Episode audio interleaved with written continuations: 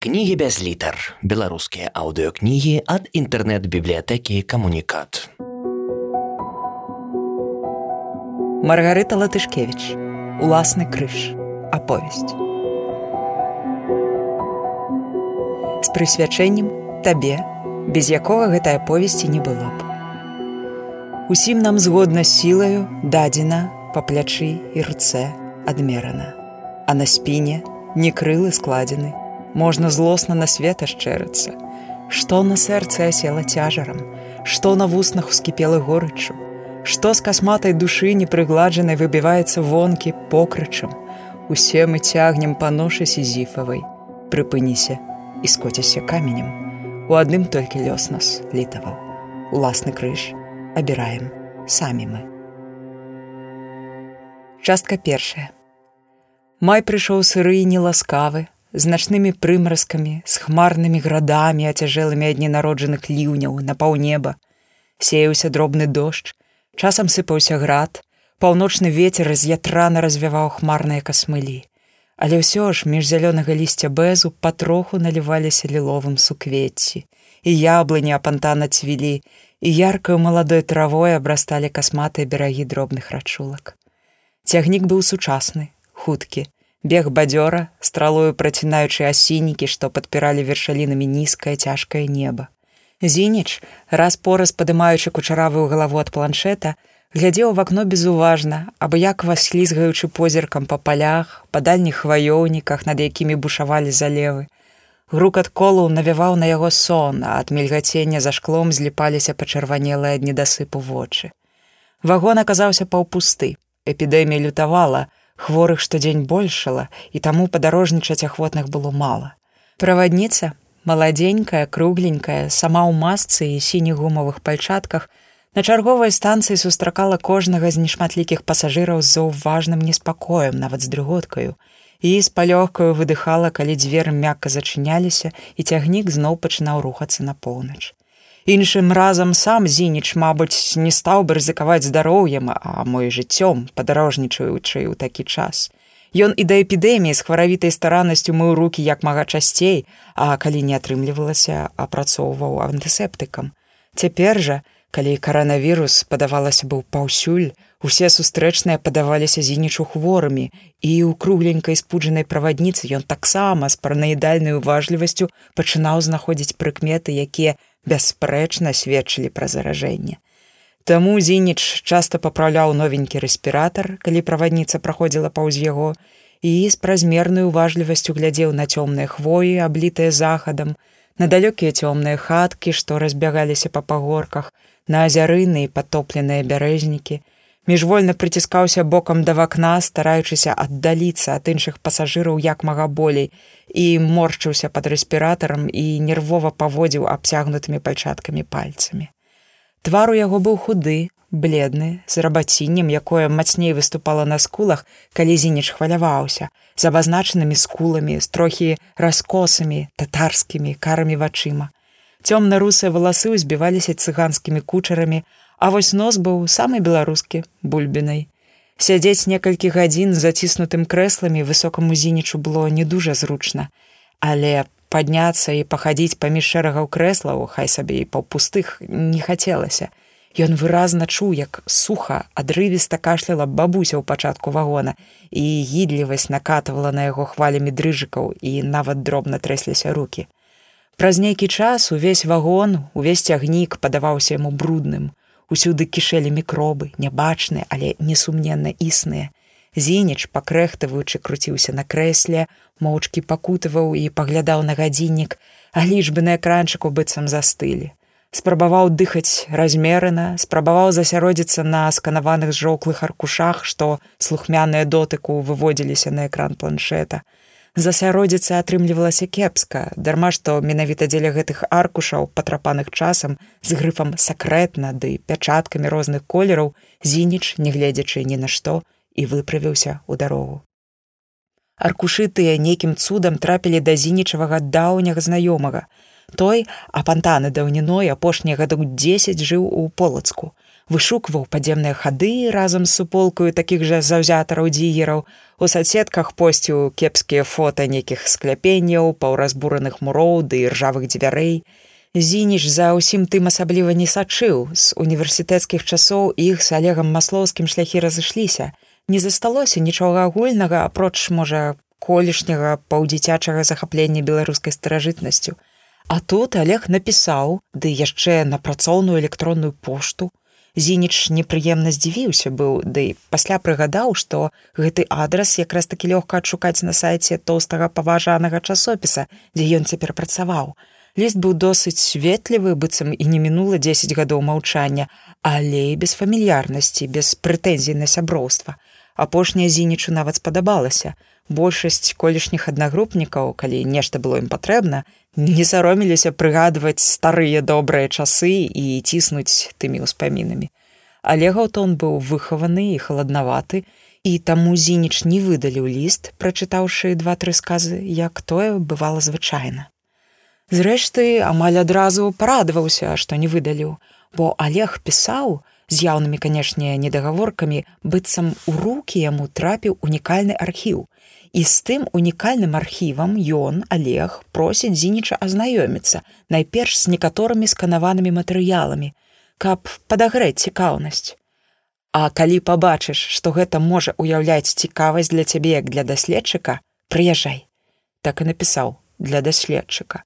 Быццам зініч не кінуў у свой час аспірантуру пры альма-матар і не працаваў цяпер у журналістыцы З журналістыкай ўсё атрымалася выпадкова і як тады падавалася часова. Адзін з яшчэ студэнцкіх допісаў зініча трапіў у паважанае калегістарычнае выданне, галаўрэд заўважыў някепскі стыль і прапанаваў падпрацоўку. Плацілі някепска, выданне было на кані, бо фінансавалася саюзнай дзяржавай, і зініч патроху закінуў дысертацыю. Сёе тое з напісанага патроху парасцягаў на артыкулы, трохі падправіўшы там і сям, а болей да дысертацыйнай тэчкі на камп'ютары не звяртаўся. А зараз Олег Маслоўскі патрабаваў ягонага аўтарытэтнага меркавання наконт нейкіх там архіўных дакументаў. Зініча, вядома, гэта ўсцешыла, некалі ён лічыўся адным з самых перспектыўных маладых навукоўцаў. Адно за алегавай просьбай стаяла нешта яшчэ, нешта невыказанае, але пэўнае мусіць дакументы трапілі да алега не самым законным чынам што называется з гісторыяй. Можа замяшаныя былі і нейкія пазыкі і зініч цвёрда вырашыў што грошай калі на тое не дасць. Хаця трэба было аддаць маслоўскаму належнае. Дакументы сапраўды аказаліся цікавыя У тым, што даслаў на прагляд Олег, знайшліся паперы з пячаткамі беларускай акадэміі навук 1928 або 1929 года. Былі рукапісныя нататкі таропкім кучаравістым почыркам, у які зініч пакуль што ленаваўся ўчытвацца, занадта быў неразборлівы. І таксама некалькі аркушаў надрукаваных на машынцы без пачатку са збітай нумарацыяй. Гэтыя, мяркуючы па датах для подпісаў адносіліся да 1931 года. Машынапіс пазнейшых папер быў бледнаваты з рэдкімі абдрукоўкамі і акуратнымі падчысткамі на пажоўклай паперы з неразборлівымі паметамі алоўкам над друкаванымі радкамі. Зініч, разбіраючы напісанае на экранні планшета, зачапіўся вокам за слова оперу паўнамоччыны оперу паўнаважаны малодшы лейтенант дзяржбяспекі распісваўся зялёным алоўкам пасля важнага пастанавілі пастанаўлялі пра перавод нейкага і вянецкага у іншае месца няволення для дальнейшего выяснення тут жа было у разнабой колькі аркушаў відавочна пратаколаў допытаў. І знаёмы зялёны аловак праходзіў тут і там то падкрэсліваючы асобныя сказы або выразы то ставячы на палях машынапісу тлустыя клічнікі. Зініч нахмурыўся. Калі дакументы, атрыманыя маслоўскім з нявысветленых крыніц, сапраўды былі з архіваў нкус, значыць, наўрад ці яны цалкам чыстыя. Магчыма, скрадзеныя, нават калі і не цяпер, дык скажам, у 90. На такія рэчы зініч ведаў зазвычай хапае ахвотнікаў і калекцыянераў даўніны і калекцыянераў інфармацыі рознага кшталту і проста апантаных фанатыкаў.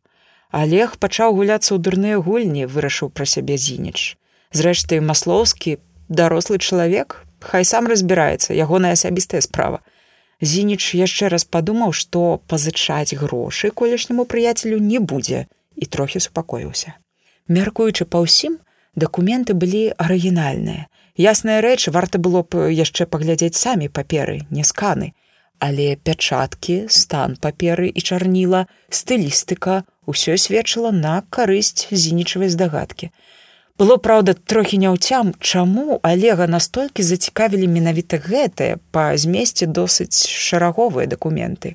Прычым настойкі зацікавілі што маслоўскі вырашыў узнавіць даўно перарванае знаёмства Зініч зноў паглядзеў на хвою за вакном на касматую зорку, што выпаўзла начатамі дрэваў і серп маладзіка падвешаны на зорцы як на цвіку. Паглядзеў безуважна, задумена пабстрыкаў пальцамі, зноў прагартаў разрозненыя сканаваныя аркушы на экране планшета, спыніўся на адным і, звузіўшы вочы, паспрабаваў учытацца, ледзь разбіраючы падслепаваты выцвілы машынапіс. Цягнік набіраў хуткасць, вагон мякка патрэсвала рукаталі пад падлогаю колы, тахкалі быццам нечае ўспуджанае сэрца. Мякка патрэсквалі лямпы пад столлю і дрыжалі адбіткі паўсонных пасажыраў у вокнах, зацягнутых вечаровым змрокам.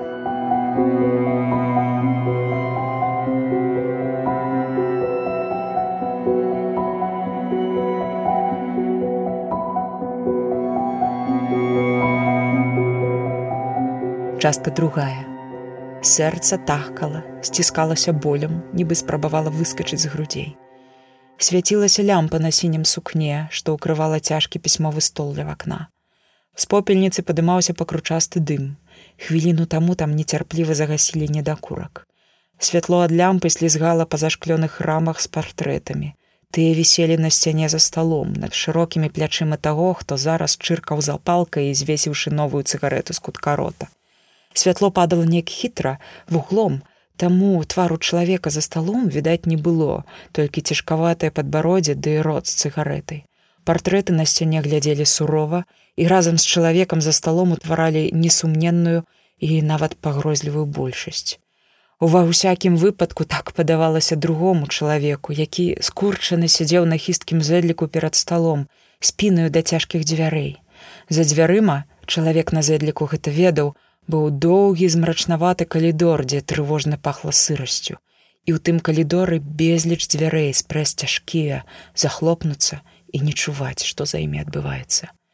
Маўчанне запаўняла пакой да самай столі, густое, важкае, шматзначнае і трохі абвінаваўчае. І пад цяжарам гэтага абвінаваўчага маўчання ў чалавека на зэдліку апускаліся вузкія плечы, дрыжалі бледныя вусны і тонкія кісці рук бездапаможна сціскаліся на каленях абцягнутых мехаватымі нагавіцамі. На лацкане шэрага пінжака, рукавы ў якога былі караткаватыя, цьмяна блізкалі значкі, чырвоны камсамольскі, ромбік універсітэцкага. За вузкімі вокнамі, паміж якімі месціліся партрэты, паспеў апусціцца вечар. Захад, разбіты белымі кратамі, ужо адпалымнеў над дахамі і палісадамі, і густы змрок заліў вуліцу, змякчыў гукі і фарбы. З прычыненай форткі, праўда, наплываў п'янкі водар вільготнага бэзу, але рэзкі пах тытуню перабіваў яго, запаўняючы невялікі пакой. Чалавек на зэдліку, часта міргаючы стомленымі блякла блакітнымі вачыма, глядзеў на стол. Там, у зыркім коле святла бялелі спісаныя аркушы паперы, чалавек з непрыемным халадком у жываце пазнаваў завіткі ўласнага почырку.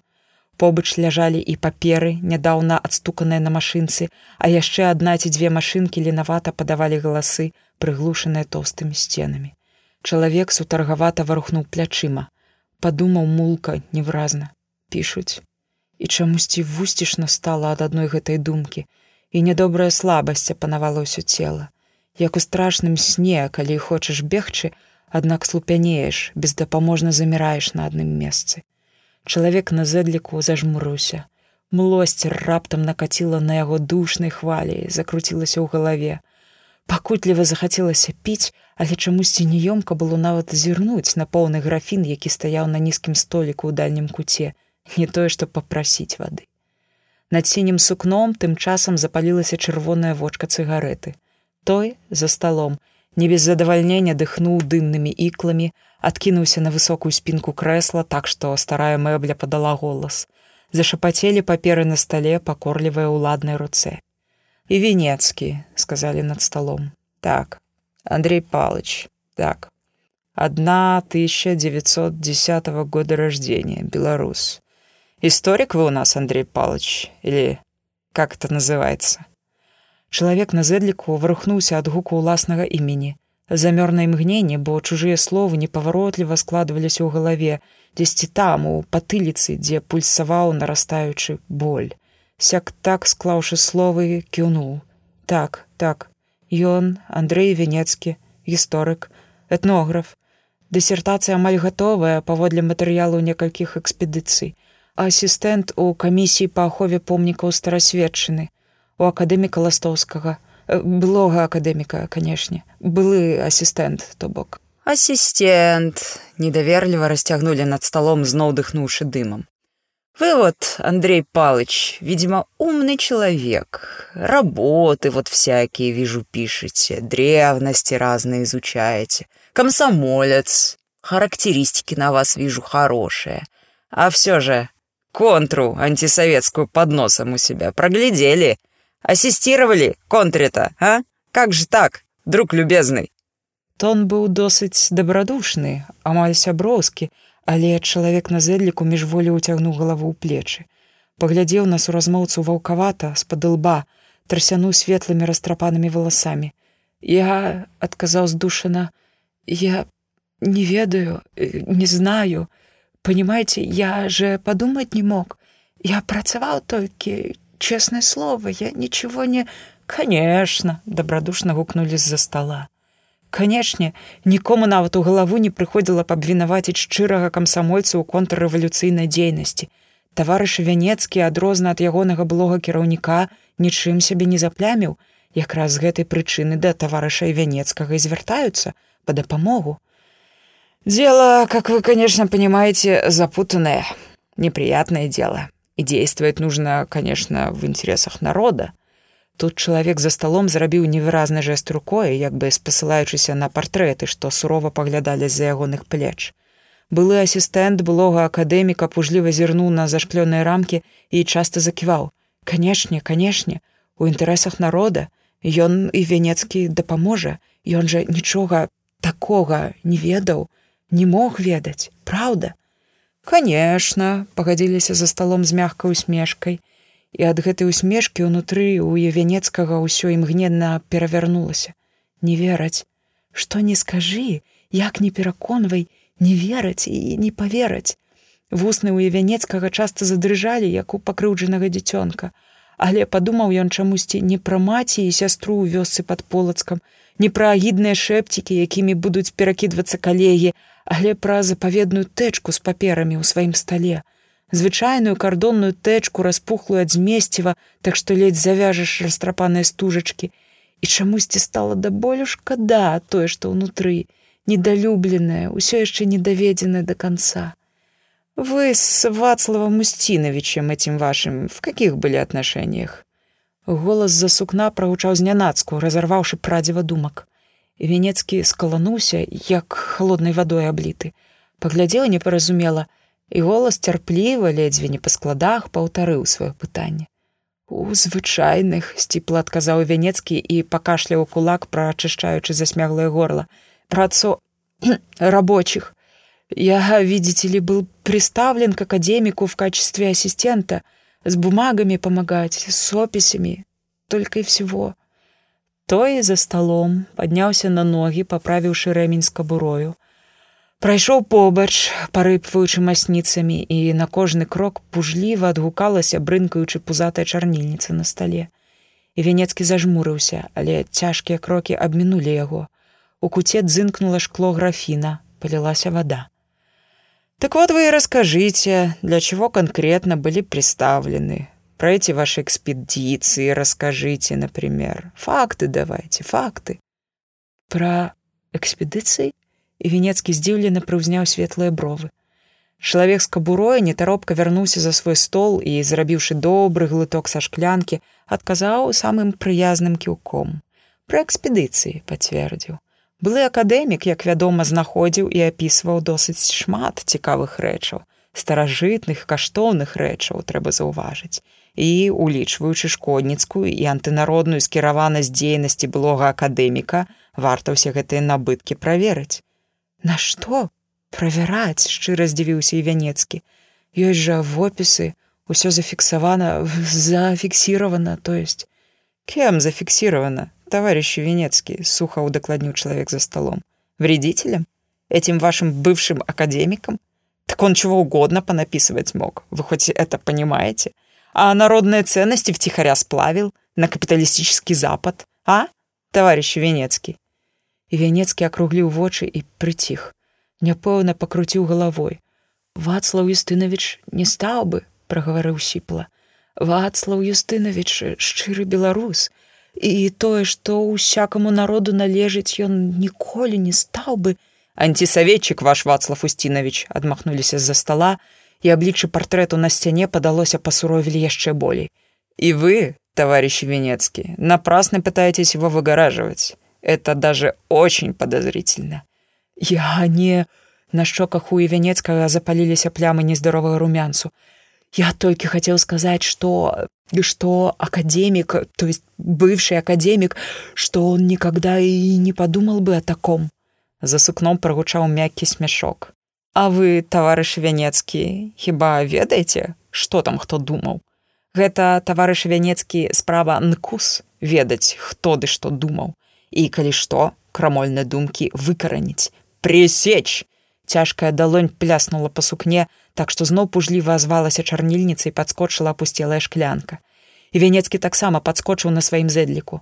Сэрца забілася шалёна і сціснулася перасохлае горла. Дробна калаціліся руки а ўвесь гэты душны пакой з кратамі на вокнах зрабіўся жудасным невыносным. Так што ізлагайце факты таварыщі венецкі строга мовіў чалавек за сталом адкінуўся на спінку крэсла і чыркнуў запалкай. Над сінім сукном зноў запалілася калючая вочка цыгареты і вянецкі перарывіста выдыхнуў і пільна гледзячы ў зыркае цыгаретнае вока загаварыў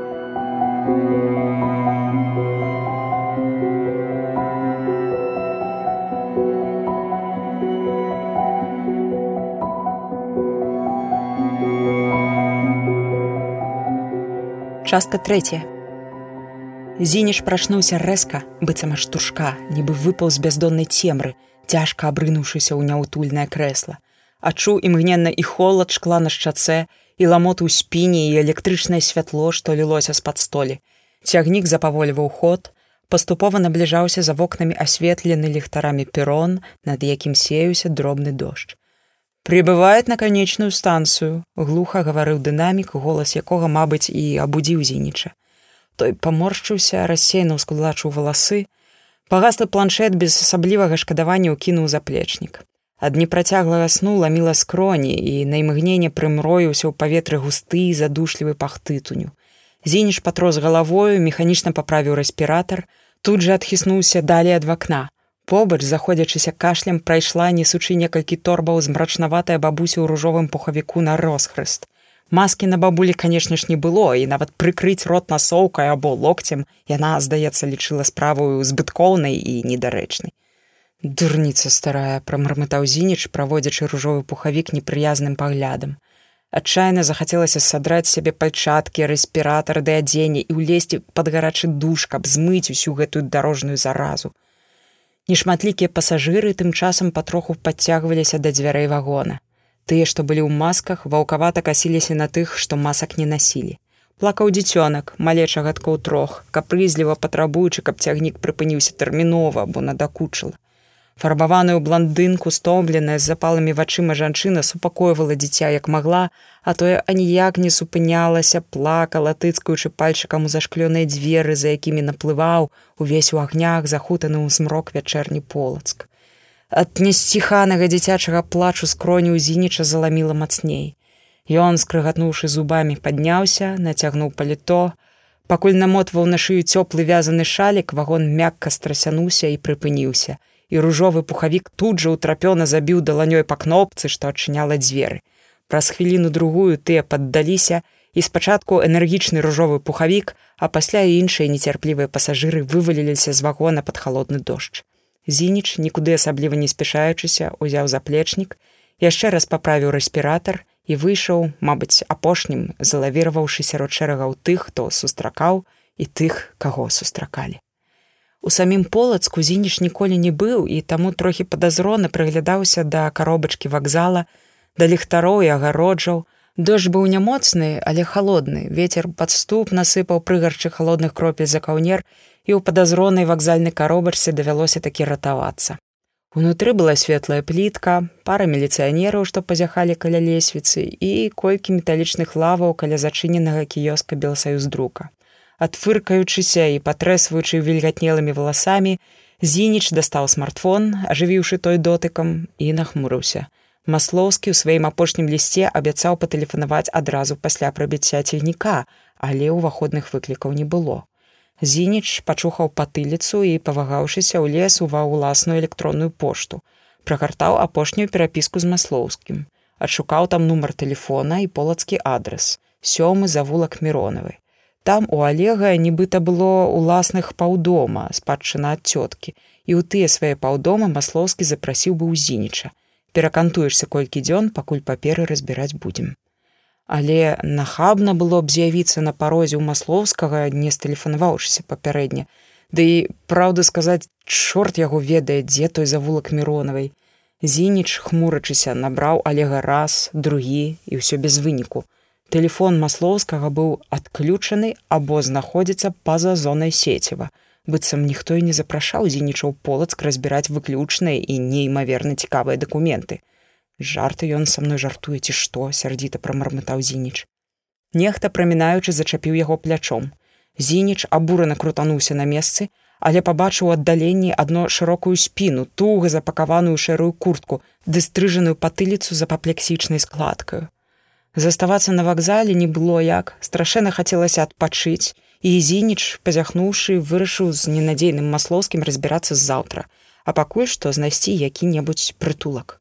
Адшукаў звесткі пра танны гатэль непадалёк з рамантычную назвай ветрась, прычым над самай заходняй дзвіной, і рушыў з вакзала час ад часу зазіраючы ў мапу ў смартфоне.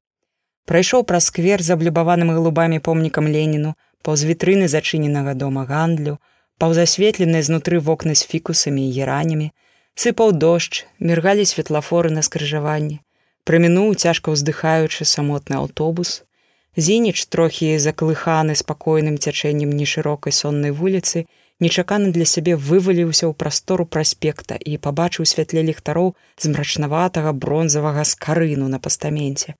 Ад скарыны яму, як сведчыла мапа, трэба было ісці ўлева, пасля крутануцца ўправа спусціўшыся да ніжнепакроўскай мінакоў амаль не было толькі рэдкія кубкі шумных падлеткаў або асобныя дарослыя на рагу дома нейкі добра падпіты дзядзька звяртаўся з пранікнёнай тырадай да вадасцёкавай трубы зініч пад рэспіратарам гідліва трагануўшы ротам старанна абмінуў яго перайшоўшы на іншы бок вуліцы самага маленства не выносіў п'яных Ветразь сапраўды выглядаў ветразем, дзіўнавата футурыстычнага кшталту, аднак. Зініч, закінуўшы кучаравую галаву, колькі хвілін вывучаў бэжавы будынак з хвалямі карычневага шкла і думаў чамусьці пра касмічныя караблі на сонечных ветразях. Гатэль і падаваўся касмічным караблём, які выпадкова прызямліўся побач сутульнымі даваеннымі забудовамі. Зініч міжволі па вокнах падлічыў паверхі. Выйшла шэсць, і над апошнім свяціліся пластыкавыя літары шыльды парус. Нумар павышанай камфортнасці меў шырокі ложак пад барвовым пледам, пажылы тэлевізар на белай тумбе і светлую канапу бокам да вакна. За вакном уздыхала цёмная рака, а на тым беразе міргалі аддзеленыя завесую дажджу дробныя цьмяныя агні, рассыпаныя, разрозненыя. Вымыўшыся ў душы і троху разамлеўшы, зініч бесцырымонна адсунуў паўпразрыстую шторку, і сонна ўглядаўся ў дажджлівую цемру поўную самотных агнёў. Думаў пра горад, у якім ніколі раней не быў, горад вусціш на даўні, горад з тайнікамі і таямніцамі, з загадкавымі лёхамі, са схаванымі скарбамі, горад на зямлі, якую шчодра палівалі крывёю, самай касматай даўніны з часоў рагвалодавых. Жылі тут, на гэтых прырэчных узгорках людзі даўным-даўно, і яшчэ, напэўна, будуць жыць і будзе вось гэтак жа цячы рака, і дождж будзе сыпацца і будуць уздыхаць ад уласнага цяжару камяні. Праз такія думкі рабілася мулкавата, быццам неабачліва зазірнуў бездань. Зініш зябка павёў плячыма, пацягнуўся, адчуваючы, як ныюць пасля чатырохгадзіннай паездкі спіны і плечы, і кінуўся на ложак на халодныя прасціны з лёгкім пахам хлоркі. Заснуў амаль адразу і ніякіх сноў не сніў. Проста праваліўся ў мулкае чэрава цемры, поўнае дажджу і агнёў і вынырнуў з яго адно раніцай. Радасна дзынкалі за вокнам нахабныя сініцы. Белае святло залівала пакой. Чуваць было, як па калідоры ходзяць, бразгуючы дзвярыма людзі, як дрынкая праязджаючы міма вазок прыбіральшчыцы. У пакой было халаднавата, і зініч скурчыўся пад коўдрую, зажмурыўшыся і укрыўшыся з галавою. Настойліва падаваў голас страўнік, лезлі ў галаву непрыемныя думкі пра асаблівасці гатэльнай прыборкі і таму невносна агіднымі падаваліся дотыкі пасцельнай бялізны да скуры. Зініч урэшце не вытрымаў, падхапіўся. У ванным пакоі доўга і старанна мыў рукі і твар, чысціў зубы. Пасля зноў прыняў душ і зноў старанна вымыў рукі. Сам выгляд мыльнай пены на далонях гарачыня вады супакойвалі, прыносілі ўпэўненасць. Зініш сустрэўся вачыма са сваім адбіткам у люстры і грэбліва скалануўся, згледзеўшы на люстранай паверхні неадцертыя дробныя плямкі. Ён таропка нацягнуў джинсы ды калючы шведр і праверыў смартфон з кволым спадзяваннем. Але маслоскі не тэлефанаваў і не пісаў, і алегаў тэлефон усё яшчэ быў выключаны. Выпівае ён там ці што злосна падумаў зініч вывучаючы свежыя лісты з працоўнай пошты. Ён узяў адпачынак за свой кошт на тры дні але ані галоўрэта ні калегі падобна не бралі гэта пад увагу і працягвалі накідваць пытанні па новых матэрыялах рубрыках ды вёрстцы. Зініш паспрабаваў быў учытацца ўва ўсё гэта пасля плюнуў У яго заставалася яшчэ тры дні каб разабрацца з паперамі маслоўскага Прыдбаная за гады працы журналісцкая інтуіцыя падказвала, што з усяго гэтага атрымаўся неблагі матэрыял. Што-небудзь такое пранізлівае з націскам на лёс ахвяраў рэпрэсій, народу цяпер такое падабаецца. А можа, атрымалася б штось яшчэ больш цікавае пра якія-небудзь старажытныя артефакты ці нават сапраўдныя скарбы. З пратаколаў, якія зініч праглядаў учора, было зразумела, што справа тычыцца беларускіх экспедыцый ластоўска канца двах гадоў. Цікавостак тады было знойдзена шмат. Праўда большасць з іх страчана падчас вялікай чыннай зініч вырашыў Олег верагодна так апантана ўчапіўся ў гэты архівы з мутнай гісторыі менавіта таму што яны пралівалі святло на месцазнаходжанне нейкага адмысловага артефакта а можа нават і некалькіх цікавых і сапраўды каштоўных рэчаў усплыло ж неяк у 2003 слуцкае евангелле Аднаго спадзявання на падобнае адкрыццё было дастаткова, каб расштурхаць п'янага маслоўскага і дабіцца ад яго рэшты архіўных папераў. Сёмы завулак Мронавай дом 3, сказаў зініч таксісту, закідваючы заплечнік у салон.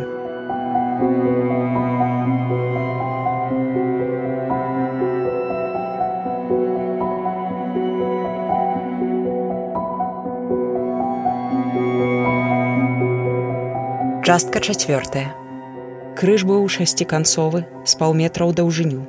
Цяжкі, не столькі за кошткі парысавага дрэва, колькі, мабыць, праз залатыя сярэбраныя пласцінкі, часткую згубленыя, але ўсё адно дасканалыя.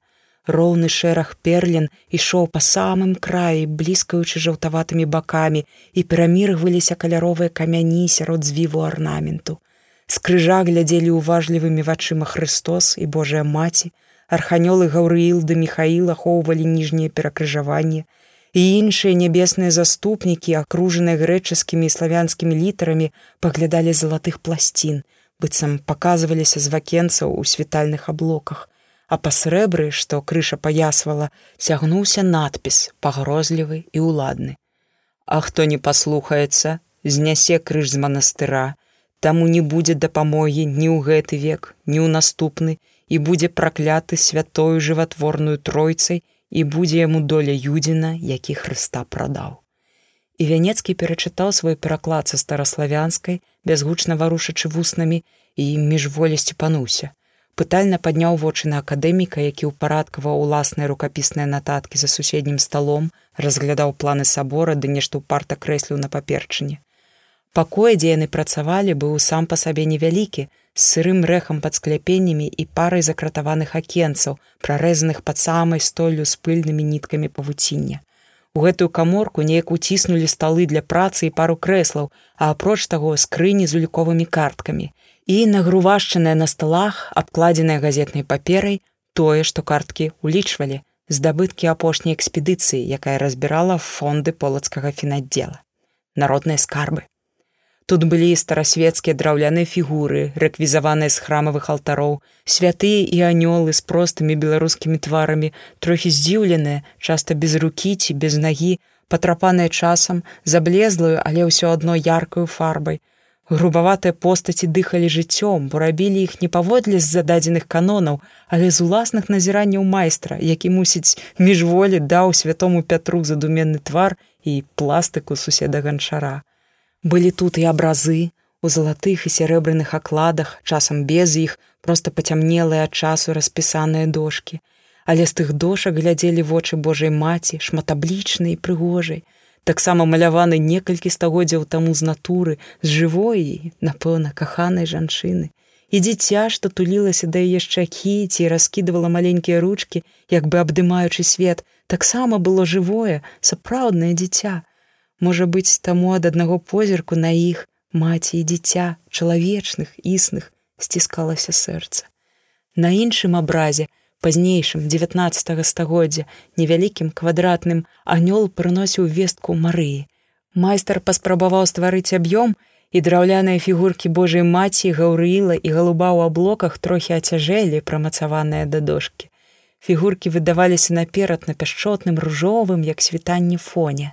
Строгі гаўрыл правой рукою паказваў на галуба, што ўзлятаў над імі ў залатым зянні, а Марыя пакорліва схіляла перад прынесеную весткай галаву. І нешта было ў гэтых простых, трохі наіўных фігурках, у гэтай простай без асаблівых аздобаў сцэне, нешта такое, што адначасна да глыбіні душы ўражвала і дарыла дзіўную светлую радасць, радасць еднасці з тым, хто старанна і натхнёна працаваў над гэтаю дошкай і з многімі іншымі такімі ж стараннымі і натхнёнымі. Можа быць, падумаў і вянецкі, калі ўпершыню з замілаваннем разглядаў крылатую фігурку гаўрыла, можа быць, справа зусім не ў боскім рэлігійным пачатку. Сам ён і вянецкі не верыў ні ў бога, ні ў чорта і трохі нават бравіраваў перад аднакурснікамі сваім бязвер'ем. А вось у што ён верыў, дык гэта ў народ, здольны сваім талентам сваёй нястомную працай ствараць гэтую прыгажосць, ажыўляючы святое пісанне, пераасэнсоўваючы кніжную мудрасць на ўласны лад, пераствараючы далёкі ў прасторы і часе гісторыі па-свойму, чэрпаючы натхненне з самога жыцця вакол сябе з пракаветнай народнай мудрасці. І гэтым народам, разумным і таленавітым, шматпакутным і моцным нельга было не ганарыцца, бо кожная нават самая дробная рэч у гэтым пакоі была доказам велічы гэтых людзей доказам велічы народа які не гледзячы ні на што выжыў. Дасюль не гледзячы ні на што выжываў. Але надпіс на крыжы быў вусцішны выпушчаная праз стагоддзі парфянская страла. І венецкага перасмыкнула а цесны пакоі ледзь не пад стой запоўнены паперамі ды артефактамі падаўся магільным склепам і закруцілася да зялёных колаў перад вачыма у галаве. Ён, канешне, з сабою амаль адразу справіўся, каб прачытаць перакладзены ў голас, прачытаць як цікавостку. Зірніце, маўляў, які забаўны надпіс. Голас, праўда, у івянецкага задрыжаў, ды і сам ён па-дзіцячы трохі прагнуў падтрымкі і тлумачэння бо акадэмік ведаў усё на свеце. Ён мусіў разабрацца. Ад упэўненага голасу вацлава юстынавіча адразу рабілася лягчэй. Ластоўскі разважлівы разумны кемлівы умеў спраўляцца з любымі перашкодамі пачынаючы ад праблем з фінансаваннем экспедыцыі да насцярожанасці мясцовых. Ластоўскі быў рухавіком нястомным сэрцам якое жывіла дух экспедыцыі без ягонай няспыннай энергіі наўрад ці разварушылася б хоць нешта наўрад ці было б выратавана ўсё багацце зараз карпатліва сабраны ў гэтым пакоі і старанна апісаная для далейшага вывучэння і захавання. І вянецкі не памыліўся. Акадэмік павярнуўшыся ў крэсле мякка усміхнуўся і загаварыў супакойлівым разважлівым тонам. Звыклая практыка упэўнена казаў вацлаў юстынавіч і светлыя вочы яго дабрадушна пабліскавалі На пячацях старажытных егіпецкіх магільнікаў таксама крэслілі праклёны тым, хто надумае абабраць мёртвых фараонаў. Бо калі злодзеям не стае звычайнай чалавечнасці, каб зразумець, што трывожыць вечны спакой нельга, дык хай хаця б застрашыць іх чары ды сурокі. Так і тут з крыжам. Калі чалавеку не стае розуму скеміць, што падобную рэліквію трэба берагчы, няхай дрыжыць ад жаху, баючыся гневу нябёсаў.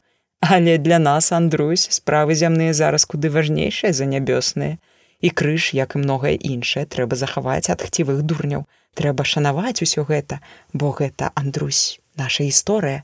І ў крыжа таксама свая гісторыя, даўняя, заблытаная, крывавая. Яго вывозілі падчас даўніх ваенных навалаў у Смаленск, у Маскву.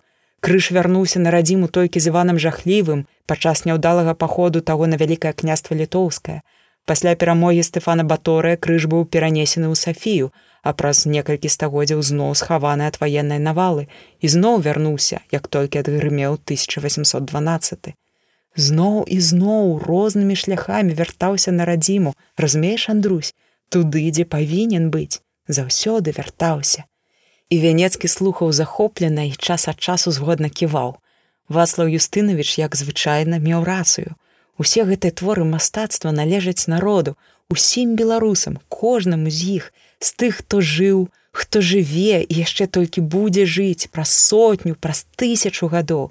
І дзеля тых наступных новых нельга, каб уся гэтая прыгажосць, увесь гэты агульны, слаўны, стагоддзямі спавіты народны гонар, ляжаў дзесь у цёмных кутах, закінуты аплецены павуціннем, ці яшчэ горш быў прададзены кудысь за мяжу.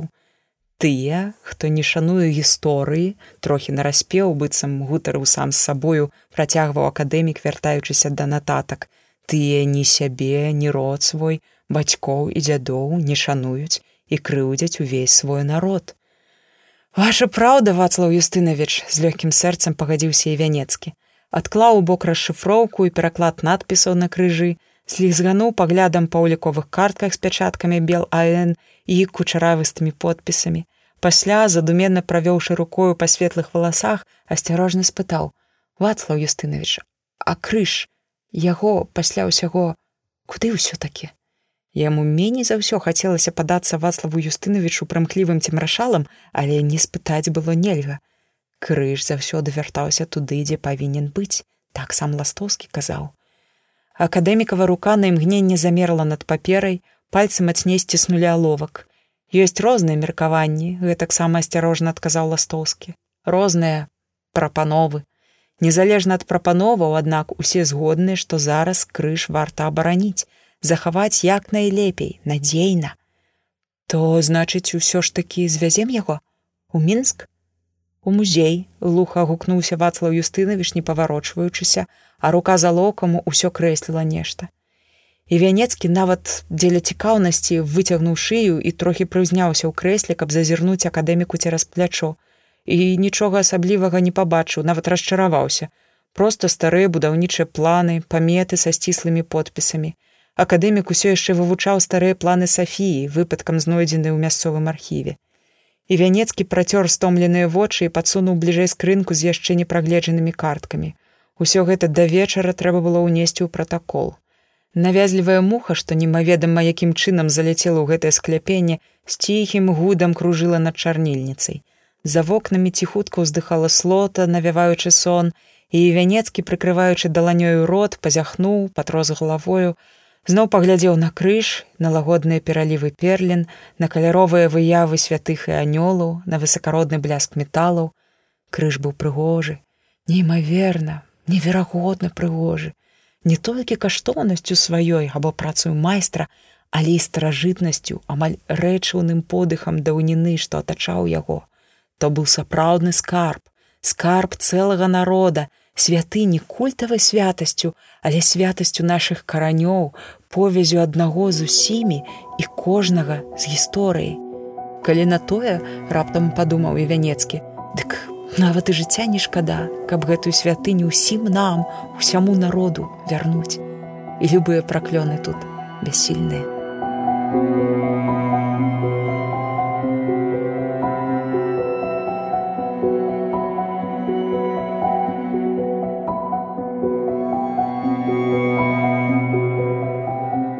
Частка пятая.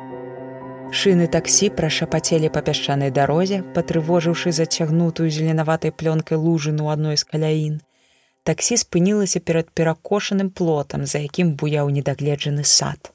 Саду заўважна цесна было на ўчастку, і ўся здзічэлая без чалавечага догляду расліннасць настойліва спрабавала вылузацца, вызваліцца, выйсці за межы.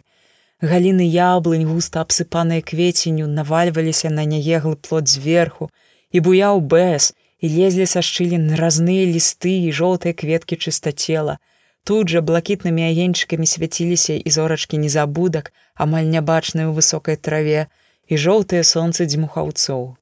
Дажджавыя хмары ветрам зносіла ў бок, праглядала па-весняму яркае сонца, дрыжала ў кроплях на павуцінні, дзесьці ўнізе ля ўзножжа пагоркаў падавала голас рака, нябачная за посцю тры снягу ды зеляніную вербаў. Раёнчык, канешне, глухой, цокнуўшы языком, ацаніў таксіст, смуглаваты хлопец гадоў 25, пакуль зініча расплачваўся. Ні соседства, нічого. Хутар резать будут не услышать никто.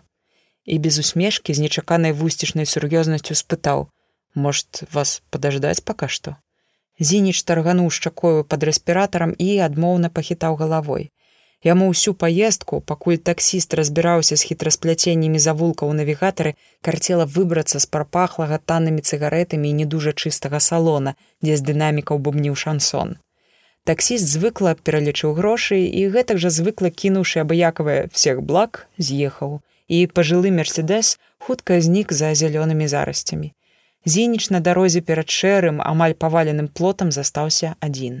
І падумаў, што раёны праўда глухі, сёмы завулак міронавы пралягаў на водшыбе дастатніх забудоў ішоў трохі вышэй па схіле пагорка.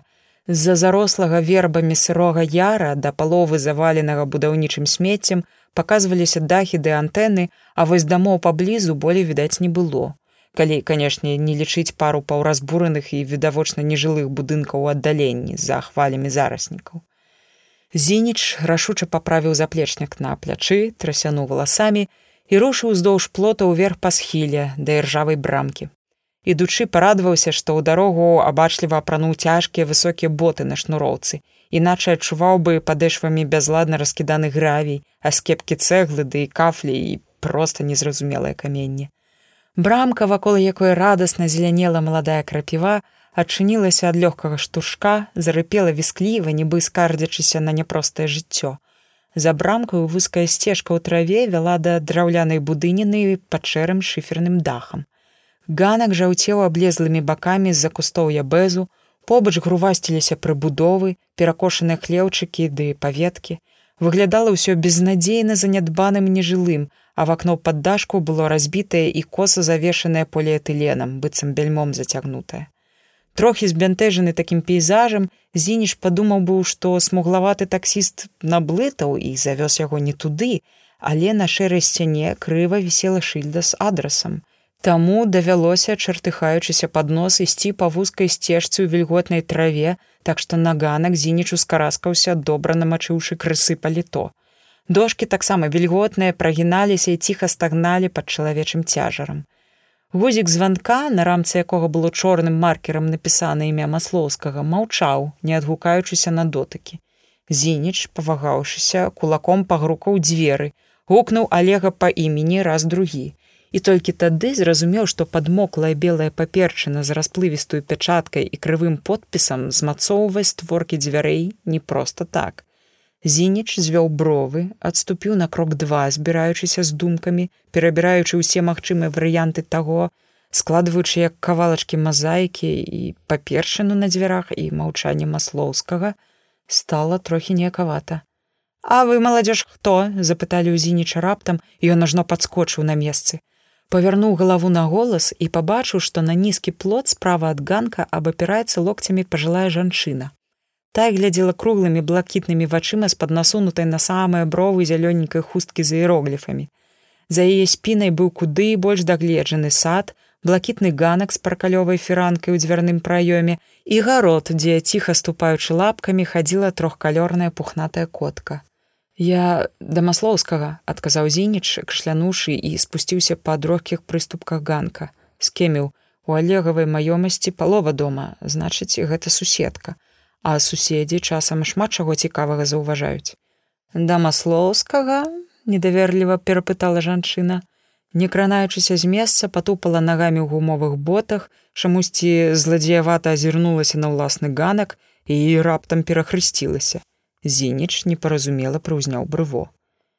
А вы разве не знаете? Суседчыны вусны, падфарбаваныя ружовым, плаксіва скрывіліся. Убілі же Олега Маслоўскага, заўчора ночью ў родзе. Учера утром і міліцыя была, апечатала там усё бумажкі ды такое разнае. У нас з Петром Семёновичам этымі панятнымі бралі. Панятымі, механічна выправіў зініч унутрана халадзеючы. Суседка заўважна ажывілася і заківала. Дакладна панятымі. Цела, канешне, яны з Петром Семёновичам не бачылі, дзякуй Богу, але кроў паўсюль ды мэблю паламаную і раскіданыя паперы і люстра разбітая, вось гэта ўсё. А бумажак жа там у яго страх сколька. Суседка нават галавою пакруціла, мабыць, асуджаючы. За бумажкі, наверное, застрэлілі беднага. І штукі нейкі ржавыя стаяць панацяганыя. Вот вы мне скажыце, пра пакойнікаў нельзя так, а ўсё раўно, ці будзець нармальны чалавек разную дрань з землі капаць і ў дом цягнуць а? Зініч варухнуў плячыма думалася адначасна пра ўсё адразу пра архівы з кепскай гісторыі пра нядобрыя гульні у які ўляпаўся маслоўскі а панад усім пра сакавіты паспяховы артыкул які зрабіць ужо не атрымаецца. І чамусьці гэты вось не напісаны артыкул у зінічу было шкада болей чым не бараку алега Нармай паехаў, змрочна думаў зініш бяссільна сціскаючы кулакі. А гаваркая суседка ўсё сакатала, радасна распавядаючы, які маслоўскі быў змрочны і нібыта не ўвесь тут апошнім часам, які зрабіўся ўзрадаваны яшчэ дні тры таму, усё хадзіў ды руки паціраў і усміхаўся. І яна суседка неяк не ўтрымалася, спытала: « А чаго это ты алежак вясёлы такі, Жэніся нарэшце моці ў латарэю выйграў, А той засмяяўся толькі ды кажа: адзін гаўрыла ў полацку цётка. Лунацік голасна прыпячатала суседка з веданнем справы быццам дыягназ паставіла. І тут жа незадаволеным падазроным фальцэтам азваўся блакітны ганак. Галя, ты там з кем это? Мужик мой, панізіўшы голас інтымна патлумачыла суседка і крыкнула цераз плячо: « Ды пра маслоўскага тут спрашиваюць Петро Семёнович. Пра маслоўскага-то здзівіўся фальцэт. На блакітны ганак, штурхануўшы дзверы, выйшаў высокі, трохі ацяжэлы ад гадоў мужчыны ў сініх трэніках і расцягнутай белай майцы. Наблізіўся, паціраючы голеную галаву, змерыў зініча паглядам. Зініч заўважыў на левым плячы алегава суседа сіні якар і нейкія лічбы. Мабыць, былы марак, вырашыў зініч. Пётр Семёнович, мовіў марак, працягваючы цераз плот шырокую далонь потную гэтую далонь зініч назваўшыся вымушана паціснуў і сусед энергічна патрос млявую ягоную руку сваёй. А ад эпідеміі прячцесь весела спытаў пятро семёнович праводзячы перад носам і ротам рукой. Зініч звёўшы бровы паправіў рэспіратар і няпэўна пахітаў галавой. Пакутліва хацелася вымыць руки або лепей улезці пад гарачы душ.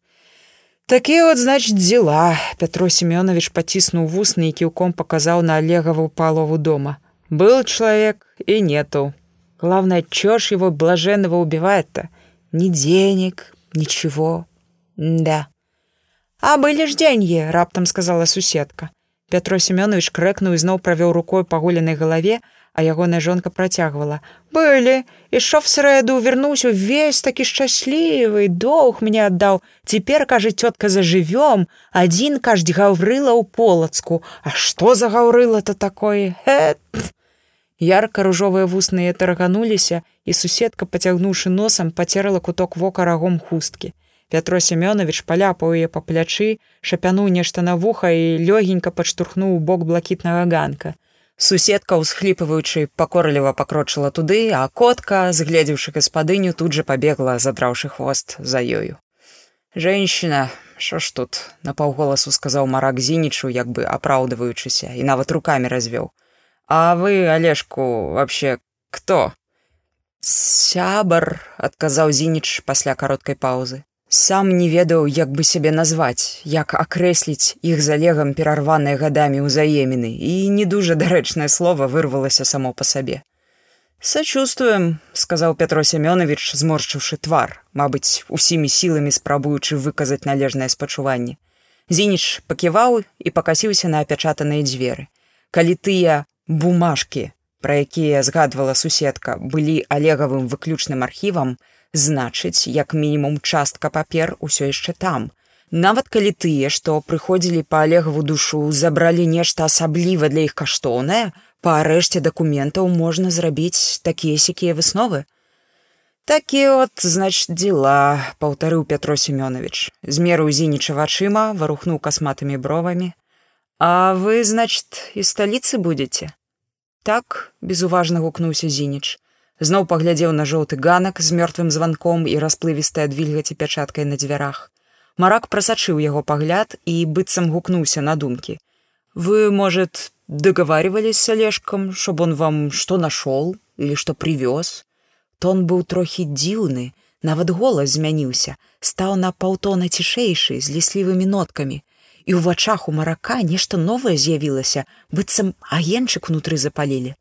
А што? асцярожна спытаў зініч, адводзячы позірк. Чамусь непрыемна было глядзець у вочы з такім галодным агенчыкам. Часта з маслоўскім вось так дамаўляліся. Марак паціснуў мажнымі плячыма бывала адказаў расплывіста і рот у яго крывіўся ў непрыемнай усмешачцы а вы э, как вас простите константин вы костя к участковому нашему сходите ну если в доме там что ваше участковый опечатал так ведь он и распечатать может если договориться да зініч схадзіць паабяцаў і задаволены пятро семёнович зноў сціснуўшы ягоную руку сваёй перавальваючыся пайшоў за жонкай зініш змрочна глядзеў на шырокую спіну ў белай расцягнутай майцы ажно пакуль тая не знікла за пракалёвай фіранкаю Дзіўна прабарматаў зініч яго трохі насцярожылі рэзкія перамены ў суседзе. І няшчырая усмешачка і хцівы агенчык у вачах і ліслівы тон. Ён на хаду дастаючы з кішэні смартфон каб выклікаць таксі прамінуў аблезлы ганак маслоўскага. Але раптона адчушы, як жаласна хруснула нешта пад падэшваю цяжкога шнураванага бота, спыніўся, апусціўся на кукішкі, абцёр наліплы на нешта гладкае бруд, глыбока уціснуты ў вільготную зямлю пад пальцамі сініча цьмяна бліснуў метал.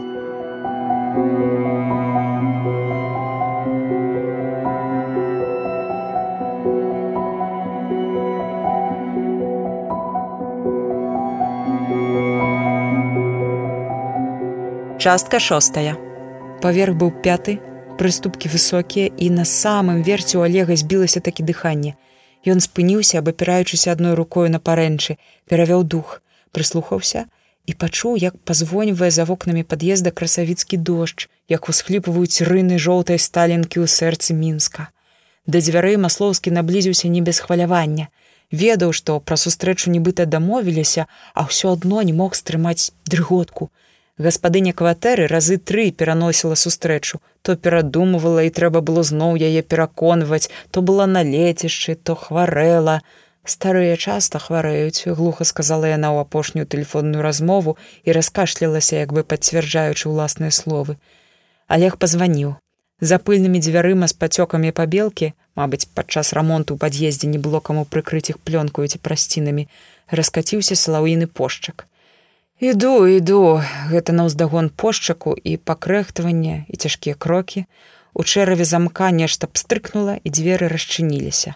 На алега павеяла цёплым цяжкім паветрам з кіславатым пахам як звычайна бывае ў кепска праветраных памяшканнях. Гаспадыня стаяла перад ім хутаючыся ў рудую вязаную кофту. Невысокая пухлаватая з абвіслымі шчокамі з барознамі зморшчак на хваравітым зямлістага колеру твары Вочы былі светла-блакітныя, мутнаватыя, глядзелі прыязна. Людміла Андрэўна спытаў Олег, нерашуча перамінаючыся з нагі на нагу. Гаспадыня нахіліла галаву. А вы маслоўскі? Гісторык звузіла вочы з сумневам. Так, адказаў Олег кашлянуўшы. Тэлефануючы Людмілі Андрэўне, ён асабліва не ўдаваўся ў падрабязнасці, распавядаючы пра сябе. І па адукацыі, калі на тое ён сапраўды быў гісторыкам, так што хлусня была быццам бы і не хлусня, а паўпраўда. але на душы ўсё адно было моташна. быццам недагаворваючы гэтай хворай старой, ён здзяйсняў злачынства. Праходзьце, Людміла Андрэўна зрабіла крок назад. За яе плячом паказалася кепска асветленая вітальня з бруднаватым дываном, вялікім вазонам з саламянымі кветкамі на круглым століку ў куце і пузатую шафай. Збоку з прачыненых белых дзвярэй з мутным шклом прабівалася дзённае святло і вуркатанне тэлевізара. Олег пашоргаў падэшвамі па вільготнай анучылі ўваходу, ступіў на дыван, аглядаючыся. На выцвілых шпалерах злева ад дзвярэй вісела вялікая люстра, і ў ім Олег сустрэўся з уласным адбіткам, бледным, растрапаным і трохі ўспуджаным у зацёртай скуранцы ды старых джинсах. Олег паправіў торбу на плячы і пакорліва пацягнуўся на голас гаспадыні, якая паспела размыцца ў глыбіні калідора і грымела посудам. Направа па калідоры была досыць прасторная кухня. Тут насвістваў чайнік, ад працалянавага імбрычка патыхала бергамотам, а на стале засцеленым за пляміным абрусам стаяла міса з печывам сядайце запрасіла гаспадыня олег прысеў на адно з крэслаў ля стола кінуўшы цяжкую торбу на подлогу людмила андреевна трохі кульгаючы паварочвалася на кухні даставала з палічак надколатыя кубкі з ружовымі кветачкамі. За вакном за падваконнем заваленым старымі пажоўклымі газетамі кнігамі ды коробачкамі з падлекаў уздыхалі пад імжачкай старыя каштаны На сцяне над сталом месціліся рамкі з малюнкамі, спрэс нейкія цэркаўкі ды касцёлы, часам кветкі, хаткі, колькі замкаў. На бліжніх да сябе малюнках Алег адразу ж пазнаў вежу наваградскага замка і полацкую сафію. Намалявана было з густам, хаця і не дужа ўпэўненай рукой аматара. Муж захапляўся, сцісла патлумачыла Людміла Андрэю, наставячы на стол перад алегам вымыты кубак. Олег паківаў, назіраючы, як ліецца гарбатай кіпень гаспадыня грукнуўшы чайнік на пліту пакрэхтаваючы сама села за стол насупраць госця роўна не абапіраючыся на спінку крэсла. Паглядзела бляклымі блакітнымі вачыма пытальна трасянула валасамі фарбаванымі хною. Вы хацелі са мною сустрэцца мовіла строга не пытаючыся але сцвярджаючы олег праглынуў жорсткі камяк у горле. Хацеў адгукнуўся. Людмила андреевна я не вы сцвярджаеце працягвала гаспадыня асабліва на яго не зважаючы быццам да вас трапілі некаторыя паперы датычныя майго бацькі і экспедыцыі беларускай акадэміі навук у якіх ён у свой час удзельнічаў. Менавіта уставіў олег гаспадыня пажавала вусны гледзячы ў свой кубак з гарбатай. Пэўны час таму сказала да мяне ўжо прыходзілі маладыя людзі зацікаўленыя ў экспедыцыях бел аэн нават прапаноўвалі грошы за карысную інфармацыю карысную для іх зразумела. Олег заўважыў як грэбліва крывіцца бледныя вусны людмілы андрэўны і паспяшаўся загаварыць. Я не разумееце я не з тых не ад тых кім бы яны не былі. Я хутчэй незалежны даследчык і і мне падаецца што менавіта ваш бацька мог ведаць месцазнаходжанне голасу олега зламаўся ад хвалявання гаспадыня усміхнулася самымі куточкамі рота. Падобнае меркаванне, адказала яна чаканічы словы, было і ў следчых, якія майго бацьку арыштавалі. Першы раз у 31 і другі ў 37, але бацька мой быў у выніку рэабілітаваны. Значыць, меркаванню следчых было ўсё-такі памылковае. Як вам падаецца, спадар гісторык. На колькі хвілін на кухні павісла цішыня толькі чуваць было як кроплі са слязлівага старога крана распораз б'юцца аб металічную мойку. Людмила андреевна сказаў олег ціха калі ласка поверьте мне я некалькі гадоў жыцця уклаў ува ўсё гэта. Я не для сябе хочу завяршыць гэтыя розшукі разумееце? А для каго ж тады холодна пацікавілася гаспадыня. Скрыжавала руки на грудях як бы абараняючыся і пагляд бляклых блакітных вачэй зрабіўся калючым амаль варожым для людзей адказаў олег у нас жа амаль нічога няма такога што звязвала б з даўніной. А гэта сімвал наш сімвал страчаны сімвал выправіла гаспадыня. Вывезены ў сорок першым і згублены падчас вялікай айчыннай. Олег таргануў ротам і палез пад стол каб пакорпацца ў торбе.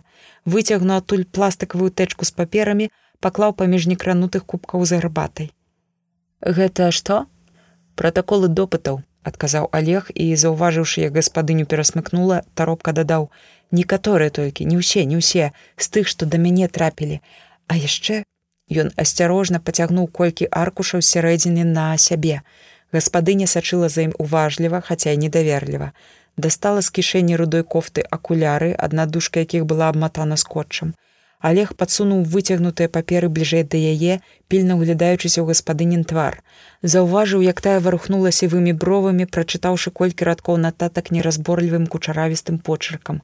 Як ажывіўшыся і нібы трохі памаладзеўшы, рэзка перагарнула адну, другую старонку, як дрыготкай рукой асцярожна кранулася подпіса, колькі завіткоў і росчырк у самым нізе пад прозвішчам з ініцыяламі і датай.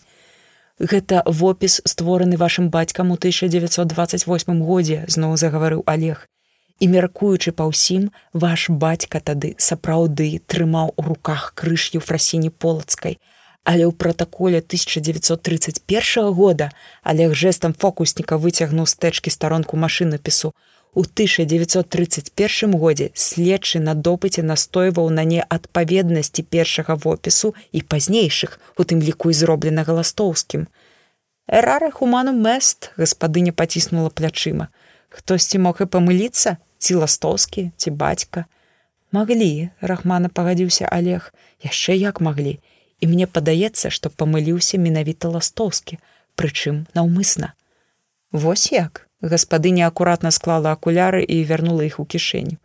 Зямлісты твар яе зноў зрабіўся застылым і абыякавым, зморшчаным, замучаным тварам хворай жанчыны за 80. Я ўпэўнены, Людміла Андрэўна працягваў Олег і голас у яго зноў задрыжаў. Я ўпэўнены, што крыж, які выправіўся ў пакоі сейф у магілёве, а можа быць і той, які экспедыцыя адвезла ў мінск, быў копіяй па-майстэрску зробленай, дарагой, але ўсяго толькі копіяй. Рукі ў алега скаланаліся ад дробнай дрыготкі, а спіна пад скуранкай узмакрэла. Ён адкінуў з твару светлыя валасы і пытальна з напружаным чаканнем зірнуў на гаспадыню. А дзе ж тады сапраўдны крыж? спытала тая спакойна. Я не ведаю, адказаў Олег хмурачыся. Пакуль яшчэ не ведаю дакладна, нешта не сходзіцца, не стае кавалка ў мазаікі, але крыж у полацку, недзе ў полацку, схаваны ад хцівых вачэй і брудных рук. А вашыя руки чыстыя, спадар маслоўскі. Тон быў з'едлівы і Олег прыкусіў язык. Не самае чыстае, калі на тое, адказаў змрочна паціраючы шчаку з трохдзённым шчаціннем. Я Людміла Андрэўна, я вам нахлусіў. Даруйце, я не з акадэміі. Гісторык, праўда, але не з акадэміі навук. Але паверце, крыж я шукаю не па нечай замове і прадаваць яго не збіраюся. спадчынай цэлага народа не гандлююць. Ён выціснуў сябе апошнюю фразу з гарачымі ад сораму шчокамі і пакутліва адчуў уласную бездапаможнасць. Ён дужа спадзяваўся на гэтую сустрэчу, настойліва дамагаўся яе недзе з месяц, бо дачка таго самага і вянецкага проста павінна была ведаць нешта карыснае. Але цяпер нават калі ведае, наўрад ці падзеліцца. Не верыць яму старая і наўрад ці паверыць. А значыць, мазаіка з фактаў так і застанецца нескладзенай. Крыж, які падавалася быў зусім побач, выслізгваў з ягоных рук. Вы з полацка раптам спытала Людміла Андрэўна. Олег кіўнуў, не падымаючы на яе вачэй. Бацька мой з полачыны, сказала гаспадыня і голас у яе заўважна пацяплеў. Вёска без дзедавічы, забаўная назва праўда Олег зірнуў на людмілу андрэўну пытальна а яна няўклюдна ў тры прыёмы паднялася з крэсла закашлялася ледзь не напалам склаўшыся кіўнула олегу. Хадзем спадар маслоўскі пайшлі па калідору ў вітальню а той за зашклёныя дзверы пакоя дзе мармытаў тэлевізор над праціснутай канапай сох велічэзны фікус герані свяціліся чырвонымі белымі кветкамі на падваконнях гаспадыня прашаркала да савецкай сценкі, дзе за шклом цмянілі сервізы, павярнула ключык у адной з шуфлят, выцягнула вялікую шкатулку з узорамі з саломкі, якія збольшага абсыпаліся, дабрыла да канапы і цяжка села, ажно адгукнуліся з пружыны. Олег апусціўся на канапу побач, назіраючы, як рукі гаспадыні перабіраюць старыя паштоўкі ды лісты, білеты ды этыкеткі, Пад усімі гэтымі паперчынамі, прапахлымі пылам і ўспамінамі аказаўся зашорганы канверт сіняй паперы, і на ім Олег згледзеў знаёмы кучаравісты почерк. Людміла Андреевна асцярожна з любасцю вынуўшы канверт працягнула яго алегу. Той разгублена ўзяў канверт, нечакана цяжкі, падпухлы ўнізе з яўна непапяровым змесцівам. Прачытаў касаваты надпіс на канверце ў голас. А адзін гаўрыла у полацку. І чамусьці, перайшоўшы на шэпт, спытаў гаспадыні: « А гэта што? Людміла Андреевна мякка усміхнулася самымі куткамі роту бацька казаў мовіла гэта ключ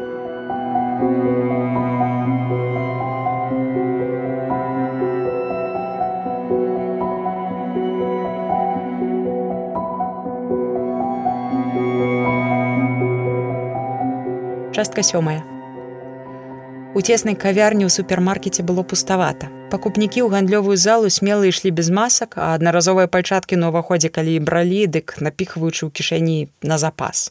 Але кавярні ў парта пазбягалі, і маладзенькая прадавачка за прылаўкам з кексамі ды пірожнымі заўважна нудзілася, пазяхала ды тыцкала пальцам у экран смартфона.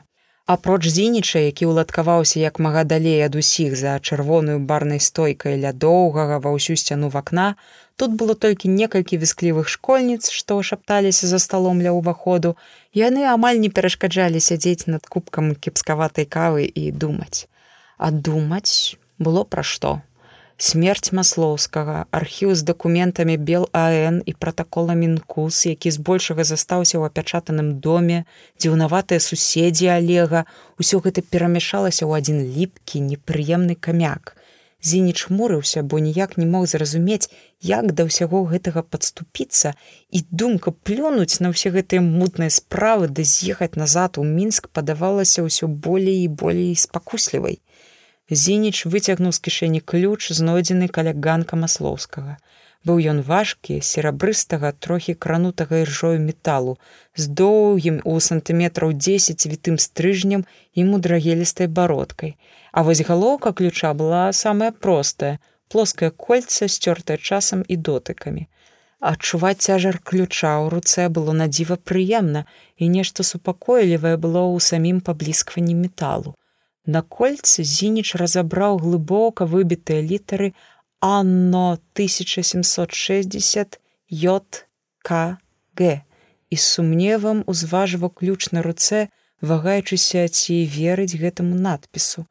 Для ключа 18 стагоддзя метал параўнальна хораша захаваўся, а яшчэ не давалі спакою ініцыялы пасля года. Зініч рассеяна пацёр скронь. На імгненне падалося быццам загадка ініцыялу побач з гэтую датай можа мець адзінае правільнае рашэнне. І рашэнне гэтае зінічу вядома, але думка не давалася, унікала, зініч раздражняўся ўсё болей і болей і схаваўшы назад у кішэню загадкавы ключ, нервова забарабаніў пальцамі па барнай стойцы. І амаль адразу ж спахапіўся. Стойку каля сябе ён, яшчэ не сеўшы, працёр вільготнымі сурветкамі, але яна па-ранейшаму падавалася бруднай і не атрымлівалася прымусіць сябе сунуць рэспіратар і зрабіць хаця б адзін глыток кавы. Зініч тут жа прыгадаў, што прадавачка, якая была адначасна афіцыянткай і кавяркай, звонка чхнула, калі ён уваходзіў і адсунуў ад сябе некрануты папяровы кубачак. Школьніцы захіхікалі грамчэй, зініч незадаволена пакасіўся на іх, пабачыў мімаходзь, як напіраюць на прылавак двое мажных мужчын, патыліца з апаплексічнай складкай цеснаватая шэрая куртка аднаго чамусьці падаліся знаёмымі і ад гэтага пазнавання на душы стала трывожна. Лухта прамармытаў зініча, вяртаючыся да сваёй астылай кавы. Адчуваў, як заходзіцца сэрца і злаваўся сам на сябе за гэтую недарэчную трывогу. Так хутка ўласнага ценю пачнеш баяцца. Ён трасянуў валасамі і стаў глядзець на вуліцу. Колькі кіёскаў з кавай, марожаным, паркоўка, дзьмухаўцы на газоне з пратаптанымі сцежкамі. Над шматпавярховікамі па той бок ажыўленай вуліцы збіраліся хмары ўсіх адценняў сіняга, несучы дождж, а можа і навальніцу. Зініш утаропіўся ў гэтыя хмарнай хвалі і адчуваў каменеючы непрыязныя уважлівыя позіркі на сваёй спіне а павярнуць галаву і упэўніцца, што мэты накіравана сочаць, назіраюць за ім, не было як, не ставала духу. Яны па тваю душу прыйшлі, сказалі побач. Зініч скасіў вочы ўлева, дзе толькі што нікога не было і пабачыў дзяўчо гадоў двацці з лішкам. Белы, нібы бяскроўны тварак быў змрачнаваты, а куткі вуснаў, падмаляваных моднай цёмнай памандай адцягваліся ўніз. Па тваю душу, паўтарыла дзяўчо, папраўляючы каўнер чорнай скурынкі і не без задавальнення адпіла кавы са свайго кубка. Зініч акінуў яе паглядам, худую, стрыжаную у простай белай цішотцы, запраўленай у джинсы, у стаптаных кедах, зачапіўся за радзімку над вуснамі. Яна раптам нагадала пра першае школьнае каханне, недасяжную віку карабан. Але гэтае вуглаватае змрочнае дзяўчо да прыгажуні вікі падобна было мала. Так сабе звычайнае брыдкае качаня, якіх шмат. Іншая справа, як гэтае брыдкае качаня настолькі ціха падсела да яго і навошта пацела ўвогуле. Занепакоены зініч інстынктыўна падаўся ў бок. Дзяўчо гэты ягоны рук заўважыла і насмешліва чмыхнула. Ты мяне не бойся, мовіла і дадала нязмушана паказваючы вялікім пальцам сабе за спіну ты вось іх лепей бойся лухта пахмурна працадзіў зініш скрозь зубы параноя я нічога такога не зрабіў толькі начытаўся пратаколаў з допытаў нкус і ўразіўся весткамі пра забойства маслоўскага. Я нічога не зрабіў. Ён мацней сціснуў пальцы на папяровым кубку з кавай каб не адчуваць як дрыжаць руки ха А калі справа зусім не ў тым, што ты зрабіў, спытала няўмольнае дзяўчо, а ў тым, што пабачыў, у тым, што ведаеш. Але я нічога не ведаю, падумаў зініш халадзеючы. Я нічога не ведаю, апроч тых скупых звестак, якімі падзяліўся маслоўскі, апроч змесціва пары сканаваных дакументаў. Вось уласна і ўсё. Дзеля чаго тут могуць быць нейкія шпіёнскія гульні, лухта, лухта. А ключ спытала навязлівае дзяўчо.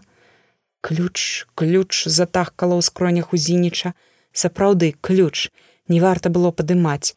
Можа быць, забойцы алега цягнулі нешта з дома, паперы там ці яшчэ штось, і ў цемры пад начным дажджом не дагледзелі, згубілі, затапталі ў бруд, а ён зініч выпадкова наторкнуўся, знайшоў. Можа быць, штука сапраўды 18 стагоддзя, каштоўнае ці адмыкае нешта каштоўнае і зараз гэтыя хто яны ўвогуле прагнуць адабраць ці яшчэ горш думаюць быццам зініч забраў ключ наўмысна ведаючы для чаго ён патрэбны што адчыняе. І калі зініч ведае значыць лішні сведка. Лішнія сведкі доўга не жывуць як вядома. Маслоўскага можа якраз праз гэты кляты ключ застрэлілі. Лухта прасіпеў зініч. Сапраўды лухта! Параноя! Што замінае дваім плячыстым дзядзькам проста зайсці ў кавярню, просто зайсці, бо захацелася, захацелі і зайшлі капучына выпіць. Сапраўды, чаму такія вось суровыя мужикі не маюць права выпіць кавы з малочнай пенкай, гендерныя стэеатыпы, але ў скронях па-ранейшаму тахкала ўжо з ледзяною страшную упэўненасцю: ключ, ключ, ключ. А ты возьми ды правер, прапанавала дзяўчо легкадумна боўтаючы нагамі. Выйдзе зараз, калі за табою вяжуцца, будзеш ведаць дакладна. Так, пагадзіўся зініч. Саскочыў з барнага крэсла, прыхапіў заплечнік, папраўляючы рэспіратар, асцярожна павярнуў галаву ў бок на бліжні столік, скалануўся, бо адразу ж натыркнуўся на два цяжкія пагляды над кубкамі з капучына. Пагляды, праўда, тут жа далі нырца ў каву, але факт заставаўся фактам. За зінічам назіралі і досыць уважліва. Зініч на ватных нагах пайшоў да выхаду і ўжо ў дзвярах кавярні пачуў, як металічныя ножкі крэслаў скрыгочуць па светлай плітцы. Значыць, тыя, што назіралі, падняліся з месцаў. Гэта магло быць супадзеннем, канечне, але магло і не быць. Зініч зрабіў яшчэ пару лунатычных крокаў наперад, а пасля рушыў амаль пад бегам паўз кіёск з сухафруктамі, крамкі з посудам, спартыўным інвентаром, цацкамі, слепа наляцеў на сямейную пару, нагружаную пакетамі з прадуктамі, спатыкнуўся аб самакат нейкай саплівай малечы і праз аўтаматычныя дзверы паспешліва выкаціўся на вуліцу. Хмары, што неслі дождж над шматпавярховікамі наблізіліся, плылі, падавалася зусім нізка, пырснула збоку рэзкім белым святлом, у твар зінічу ударыла холодным ветрам, над панельнымі шматпавярховікамі, над гандлёвым цэнтрам, над бэзам у палісадах пракаціўся грукат, быццам неслася па хмарах агромністая калясніца. Зініш перавёў дыханне і рушыў на ўздагад. Наперад усё адно куды абы хутчэй і далей. Стрым галоў прабег падаркую, што лучыла дамы, а насустрач яму несліся, павіскваючы і укрываючы галовы рукамі дзеці з турнікоў пясочніц ды лавачак.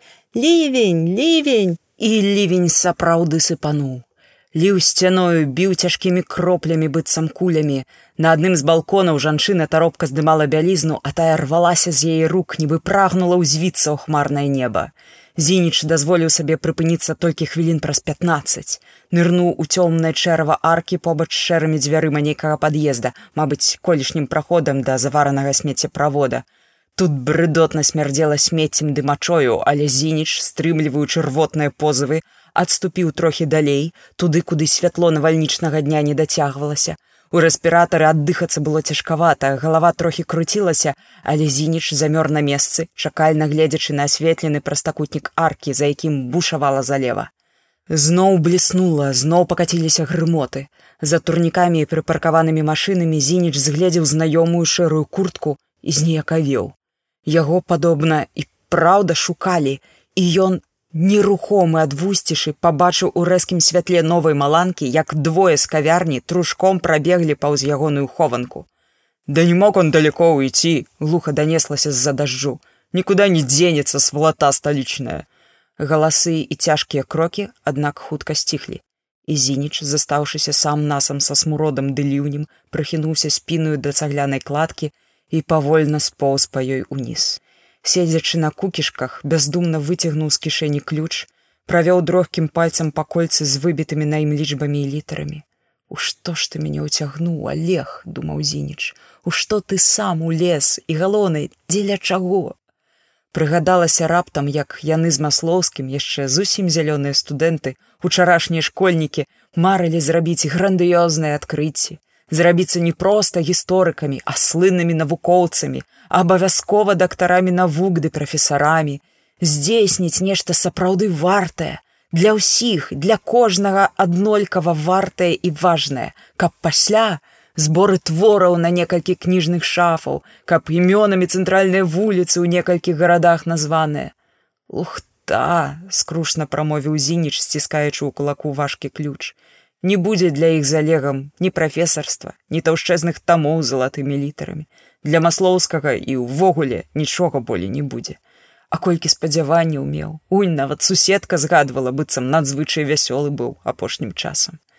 Зноў сплыла думка кінуць тут усё і з'ехаць у мінск да д'ябла алега з ягонымі таямніцамі з усімі гэтымі паперамі ды ключамі з забойствамі пагонямі быццам з кепскага дэтэктыўнага рамана. У зініча ёсць неблагая праца і высветленая прадвызначаная надалей будучыня. А падстаўляць уласную шыю дзеля сумніўнай радасці выкапаць у паперах маслоўскага хай сабе і сенсацыйны матэрыял такое сабе задавальненне. Але меркаваў сам сабе зініч з іншага боку калі олег так за нешта ўхапіўся калі дзеля гэтага нечага нават жыццём ахвяраваў значыць рэч сапраўды вартая.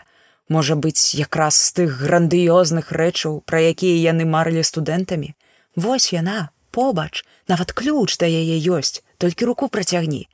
У олега ўжо не атрымаецца але ўзініча можа дзеля іх абодвух не цяперашніх нават, але тых колішніх зялёных і натхнёных, дзеля супольнай колішняй прагі зрабіць хоць нешта вартае.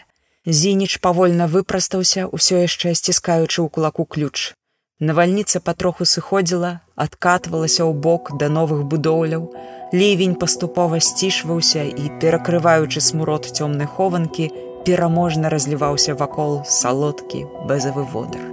Цяжар ключа ў руцэ, быў супакойлівы і надзейны.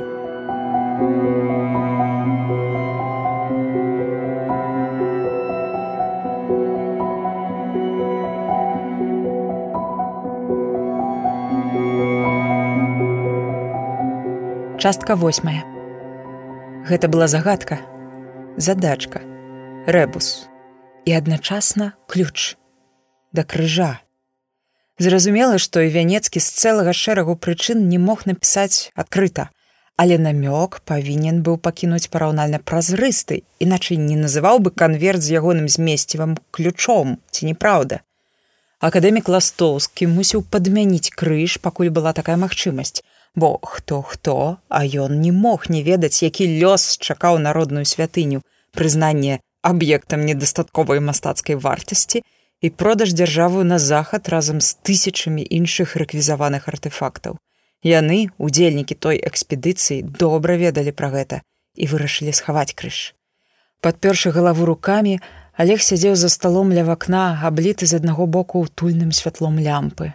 Пацепваў плячыма ў мятай сіняй цішотцы, прытупваў босымі нагамі, пакусваючы аловак па даўняй звычцы запісваў сёе тое ў нататнік. Словы адзін гаўрыла ў полацку патроху абрасталі завіткамі ды ўзорамі чалавечымі профілямі. Гарбату ў вялікім кубку зарослым карычневатым налётам даўно астыла, зацягнулася плёначкай. За вокнамі кустоўе бэзу, касабокія хлеўчыкі, нееглы плод, зарослы нахабнымі дзьмухаўцамі, усё патроху укрылася змрокам. У сінім канверце, які Олег пару дзён таму атрымаў ад людмілы Андрэўны, ляжаў цяжкі ключ серабрыстага металу ледзь кранутага ржой. Олег з лупаю уважліва вывучыўшы бародку і кольца з надпісам, прыйшоў да высновы, што дата, выбітая на метале, не хлусіць. То быў сапраўдны ключ 18 стагоддзя, не падробка, не копія. Ключ ад тайніка, дзе Олег болей не сумняваўся, амаль сотню гадоў спачываў крыж, быў у ягоных руках. Літаральна, адно што месцазнаходжанне тайніка па-ранейшаму заставалася загадкай. Олег шумна выдыхнуў, аберучу скудлачыў светлыя валасы і зноў узяўся за канверт. Той, складзены з прамакальнай паперы, верагодна самаробны быў трохі шурпаты, пацёрты і выцвілы на згібах. Почырк на канверце быў почыркам авянецкага, у гэтым Олег быў упэўнены. За час працы з адшуканым архівам добра вывучыў кожную літару. Адзін гаўрыла ў полацку прагаварыў Олег задуменна. На чарговым завітку грыфеля лоўка не вытрымаў націску і падламіўся, паставіўшы тлустую кропку на старонцы. Олег, вылаяўшыся, раздражнёна адшпурнуў нявінны аловак прэч і абяссілена адкінуўся на спінку крэсла. Страўнік шумна нагадаў пра сябе. Олег, паціраючы зарослае падбароддзе, паспрабаваў прыгадаць, калі апошні раз еў і не здолеў. Падняўся на ногі, адчуваючы, як смыляць дранцвелыя мышцы. Ён заседзеўся за сталом да глыбокай ночы. Крэкнуўшы, маслоўскі зрабіў каля стала колькі хрусткіх прысяданняў, пацягнуўся салодка да хрыбусцення костак. Галава ацяжэла ад доўгай працы, ленавата варочаліся думкі. Олег шырока пазяхнуў, паціраючы шыю. Мутна паглядзеў на раскладзеную канапу, не засцеленую яшчэ учора ці заўчора, Між скамечаных коўдраў мірна спала, скруціўшыся суседская трохкалёрная котка, якая забягала часам пацілкавацца і пацерціся аб ногі, а той пераночыць. Але спаць пакуль было нельга. Дакладней, Олег ведаў, што не засне будзе варочацца, напружана думаючы пра адно і тое ж, пра загадку вянецкага, пра ключ, схаваны ў прымаўцы і ключ рэчыўны, віты, з загадкавымі ініцыяламі выбітымі на кольцы. Намацаўшы пад сталом падранай тэпці, маслоўскі зноў пазяхаючы скіраваўся на кухню. Ішоў, не запальваючы святло, звыкла праводзячы адной рукою па халоднай сцяне калідора. Тут добра чуваць было, як за сценкай храпіць Пятро Семёнович і мерна цікае суседскі гадзіннік. Дом быў стары, і добры гадоў 10 з самага таго часу, калі Олег атрымаў гэтую кватэру спадчыну ад цёткі не рамантаваўся. Суседзі, канешне, заўжды нешта рабілі. Гаспадарлівы Пятро Семёнович завіхаўся, ўсё нешта падстукаваў, падкручваў і фарбаваў, быццам атрымліваў асалоду ад свайго перманентнага рамонту. Олег жа да ўсяго гэтага быў абыякавы, спакойна мірыўся з падзёртымі цётчынымі шпалерамі, з разбітым вакном у паддашку, з рассохлымі драўлянымі вокнамі, ад якіх па невялікіх пакойчыках разляталіся скрызнякі і мяккімі нябачнымі лапкамі краталі паперы і фіранкі. Можа, з прычыны гэтай алегавай абыякавасці да абнаўленняў асаблівага сяброўства ў іх з Пятром Семёновичам не склалася. Так сабе дабры дзень ды дабранач. Цётка Галя, суседава жонка, па ўласнай дабрыні ды дзеля памяці пра нябожчыцу маслоўскую, з якой сябравала, часам частавала перагамі ды да дранікамі, сварылася трохі па-добраму праўда, што, маўляў, старызны сабе ў дом панацягаў. Цебе шалежак, наверное, і дышаць за пылью нечым. Старызны, як яна казала, сапраўды было многа. Дзень па дні толькі большала. Рэчы, знойдзеныя ў закінутых вёсках, выкупленыя на аукцыёнах распродажах або проста абмененыя ў нядбайных гаспадароў, адкапаныя на сметніках, як, напрыклад, клаўрот канца 19 стагоддзя, адшуканыя пад зямлёю або ў лёхах, куды ўваход праз небяспеку абвальвання быў забаронены. Многія многія старыя рэчы, якія былі варты лепшага лёсу і лепшага стаўлення. Нават тут, у вузкім калідорчыку стаялі укрытыя прасцінамі часткі кроснаў, у апошні момант вывезеных з нейкай лядашчай паветкі, якую гаспадары планавалі зносіць. Кросны добра было б паднавіць трохі і прапанаваць у мясцовы музей ткацтва, але пакуль што не даходзілі руки. Побач кругліліся колы калаўротаў, звезеных з розных куткоў Беларусі. На іх ужо знайшліся ахвотнікі, каб выкупіць, здаецца, для інтэр'ерных рашэнняў у нейкім сталічным бары.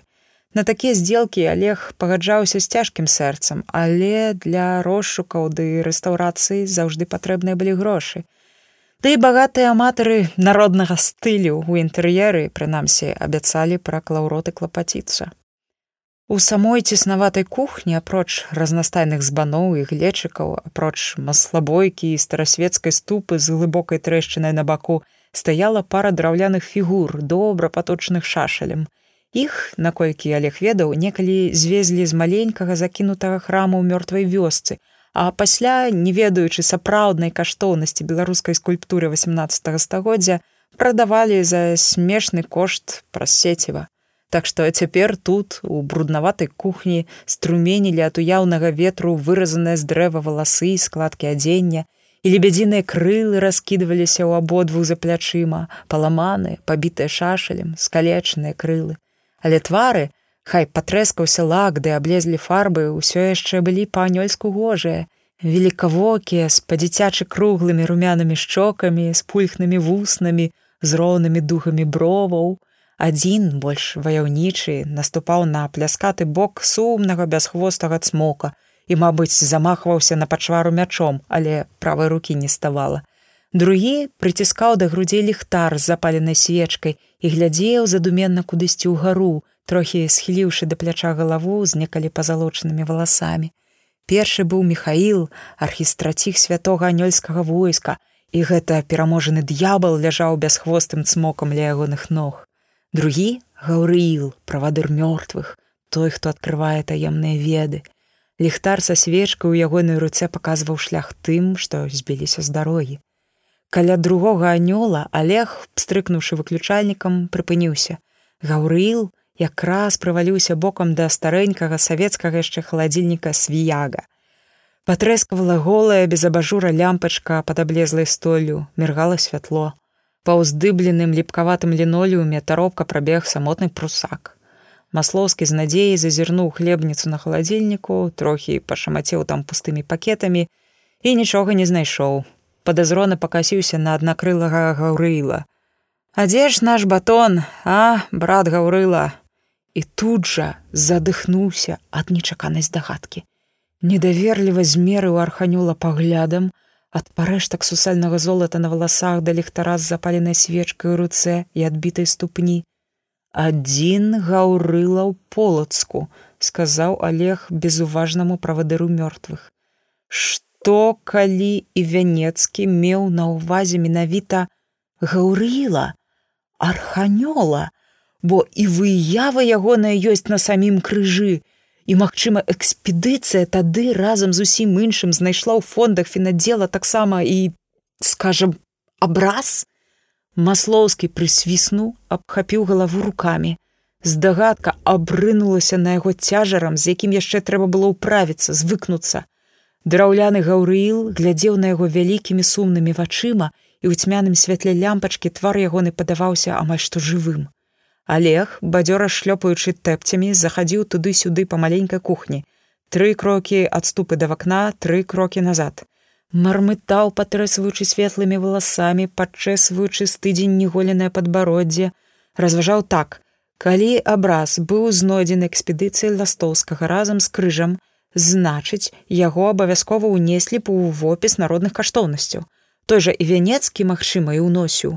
Калі гэта праўда, то ў прыдбаных алегам дакументах мусіць быць згадка пра які-небудзь артефакт з арханёлым гаўрылам, якога і вянецкі, загадваючы сваю загадку, фамільярна назваў гаўрылам.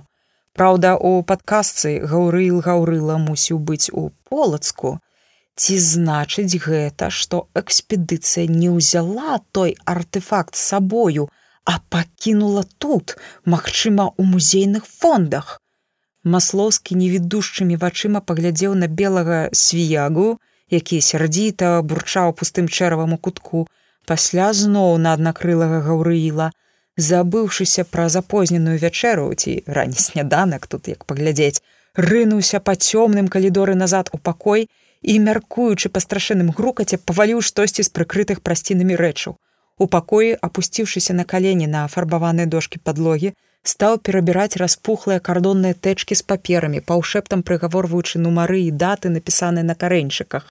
Дрогкімі пальцамі развязаў стужкі на адной, асцярожна перабраў пажоклыя аркушы, спісаныя знаёмым кучаравістым почеркам, выцягнуў некалькі наўмысна складзеных ім у асобны файл, прабег вачыма па першых радках, сеў на халодную падлогу, падсунуўшыся бліжэй да кола святла ад настольнай лямпы, чытаў, закусіўшы вусны, Алега трохі калаціла ад хвалявання, ён стараўся дыхаць вальней, суцішыць сэрца, што ашалела білася ад радаснага хвалявання.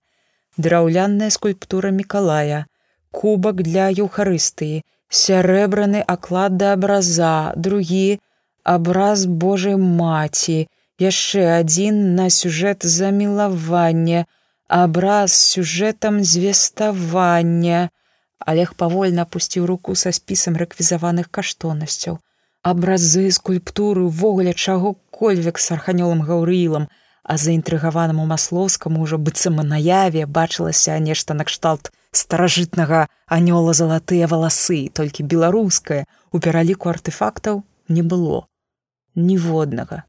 Расчараваны маслоўскі перачытаў спіс яшчэ раз і яшчэ і яшчэ, і па-ранейшаму не знайшоў у пераліку каштоўнасцяў ніводнай згадкі пра гаўрыла. Гіпотэза, якая толькі што падавалася дарэчнай і стройнай, рассыпалася на вачах, і ад гэтага было амаль фізічна балюча. Не так, думаў Олег, нешта не так. Сумневаў не магло быць, і вянецкі паківаў сваёй падказкай на адзін з артефактаў у сваім вопісе можа быць з абразом ці скульптуры ў гаўрыла ўсё было б занадта проста. Нешта не так. Ёсць нейкая дадатковая складанасць ключык толькі для абазнаных для ўважлівых сапенці сад.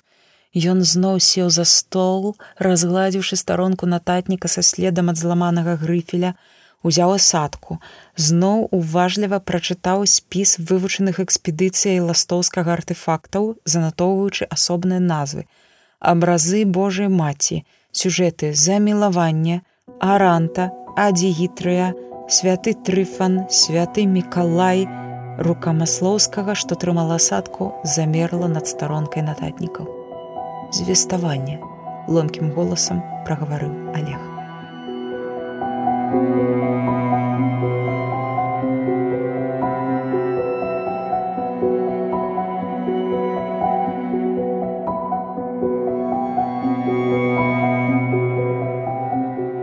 Частка 9.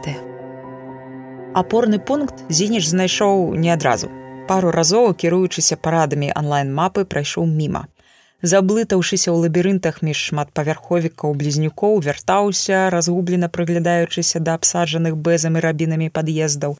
Пасля заўважыў такі някіткія чорныя металічныя дзверы з ржавую шыльдай на цаглянай сцяне побач дваравы дызайнер каб унесці разнастайнасць пафарбаваў цагліны вакол дзвярэй цераз адну ублякла ліловы колер як на падмурку безвынікова паторгаўшы ручку раз другі зініч рассеяна палічыў колькасць фарбаваных цаглін вакол замкнёных дзвярэй. Выйшла тридцать четыре з паловай.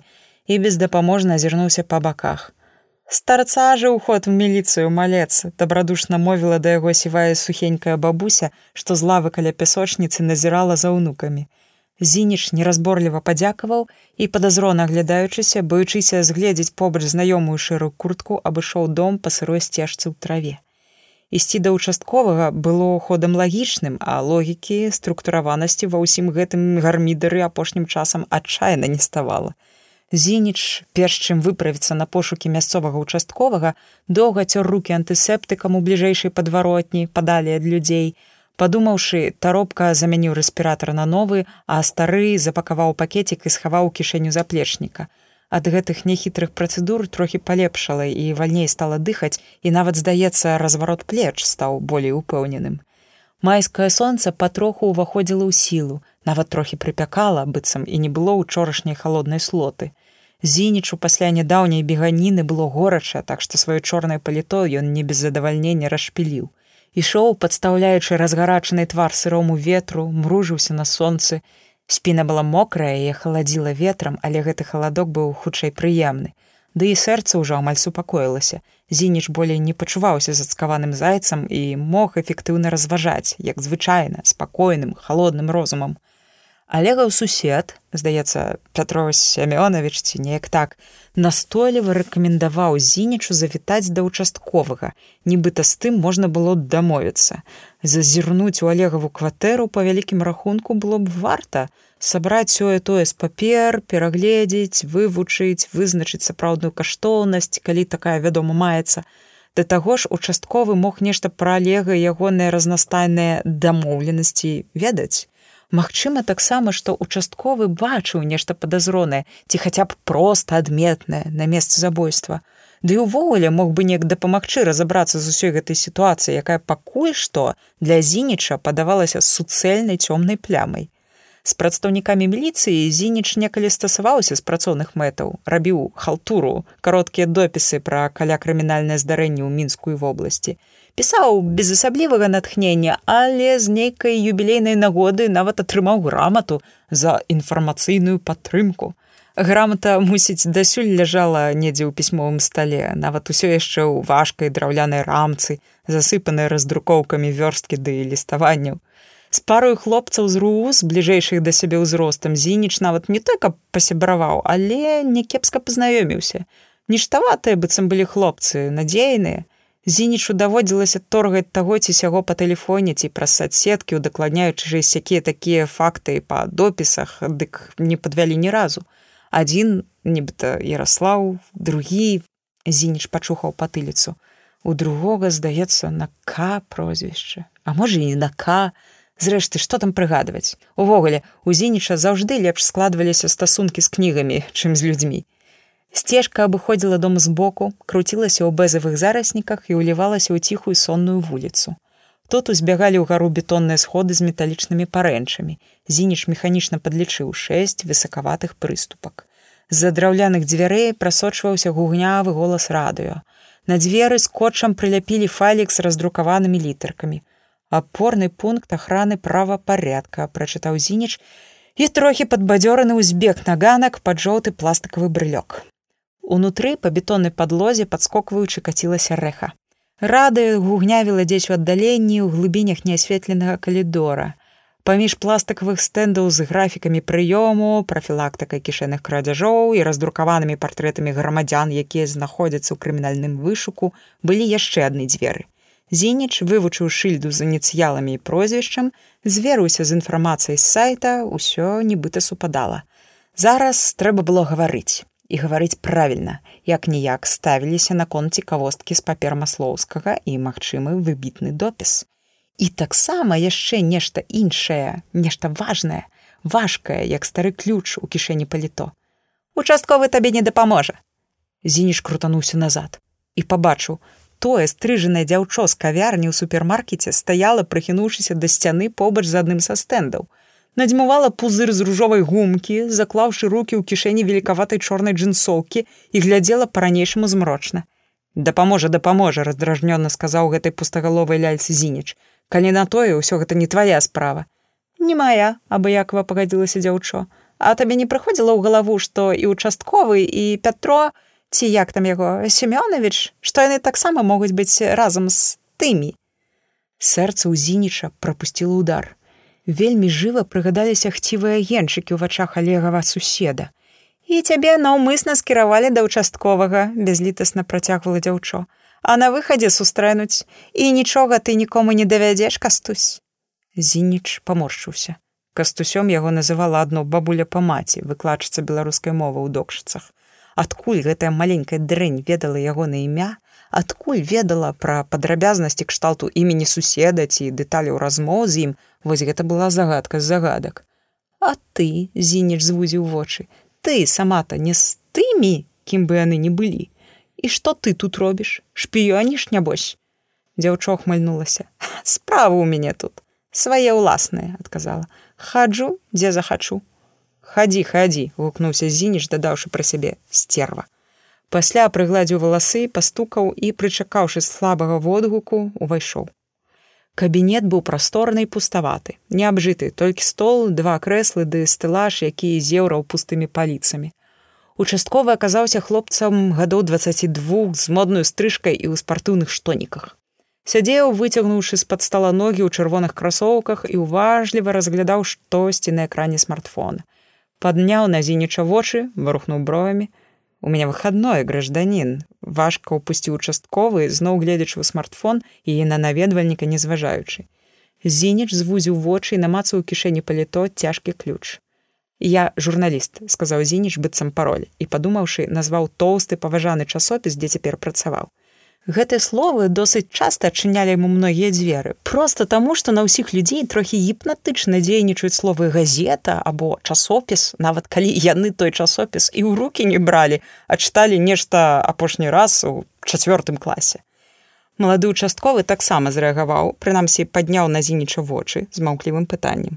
З заўважным сумневам пакасіўся на нейкія аркушы на стале і локцем ссунуў іх у шуфляду. Журналіст Але тут суха пстрыкнуў гук паведамлення вКтакце. Участковы, урастаючы ў экран паглядам, варухнуў вуснамі, быццам хаваў усмешку і стаў таропка набіраць адказ. Какой еще гражданин журналіст, прагаварыў адначасна з нечаканай пяшчотаю, што прорывалася ў голасе. Пяшчота, вядома, адрасавалася не зінічу, а с размоўцы вКтакце.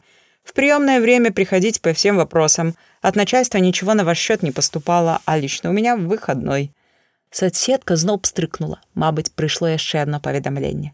Участковы яшчэ больш ажывіўшыся і зарумяніўшыся працягнуў сваё ліставанне. Зініч, нахмурыўшыся, сеў на крэсла перад сталом, паклаўшы ногі адна на адну і схаваўшы руки ў кішэні. Гражданін з лёгкім адценнем абурэння пачаў участковы, адарваўшыся такі ад смартфона.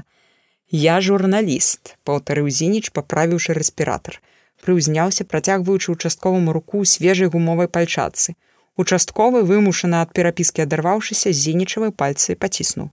Канстанцін Зініч, белая візітоўка з пазалочным гербам і назваю часопіса перанеслася быццам па ўласнай волі ў далонь участковага. Валерій Сычов гукнуўся той, вывучаючы візітоўку. А вы, собственно, Зініч усміхнуўся пад рэспіратарам. Хлусня плялася сама сабою мякка і ненавязліва, бо складалася з паўпраўды. Я Валерый зараз працую над матэрыялам пра забойства маслоўскага для зводкі на сайт абласнога аддзялення.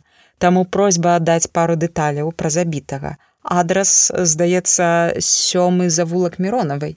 Зініч па-гаспадарску выцягнуў заплечніка патрапаны нататнік, з якім звычайна ездзіў на інтэрв'ю і асадку з назвай свайго часопіса.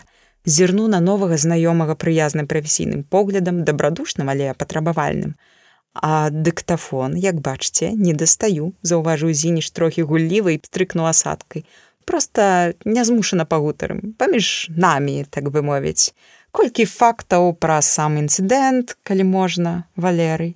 Прафесійны журналісцкі тон большасць людзей выбівае з каляіны, бо чыстая старонка нататніка і асадка, якая чакальна замерла над ёю, абяцаюць імгненна зафіксаваць усё, што б не было сказана. А людзі, зініш добра ведаю гэта за гады практыкі, часта баяцца таго, што могуць сказаць, баяцца саміх сябе.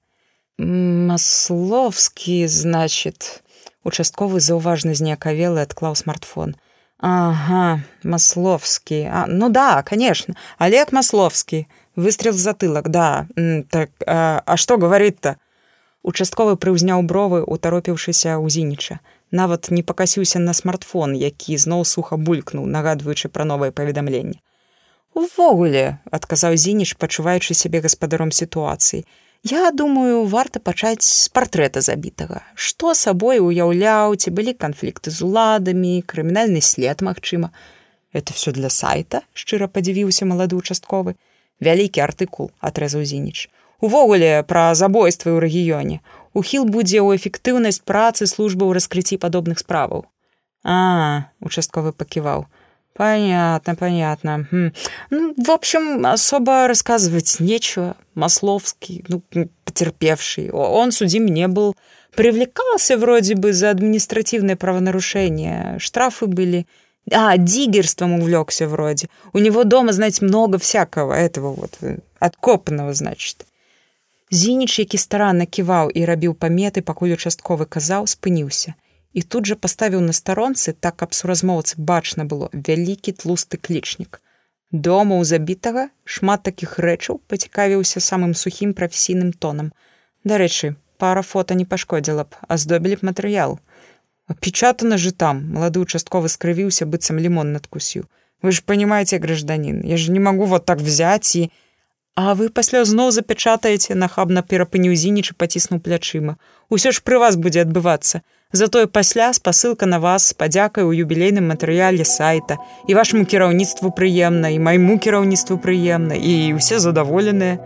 Участковы цяжка ўздыхнуў, круцячы ў пальцах зінічавую візітоўку. Дамовімся, спытаў зініч, зараней ведаючы, як яму адкажуць.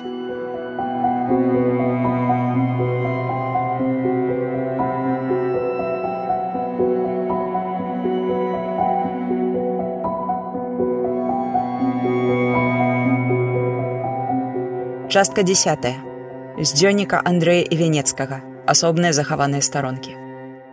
Сам ён высокі, кашчавы з доўгім тварам з касматымі сівымі бровамі, з доўгім носам, з доўгімі пальцамі, барада белая спадае на грудзі на чырвоную вышыўку на кашулі. Доўгія сівыя валасы да плеч. Увогуле ўвесь ён доўгі, у шэрай світцы падпярэзанай каляровым тканым поясам, у нагавіцах запраўленых у нячышчаныя боты, усе ў плямах фарбы ды лаку з наліплымі кудзерамі габлюшкі.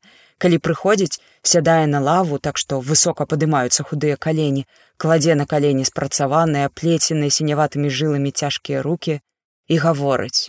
Прыгожа, дарэчы, гаворыць. Заўжды нешта расказвае, пачынаючы з паўфразы, з паўслова і ідзі яшчэ разбярыся, што да чаго спрабавалі з міколкам записываць дзеля мэтаў этнаграфічных, бо дзед проста выкапень 19 стагоддзе спрабавалі і дарма. Што там разбярэш, калі ўсё без пачатку без канца. Акадэмік, аднак са старым гутары часта і ахвотна, паважліва гэтак. А пачалося з таго, што яны, акадэмік са старым гэтым, разам разглядалі старыя планы сабора ды ўсё нешта абмяркоўвалі. Завуць яго Васіль Сымонавіч Шацілович з мясцовых з полацкіх. Усё жыццё тут пражыў. Жыццё мабыць доўгае. Колькі яму гадоў? 90 не меней.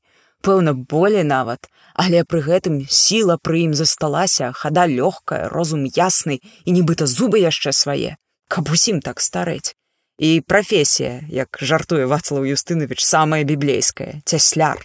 У полацку у яго майстэрня сваяцей што? саматужнік адзіночка карацей, калі партыйнымі паняткамі разважаць. Але майстэрня не абы якая. Мы з міколам наўмысна даведваліся. Цікава ж, чаму акадэмік гэтага дзеда так паважае. І даведаліся. Майстэрня да рэвалюцыі збольшага на паноў працавала. Куфры, куферкі дамскія, мэбля самая разнастайная і не проста штукі відаць, даражэзныя, а на кулака, на заможніка дзед, непадобны, дзіва. Сам-то стары ясная справа не адкажа, нават калі наўпрост спытаць. Увогуле, канешне, гавораць і шмат і цікава нават і слушна нібыта, А задумаешся, і ты абрыўкі дзедавых баек разам не звяжаш, не складзеш. Нашае прозвішча Шаціловіч, кажа, напрыклад, неяк. Корань у нас татарскі, таму кроў гарачая.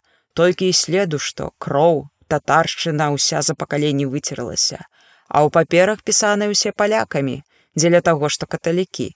Толькі палякі з нас такія ж як скарася скаромныя. А хто ж вы тады як не палякі пытаю тады.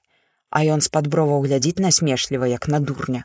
А вядома кажа мне вядома камсамольчык мясцовыя мы туташнія спрадвечныя. Вось і ўсёй размовы.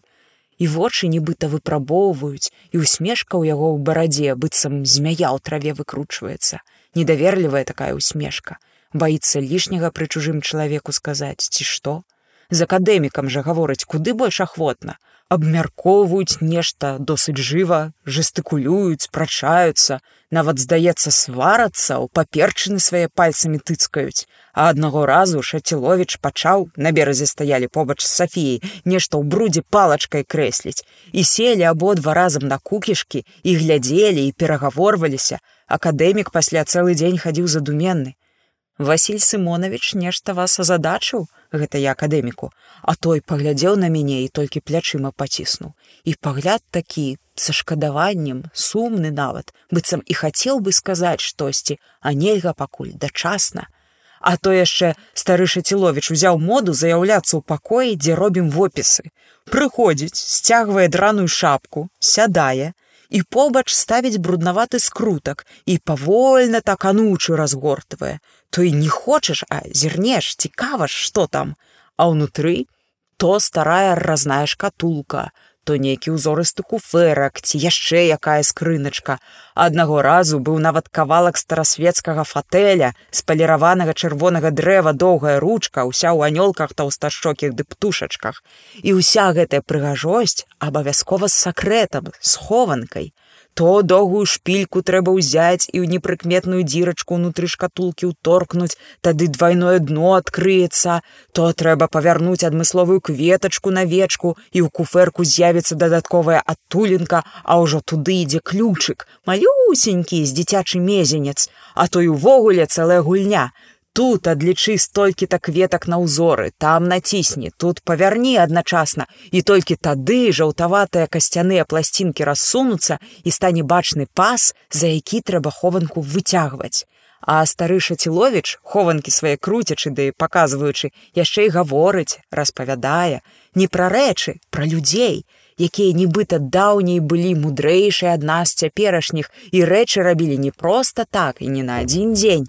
І таямніцы свае больш ахвотна давяралі рэчам не чалавеку. Бо ў куферкаў бач ты языкоў-то няма кажа і смяецца бараду пагладжвае а пад спрытнымі пальцамі пстрыкаюць схаваныя з пружынкі шасцярэнькі паварочваюцца пазы пазначаюцца і адкрываюцца. Сакрэт за сакрэтам сакрэт за сакрэтам. Пстрык пстрык зірнеш і не адарфесся сочыш быццам загіпнатызаваны. А праца стаіць ажно няёмка перад акадэмікам перад справаю перад міколам нават дарма што той студэнт практыкант важнейшае канешне в опіс экспедыцыі а не гэтыя буржуйскія старасветскія забаўкі. Вядома рэч старыя нібыта нават 19 стагоддзя которые а той 18 але з крыжам гэтыя дрындушкі не параўнаць усё ж таки Я неяк нават гаварыў вацлаву юстынавічу, што смешна адхіляцца ад мэты на такія забаўкі. Ды і дзед нейкі пры ўсёй, канешне, павазе падазроны. Ходзіць тут са сваімі скрыначкамі. У нас тут між іншым старажытныя каштоўныя рэчы ляжаць, а гэты ходзіць быццам да сябе дамоў, але акадэмік толькі галавою пахітаў. Не скажыце, Андрусь, не скажыце. Тут справа ў разуменні прынцыпу. Якога прынцыпу, праўда, не сказаў. Вусны падціснуў, змок, шчыра нават крыўда бярэ.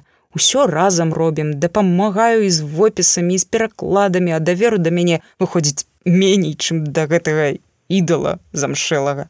Зразумець не магу пра што яны акадэмік і стары саматужнік могуць размаўляць ды яшчэ так жыва. А учора зноў прыцягнуўся шаціловіч. Васлаў юстынавіч якраз быў адышоўся з чарговымі паперамі ў райвыканкам здаецца а гэты прыйшоў не пагрукаўшы сеў сядзіць як сыч. Я добры дзень аддаў і працую сабе карткі самі сябе не запоўняць. А дзед пакрэхтавай пакашлівае ўсё і адчуваю што ў спіну мне глядзіць настойліва так ажно я не вытрымаў. Чаго вам кажу таварыш? Хаця які ён канешне мне таварыш? Ягоныя таварышы ўжо з паўстагоддзя таму напэўна да прайца абрама на піва пайшлі. А перажытак. Яшчэ несвядомы мясцовы ён бач старасць ды коснасць нічога не зробіш. Але як вацлаў юстынавіч зім можа гэтак паважліва абыходзіцца пра гэтую несвядомасць ведаючы не магу зразумець. Ніяк. Дык вось быў гэта аўторак 1030 раніцы з часам дакладна бо я на гадзіннік на руцэ адмыслова зірнуў. Значыць учора было Стары Шаціловіч зноў завёў сваю катрынку без пачатку, без канца. Адно што гэтым разам нешта так бы мовіць нязвыклае, дзіўнае нават я б сказаў. Настолькі дзіўнае, што я нават запомніў не слова ў слова ясная рэч, але блізка да таго, як было сказана. Гаварыў стары, утаропіўшыся ў мяне невідушчымі вачыма, неяк так. А скляпені там старыя, і хто ведае, калі былі збудаваныя. Майстра мой, у каго я рамяству мальцам зялёным вучыўся, казаў быццам хады спрэс езуіцкія, але іншыя людзі абазнаныя гаварылі, што яшчэ да манахаў хады тыя былі заблытаныя, глыбокія, спрэс тут пагоркі пранізаныя хадамі, як краты точаць. Адно то і не краты, а людзі, чысценька зроблена, камяні абчасаныя, адзін да аднаго прыгнаныя роўненька, такое сто тысячу гадоў стаяла і далей стаячмі дзе ў поўны росту стаць можна нават руки ўгару выцягнуўшы і тое столі не датыкнешся. А дзе паўзеш скурчыўшыся не раўнуючы чарвяк? Праточнае вядома не проста так. Там і камеры ёсць залы і ўсё пад зямлёю. Звіваюцца хады за дзвіну ідуць з-за дзвіны пад замкавымі валамі былымі. Усюды усюды рака часам падмывае вода камень точыць от і агаляюцца сякія такія скляпенні з ты што бліжэй да паверхні. Гадоў двадцать таму яшчэ пры цары былі знайшлі. Тут блізенька каля багаяўленскага сабора. Народ хадзі удзіваваўся а загад прыйшоў і засыпалі ўсё спрэс каб не бачылі каб не ведалі каб не памяталі. Бо камсамольчык які народ без памяці з народам які не памятае што заўгодна можна зрабіць ляпіць яго быццам гліну любыя думкі ў галову укладваць мы мясцовыя мы спрадвечныя мы то ведаем. Ты гэта ўсё камсамольчык на вус матай і сам глядзі цяпер уважліва глядзі і запамінай. Немец перабудоўваў тут ян кшыштаф па-іхняму калі значыць йохан йохан глаубец немец з вільні Тут жа казалі пасля маскалёў пасля цара пятра ад Сафіі што засталося слупыды падмурак ну яшчэ сёе тое а Сафія ж не проста так на тым месцы стаіць не проста так. Некалі сямівяршынная была як зорка сямі прамянях бо там камсамольчык капішча сем камянёў ахвярных і хады, каб ты ведаў даўней, даўно-даўно, страх, як даўно, пад тым капішчам, як быў вузел завязваліся, сэрца значыць. От і выходзіць, што Сафія сэрца нашае, і Пятро сэрца-то гэтае і выдраў наўмысна нябось, бо які народ без сэрца, а бяскроўлены, нежывы. Глаўбец той шмат чаго ведаў, няпросты быў чалавек.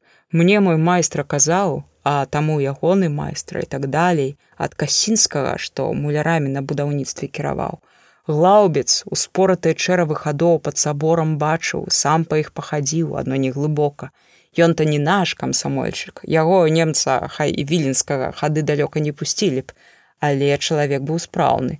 І падмурак старадаўні і слупы і апсітку словам усё ўсё што засталося ў новы храм у плёў разам паяднаў на свой канешне лад. Што з яго ўзяць немец. Лютэранін яшчэ нібыта але справу сваю ведаў і зрабіў усё як мог найлепшым чынам. А і глаўбец без сакрэтаў не абышоўся. Часы камсамольчык заўжды неспакойны. І ў сафіі якую панаўляў глаўбец свае хованкі хады пакінуў.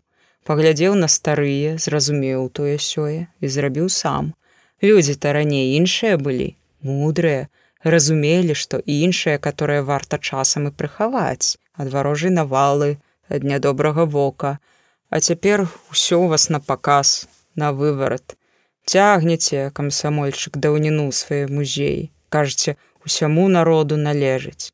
Так-то яно так, але і не так. Народ спачатку трэба прывучыць памятаць, іначай не даўніну і не карані пабачаць, а толькі золата са срэбрам і камяні каштоўныя, тое, што хцівасць будзець, не розум. Хады абы каго не прапусцяць, з веданнем з таямніцамі збудаваныя, пойдзеш неабачліва, ступіш на плітку не ведаючы, а тая долу адкінецца і праваліцца і паляціш у прадонні. яшчэ сцены ў тупіках ёсць што ад аднаго дотыку паварочваюцца і сцены што сціскаюцца раздушваюць калі плячом зачэпіш чужога хады не прапусцяць. З веданнем збудаваныя. Езуіты што? Яны кніжнікі. Вычыталі вывучылі да сваіх патрэбаў прыстасавалі а ў самай глыбіні канешне не лезлі. І не ўлезлі б не для іх будавана ні іхным богам асветлена. Даўняя рэч таемная рэч. І сэрца ў гэтай зямлі камсамольчык даўне ты слухай слухай. Калі зразумееш скарыстаеш стары здаецца яшчэ шмат чаго казаў але таго я па шчырасці ўсяго не запомніў. Галава цяжэла і страшэнна забалела ад ягонага голасу быццам абручом чэрап сціснула ажно ўвачу пацямнела. Мабыць, праз надвор'е. Шаціловіч ужо, не дачакаўшыся акадэміка сышоў і якраз навальніца пачалася. Даўно такой не было. Пацямнела як ноччу. А я сорам сказаць за сталом седзячы заснуў і сніў розную дрэнь усё нейкі хады дзе было па калена ржавай вады і барадатых ідалаў і камяні на пагорку над рэчкай лухта канешне але асобныя моманты цікавыя пра хады пад горадам верагодней за ўсё лухта і пра капішча таксама А вось віленскі немец глаўбец Яган Крыстоф якраз такі рэканструяваў Сафійскі сабор у 18 стагоддзі. Цікава было б паглядзець тыя планы, якія вывучае Вацлаў Юстынавіч. Можа, сапраўды даўнейшыя хованкі ёсць. А пра памяць пра сэрца гэта вельмі хораша сказана. Я ад беспартыйнага саматужніка нават і не чакаў. І мне нават падаецца быццам на гэтым дзённікавы запіс абрываецца.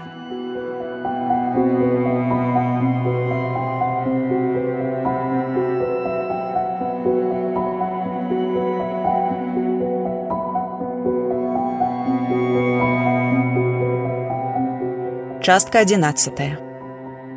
Унутры ўсё было прыблізна так, як зініч і ўяўляў. Выцвілыя савецкія шпалеры, месцамі падраныя, месцамі з пухерамі ад вільгаці, дошкі з аблезлую фарбай пад нагамі, што адгукаліся на крокі, кожнай у сваёй танальнасці. Пыльныя вокны з закладзенай між рамамі пажаўцелай ватай, пыльныя палавікі. У невысокім буфеце за шклом, акурат перад перамяшанымі сервізамі было ўторкнута некалькі фота. Зініч наблізіўся, парыпаваючы масніцамі. На першай карцы пазнаў алега маслоўскага, зусім яшчэ падлетка, можа, дзесяцікласніка, са светлымі валасамі да плеч, у модных але караткаватых джинсах. Побач стаяла фота пажылой жанчыны з ямінкамі на шчоках. Жанчына, мякка усміхаючыся, сядзела на крэсле, трымаючы руку на плячы бялявага хлопчыка. І ў хлопчыку зініч, прыгледзеўшыся, таксама пазнаў маслоўскага, пэўна, сямі-васьмігадовага. Кватэра была невялікая, Цесны пакойчык, кладоўка ды кухня. У пакоі сумавала пара хісткіх чырвоных фатэляў, што кульгалі на адну ножку. Тут жа за шафую, што перагароджвала пакой, месціўся пісьмовы стол з накрыўкаю зарх шкла, пад якой пярэсцілі каляндарыкі ды талоны. На падлозе валялася, бездапаможна выцягнуўшы шыю жоўтая настольная лямпа, падобная да дробнай жырафы. Лямпачка ў ёй ад падзення разбілася і пад падэшвамі суха патрэскавалі дробныя скепкі шкла. Побач валяліся вывернутыя са стала шуфляды, іх змесціва было бязладна параскідана вакол. У куце стаяла раскладзеная канапа з накіданымі коўдрамі, падушкамі і прасцінамі, пара крэслаў, нізкі зэдлік, на якім сарамліва прытулілася камяком мятая бялізна. Колькі кніжных паліц уздоўж сцяны, разварочаных з бязлітасна павыкіданымі кнігамі. І нават зініч, які быў у гэтым доме ўпершыню, разумеў, Усё было не там, дзе трэба, усё было сунута са звыклых месцаў. Тут нешта шукалі, шукалі паспешліва і адчайна. Пытанне ў тым, ці знайшлі. А яшчэ пад нагамі шапацелі паперы, спісаныя ад рукі, і з дробнымі друкаванымі літарамі, белыя раўнюткі аркушы і з жоўтыя змятыя. Ля ўваходу іх было меней, а вось у пакоі у цесным калідорчыку і нават у кухні, дзе баязліва дрыжаў белы халадзільнік, папера спрэс укрывала падлогу, уздыхала пад крокамі і сам там варушылася ад дотыкаў скразнякоў. Скразнякі краталі і бруднаватыя прасціны, накінутыя на нейкай ламачу ў калідоры, Зініч асцярожна прызняў край адной, пабачыў нітачкі павуціння, іржавы метал ды трухлявае паточанае шашалем дрэва і гідліва адхапіў руку. Што б гэта ні было, яно было бруднае і пальцы ў зініча ён адчуваў гэта нават скрозь гумовую пальчатку, цяпер таксама забрудзіліся. В общем, вот так гучна сказаў нябачны сычоў сам ён ад дзвярэй далёка не адыходзіў перамінаючыся з нагі на нагу быццам баяўся запэцкаць новыя чырвоныя красоўкі смартфон у руках участковага зноў стрыкнуў паведамленнем з садсеткі вы фотаграфіруеце што надо для статьі пойдёмте добра добра адгукнуўся зініш нервова паводзячы пальцамі рассеяна зірнуў на пыльныя калаўроты на вялізную ступу з трэшчынай падумаў зноў рухнуўшы безнадзейна бруднымі пальцамі што некепска было б памыць руки і скіраваўся далей па вузкім захламленым калідоры дзвярэй на кухню не было толькі фіранка станнага паркалі ў кветачкі зініч гідліва моршчачы твар адшоргнуў яе ў бок і ад нечаканасці адступіў на крок назад упершыся спіны ў нейкае пыльнае ламача якое адразу ж пасыпалася а з кухні на зінічах глядзелі вялікімі сумнымі вачыма з-пад цёмных дугаў броваў Зініч глыбока ўдыхнуў і выдыхнуў раз, другі, супакойваючыся. Гэта былі ўсяго толькі драўляныя фігуры. Верагодні за ўсё, мяркуючы па стане дрэва і фарбы досыць старажытнае. Беларускае наіўнае мастацтва з трохі збітымі прапорцыямі, але праз гэта больш жывымі паставамі.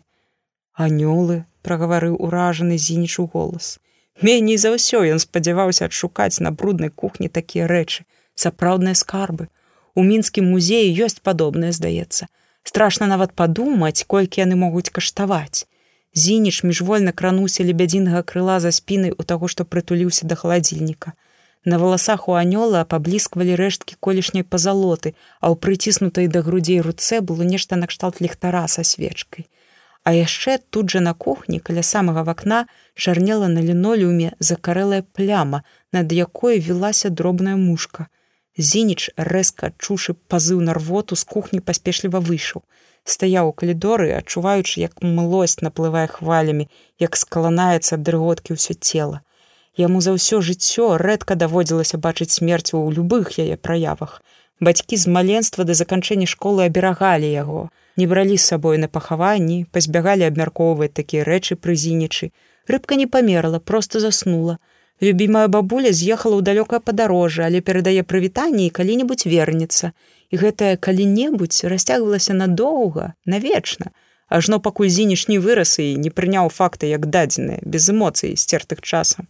Смерці адбываліся вакол, людзі сыходзілі, і ён, ужо дарослы, прывучаны берагчыся, шкадаваць сябе, абыякова чытаў пра трагічныя падзеі на любімых інфармацыйных парталах але з разгортваннем пандэміі смерць стала нечакана блізкай непасрэднай пагрозай і стала страшна. Цяпер жа смерць увогуле заступіла яму дарогу, расцяклася брыдкую лужынай з вусцішным саладкаватым пахам літаральна пад нагамі. Спрабуючы аддыхацца і з замружанымі вачыма, стараючыся не думаць пра закарэлую кроў на лінолеуме, Зініч разважаў так: Тыя, хто забіў Олега, прыйшлі сюды відаць адмыслова па нейкія паперы. Іначай не расцярушылі б усе запісы не перавярнулі б кніжняй паліцыі ды шуфляды ў пісьмовым стале. Паказальна што не вынеслі сапраўды каштоўныя рэчы кшталту тых жа анёлаў на кухні. Ці то не ведалі вартасці ці то цікавіліся зусім іншым. Зініч уласную галаву паставіў бы на другое. Ён вярнуўся ў алегаў пакой сціскаючы ў кішэні важкі ключ ногою ссунуў раскіданыя паперы ў бок раз другі брудных слядоў з пацёкамі з кавалкамі наліплай глебы было шмат але тое быў не паказчык натаптаць маглі пазней самі супрацоўнікі міліцыі або суседзі панятыя ды і сам зініч шчыра кажучы не меў здольнасцяў шэрлака холмса каб разабрацца адкуль той бруд нават ад адной думкі нахіліцца і перабіраць кавалачкі бруду ды сухія травінкі яго цягнула на ваніты Зініч агледзеў пакой яшчэ раз, сам сабе, як звычайна падлічваючы ўсё вакол сябе. Лічэнне заўжды супакойвала, нібы давала ўладу над асяроддзем. Вокны, раз, два, два падваконні, заваленыя бруднымі ржавымі штукамі. Два фатэлі, адна шафа, адчыненая на росхрыст з выпушчанай трыбухой старых шведраў, канапа, таксама адна, пісьмовы стол, паваленае крэсла, разбітая лямпа, усяго па адным, вывернутыя шуфляды, тры штукі. Шуфляды, мабыць, варта было б вывучыць бліжэй. Зініч прайшоў па затаптаных аркушах, сквола надзеі, гледзячы сабе пад ногі. Раптам нешта з архіва ўсё-кі засталося тут. Раз другі нават прыпыніўся, падняў двума пальцамі адзін аркуш другі, але гэта былі то раздрукоўкі навуковых артыкулаў, можа алегавых уласных яшчэ студэнцкай пары, то нейкія схемы і табліцы, то ўвогуле ад рукі маляваныя планы будынкаў з неразборлівымі пазнакамі. З аркушаў, што валяліся на падлозе, ніводзін не нагадваў тыя, якія зініч бачыў сканаванымі, ані колерам, ані печаткамі, ані рукапіснымі радкамі або выцвілым машынапісам. Вакол перавернутых шуфлядаў былі бязладна накіданыя скамечныя паперчыны, сточаныя алоўкі, пагрызеныя асадкі, валялася колькі навагодніх паштовых картак, няроўна складзеныя мапы полацка розных гадоў, газеты за пазамінулы год, рэкламныя праспекты з еўраопта, колькі пяцірублёвых купюр, колькі манет, колькі старых фота савійскага сабора з розных ракурсаў, яшчэ нейкая пыльная драбяза, нікчэмныя абрыўкі штодзённага жыцця. Тут жа ляжала раздзертая кардонная тэчка без змесціва, калі, канешне, не лічыць адзін камяк сіняй паперы. Зініч асцярожна падняў яго, разгарнуў, і ў руках у яго аказаўся абрывак сіняй прамакальнай паперы. Зініч задумена пакруціў яго ў пальцах і адкінуў прэч. Тыя, хто прыйшоў сюды па алегаву душу, напэўна, знайшлі такі, што шукалі. Ведалі, па што ішлі, хай сабе і не былі ўпэўненыя, дзе шукаць ані камп'ютара, ані тэлефона маслоўскага відаць не было. Зініч, высунуўшыся з дзвярэй пакоя сухім прафесійным тонам пацікавіўся, ці не было тут грабяжу. Сычоў, адарваўшыся ад смартфона, задумаўся і кіўнуў. Вынеслі кое-што, действительно, адказаў. Соседзі помняць, што ў пацярпевшего был ноутбук. Телефон тоже. Але болей нічога не ўзялі чамусьці, заўважыў зініч з націскам. Участковы паціснуў плячыма, агледзеўся крывячы рот. Да чё тут брэд-то? Працадзіў бабушатнік типічны зініч з'едліва ухмыльнуўся под рэспіратарам малады участковы таксама не ведаў зрэшты і не мог ведаць адкуль яму колькі грошай адвалілі пахвотнікі за скажам тых жа драўляных анёлаў на кухні. Асабліва замежныя ахвотнікі якіх на разнастайных паўлегальных аукцыёнах хапае. Можа таму маслоўскага і забілі не праз архіў а праз нейкую даражэзную штуку да якую знайшоўся нецярплівы пакупнік калекцыянер зініш пакруціў носам задумена трасянуў валасамі. Справа была дрэнь. Вы скора тут занепакоіўся сычоў скоса паглядаючы ў дзверы туды дзе пышна квітнеў заліты сонцам бэс. У меня паямаеце выхадной я зараз хвілінку паабяцаў зініш зноў знікаючы ў праёме дзвярэй яшчэ раз прабегся паглядам па пакоі вярнуўся да вывернутых шуфлядаў апусціўся побач з імі на калені калі алегавы забойцы не проста сцягнулі архіўныя дакументы але і забралі ноутбук ды телефон маслоўскага значыць дакументы і факты самі па сабе для іх не маюць вялікага значэння ім патрэбны быў алегаў розум даследаванне у якім паміж усімі фактамі была пусталявана сувязь ім патрэбна была разгадка і калі ўлічыць сумны алегаў лёс у маслоўскага тая разгадка ўсё-таки была той выпадак, калі чалавек сапраўды ведаў зашмат, каб застацца жывым. Таму і знеслі ноутбук і телефон, вывучыць файлы, званкі, перапіскі. Зініш з непрыемным халадком пад лыжачкай зразумеў, што верагодні за ўсё алегавы забойцы дабраліся і да ягонага з маслоўскім ліставання. А значыць, маглі даведацца, можа, ужо даведаліся, хто ён, адкуль і дзеля чаго прыехаў полацк і нават як зініч выглядае, бо варта толькі прабіць яго на імя і прозвішча ў пашукавіку, каб атрымаць фота хоць бы з зінічавай аўтарскай рубрыкі на сайце часопіса. Чаго забойцы ведаць не маглі, ды гэта алегавых звычак. Дакладней адной яшчэ універсітэцкіх часоў звычкі скрупулёзна занатоўваць ход сваіх думак, калі ідзе праца над новым артыкулам калі маслоўскі пісаў дыплом дык рукапісаў з такімі нататкамі аказалася ў выніку ледзьве не ўтрая па вазе болей чым уласна самой дыпломнай работы і пісаў олег заўжды не ў адмысловых нататніках не ў паважных штодзённіках у скураным пераплёце а ў звычайных школьных шытках тонкіх на 12 лістоў ды яшчэ з якімі-небудзь дурацкімі малюнкамі на вокладцы Зініч, прыгадаўшы тую даўнюю звычку алега, пакруціўся па пакоі, прыглядаючыся да папер і пару такіх шыткаў, якія забойцы, мабыць, палічылі нецікавымі ці нязначнымі, знайшоў. Адзін з ружовымі сардэчкамі валяўся пад фатэлем, напэўна, нецярпліва адкінуты ў бок. Другі клятчасты ляжаў у пыле пад сталом. Трэці слаба вытыркаў з-пад слаёў раскіданых папер, зялёны ў жоўтай кветачкі, з брудным следам нечай падэшвы Забойцы ведалі пра архіўныя паперы ў тэчцы. Ім стала розуму скеміць, што перапіску, ды якія асабістыя дакументы можна паглядзець праз ноутбук і смартфон забітага. Але пра алегаву даўнюю звычку абыходзіцца такімі вось шытачкамі для нататак яны нават не здагадваліся. Значыць, не ведалі алега блізка. Зініч прагартаў шыткі, выхопліваючы асобныя словы, не без цяжкасці разбіраючы нязграбны алега ў почерк натыркнуўся позіркам на прозвішча і вянецкі і ў момант прыгадаў пратакол допыту, які вывучаў цягніку. Гражданін журналіст вы скора падаў голас сычоў, які заўважна нудзіўся для дзвярэй. У меня выходной вообще-то. Іду, адказаў зініч таропка ўкідваючы знаходкі ў заплечнік.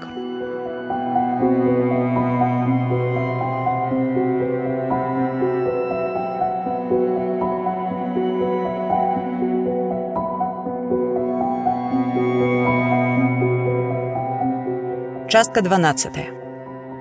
Дзень быў кепскі.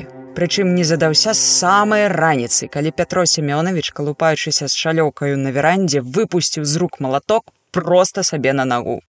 Пятро Семёнович вылаяўся, пінаючы зэдлік малаток і сцяну, прыкрыкнуў на жонку, што высунулася на гармідар з кухні, шпульнуў тэпціму котку, аддыхаўся, аціраючы слёзы і на клятую шалёўку вырашыў плюнуць, прынамсі на сёння. Бываюць такія дні, калі нічога не ладзіцца. Не ідёт, суха сказаў Пятро Семёнович жонцы. Трохі кульгаючы выйшаў на ганак у познюю сырую раніцу, сеў на прыступку, выцягнуў з кішэні пачак цыгарэт, хацеў быў запаліць, але запалкі адна за другой згасалі ў пальцах, не паспеўшы нават разгарэцца як след. Іскрая ад адной балюча апякло пальцы. Пятро Семёнович зноў вылаяўся, зламаў цыгарету, шпульнуў разам з карабком у траву на газоне, абкладзеным фарбаванымі камянямі. Стаў змрочна глядзець на дождж, што сыпаўся спорна і радасна, бурбалкамі выступаў на паверхні лесняных лужын. Пакрыўджаная котка ценем мільганула на гародзе за сцяной дажджу, знікла паміж дошкамі плота. Мабыць, зноў збегла да суседа, гэтага блажэннага маслоўскага, які вечна корпаецца са старызнай. Нібыта не дурны хлапец, універсітэты паканчаў, а ўласны плод паправіць ці дах панавіць, у яго ўсё рукі не даходзяць. Так і жыве ў лайне, а яшчэ пра культуру нешта там балбоча. Хіба ж культурны чалавек так вось жыць можа? Блажэнны, що было, працадзіў Пятро Семёнович у голас і прыправіў азначэнне парай другой брудных слоўцаў. Па вялікім рахунку з суседам у яго стасункі былі досыць роўныя, дакладней ніякіх не было, але сёння такі ўжо дзень прыдарыўся, што раздражняла ўсё на свеце. Пятро Семёнович агледзеў свой участак крытычным паглядам, усе клумбы з саламянымі ветракамі, з фігуркамі жабак і чарапах, з уторкнутым на альпійскай горцы пластыкавым буслом, Сёння нішто з гэтага болей не радавала. І півоні, пасаджаныя жонкай учора падаваліся недарэчнымі, і нават яблыня ля гароду цвіла кепска. Срубіць к чортавай мацері, сярдзіта падумаў Пятро Семёнович, гледзячы на яблыню скрозь дождж. Ён падняўся на ногі, выглядаючы ў траве запалкі і цыгареты. Згроб зэдліка ля дзвярэй мяты пакет, накінуў на галаву, на тоўстыя шарсцяныя шкарпеты нацягнуў кароткія гумовыя боты, выйшаў пад дождж, пакрэктваючы і чартыхаючыся, зашнары ў траве пад ганкам. Забрахаў лявеснічак сабака, руды злосны тузік, які быў насамрэч сучкай, невялікай вастраносай на крывых тонкіх ножках. Пятро Семёнович зірнуў на вуліцу і за хвалямі бэзу пабачыў сярэбраны бок машыны. Гэта было дзіўнавата, праз іх завулак праязджалі рэдка, хіба што згубіўшыся. Далей за ахмызамі ўжо несла чырванаватыя хвалі палата. Рыбакі падумаў быў Пятро Семёнович. Машына тым часам спынілася, і гэта было яшчэ больш дзіўна, трохі далей каля брамкі суседа. Пятро Семёнович, прытрымліваючы адной рукой пакет, зрабіў колькі крокаў да плота, што аддзяляў іх і суседскі ўчасткі. Сам усё яшчэ нібыта прыглядаўся да травы, але раз-пораз цікаваў за плот. Машына была велічэзнай і, пэўна, задарагой для якіх-кольвек рыбакоў і дакладна задарагое для таго зброду, што звычайна цягаўся да маслоўскага. Пятро Семёнович нават дазволіў сабе ціхенька прысвіснуць, калі пазнаў такі марку Роллс-Ройс і не самы стары красовер. Петро Семёнович, паклікала жонка, з'яўляючыся на ганку. Ты чего это под дождем ходишь? Пойдем борщ есть и наварыла, як ты любишь. Бываюць жа няўдалыя дні, а бываюць няўдалыя людзі, змрочна падумаў Пятро Семёнович. Выбрала ж момант, каб выпаўсці ды гукаць. Бош яна бачыце наварыла. Упрост талент з'яўляцца не там і не тады. І колькі жылі разам, а 30 гадоў будзе не меней, заўсёды была такая. Петро семё зноў пачала жонка, але ён рэзка павярнуўся і прыгразіў дурніцу кулаком, маўляў, змоўкні. Тая прыціхла, збянтэжана лупаючы круглымі блакітнымі вачыма і хутаючыся ў расцягнутую вязаную кофту. Сам жа Петро Семёнович, асцярожна прасоўваючыся па кроку, наблізіўся да плота. Яго надзвычай зацікавіў адзін з фарбаваных у крапінку камянёў. Нахіліўшыся Пятро Семёнович адсунуў колькі сухіх травінак, па-гаспадарску змахнуў наліплыя дробачкі бруду, зірнуў прашчылены між штыкецін, быццам незнарок, не наўмысна слізгануўшы поглядам, і пабачыў. З даражэзнага красовера палезлі людзі. Двое плячыстых, што называецца у поперак сябе шырэйшых, моцна збітых у шэрай і сіняй куртках, а з імі яшчэ адзін, якога амаль адразу шырокія схавалі пад парасонам, так што не было як разгледзець. Утрох яны рушылі па зарослай сцежцы да ганка маслоўскага. Петро Семёнович, жончын шэпт горача апёк шчаку. Петро Семёнович скасіў вочы і ўбачыў побач сваю галю, якая таксама прысела каля плота на кукішкі. А хто это? А жывой это они? Калешку, што ли? Не дагаварыла, асяклася, паглядзела неяк успуджана. Ад жончынага спуду і самому Пятру Семёновичу зрабілася трохі неякавата, дарма што аднаго разу тануў на балтыцы ў ледзяной вадзе. Можа, пакупаюць што, мовіў да жонкі Пятро Семёнович. Зноў баязліва зірнуў шчыліну між штыкецін. Упэўніўся, што алегавы госці ўжо ўвайшлі ў дом, а значыць, за дужа цікаўных суседзяў не згледзяць і паспешліва ўскочыў, пацягнуў за сабою жонку. Няма чаго пад дажджом калупацца, забубніў. Вось борш, гэта справа борщ гэта добра а сам кратком паглядаў цераз плячо на серабрысты бок машыны што бліскаў як рыбны лускамі шхваляў у зялёным кустоўі да суседа часам прыходзілі розныя дзівакі як пятро семёнович разумеў прадаваць або купляць маслоўскі сам неяк у прыступе прыязнасці а можа выпіўшы быў паказваў нейкі ржавыя манеты нібыта 14 стагоддзя якія быццам дзесьці тут адкапалі і цына ў тых манет быццам неймаверная і каштоўнасць у плане гістарычным да нябёсаў. А што там за каштоўнасць-то? Петро семёнович сам бачыў. Так сабе ржою паедзена ўсё спрэс і малюнак не разгледзець Праўда, пасля дзеля смеху трохі пагугліў на жончыным планшеце, шо там за манеты і з чым іх ядуць. Выйшло сапраўды не таннае, асабліва для якога калекцыянера. І заўжды гэтак дзіўна было, што маслоўскі жыве ў лайне, адыходзіць у рваніне, калі на такіх грашах сядзіць. У галі нават. Тая вядома не хацела прызнавацца, але Пятро Семёнович націснуў, то раскалолася, займаў грошы. Прычым не кепска так паназаймаў, ажно давялося жонцы зладзіць галавамыйку, каб без ягонай Пятра Семёновича згоды не думала столькі грошай, абы каму аддаваць, бо добра там на прадукты яшчэ, ну на гарэлку, няхай, А то спусціць жа на нейкую лухту на дрэнь гэту, якую яму розныя валацугі носяць, то пабітую ступу прыцягнуць, то балвана ў нейкіх трухлявых, у старым дрэве між іншым шашаль заводзіцца, перакінецца цераз сцяну, мэблю паточыць і за твае ж выходзіць уласныя грошы, такая сабе прыемнасць. А деньги то он аддаў, сказала Галя прымірэнча, пакуль налівала борщ у мужаву любімую глыбокую місу з качачкамі. Пятро Семёнович, якога перапынілі на самым патэтычным месцы прамовы, незадаволена крэкнуў і памяў паміж пальцаў хлебны мякіш. Аддал, Жонка паставіла качыную місу перад Пятром Семёновичам, паправіла хустку, хітра накручаную на валасы. Менавіта сцвердзіла радасна і трохі нават пераможна.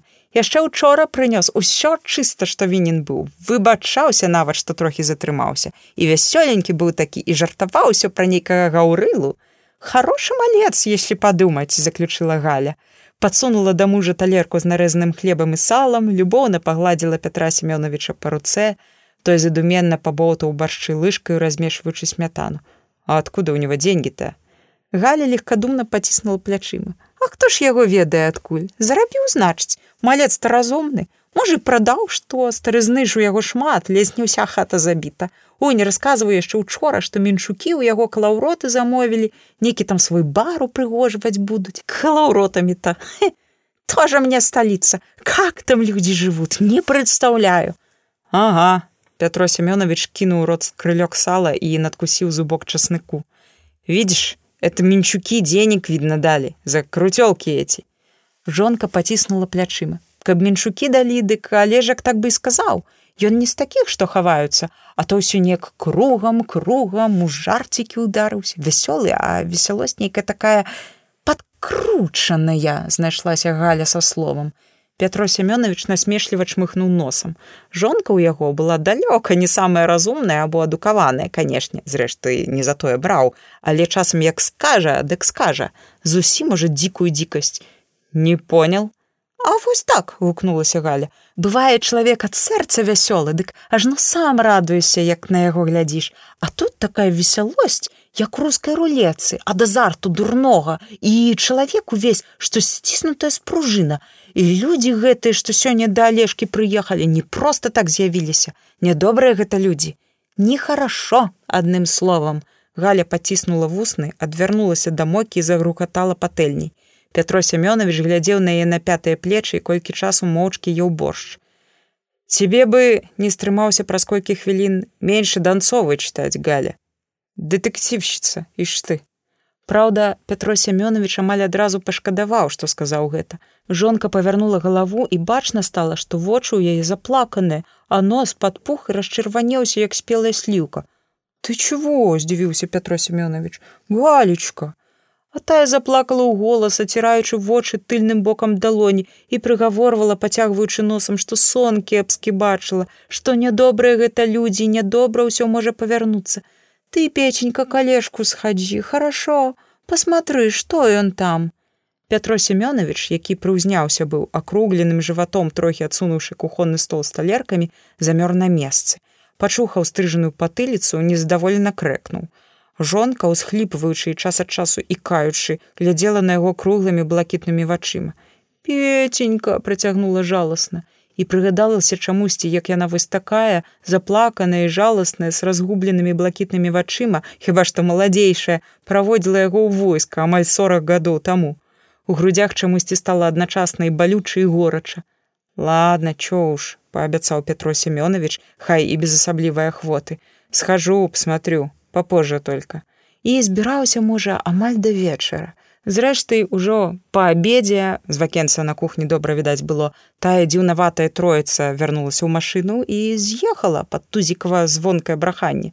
Пятро Семёнович адпрасаваў парадныя штаны са стрэлачкамі як любіў ды сёе тое з пасцельнай бялізны навёў не спяшаючыся парадак у скрынцы з інструментам перасунуў шафку ў вітальні Пакуль жонка перабірала і раскладала рэчы па паліцах, уключыў тэлевізар, глядзеў фільм, пасля прагноз надвор'я і адначасна чуйна прыслухоўваўся да таго, што адбывалася ў суседа за сценкай.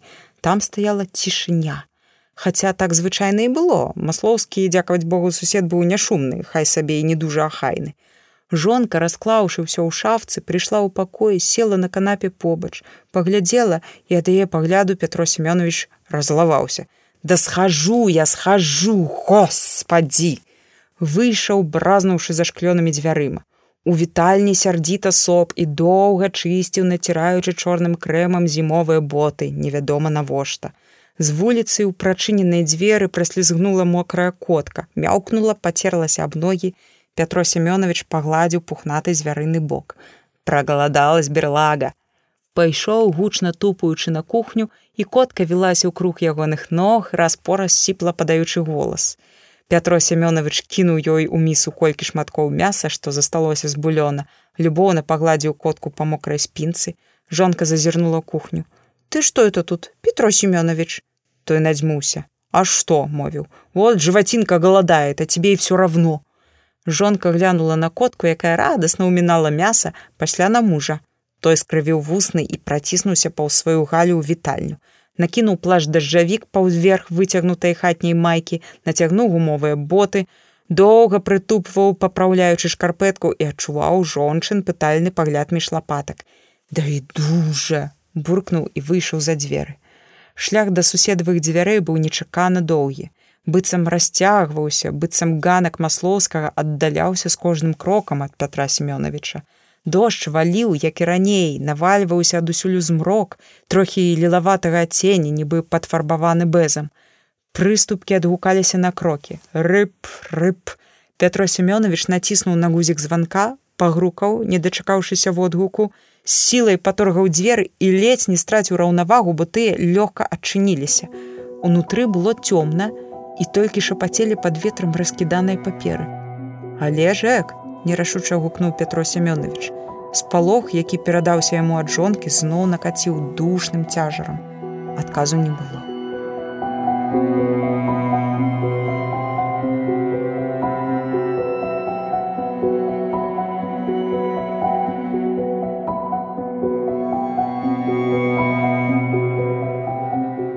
Частка 13. У чужым горадзе кепска тое, што цяжкавата вось так адразу знайсці зацішны куток, каб спакойна пасядзець і падумаць. У мінску зініч часцяком працаваў у кавярнях, асабліва калі спачатку запісваў інтэрв'ю з кім-небудзь цікавым і занятым, а самыя цікавыя людзі зазвычай заняты. Тады можна было выпіць кавы, адначасна запісваючы гутарку і тут жа тую гутарку расшыфраваць. Прынамсі, калі не трэба было спяшацца назад у рэдакцыю. Незнаёмы чужы полацк падаваўся нязручным і варожым, і шэрыя курткі маячылі за кожным паваротам абачлівы зініш замовіў таксі і чакаў яго стоячы ў цесным тамбуры маленькай прадуктовай крамы. Бабулькі, што заходзілі, выходзілі, пужліва касіліся на ягонае чорнае паліто, было душна і брыдка ад зборышча людзей, але разам з тым так было больш бяспечна. І зініш, пакутліва крывячыся і аціраючы пот, трываў. Спачатку ён думаў вярнуцца ў гатэлі, разабрацца са сшыткамі маслоўскага там, Але ўжо едучы ў таксі пад бубненне дынамікаў, гэты таксіст быў аматарам папсы 90-х, зініч згледзеў ганак кавярні ў псеўданародным стылі. Някепскае месца спытаўся ў таксіста. Той паціснуў плячыма. Каму как? Ну публіка прилічная, не гапата какая-нибудь. Судоўна, прамармытаў зініч. Вяртацца ў гатэль не дужа хацелася. Ды і адчувалася, што вось так на людзях, Э, быць ўсё ж такі больш бяспечна.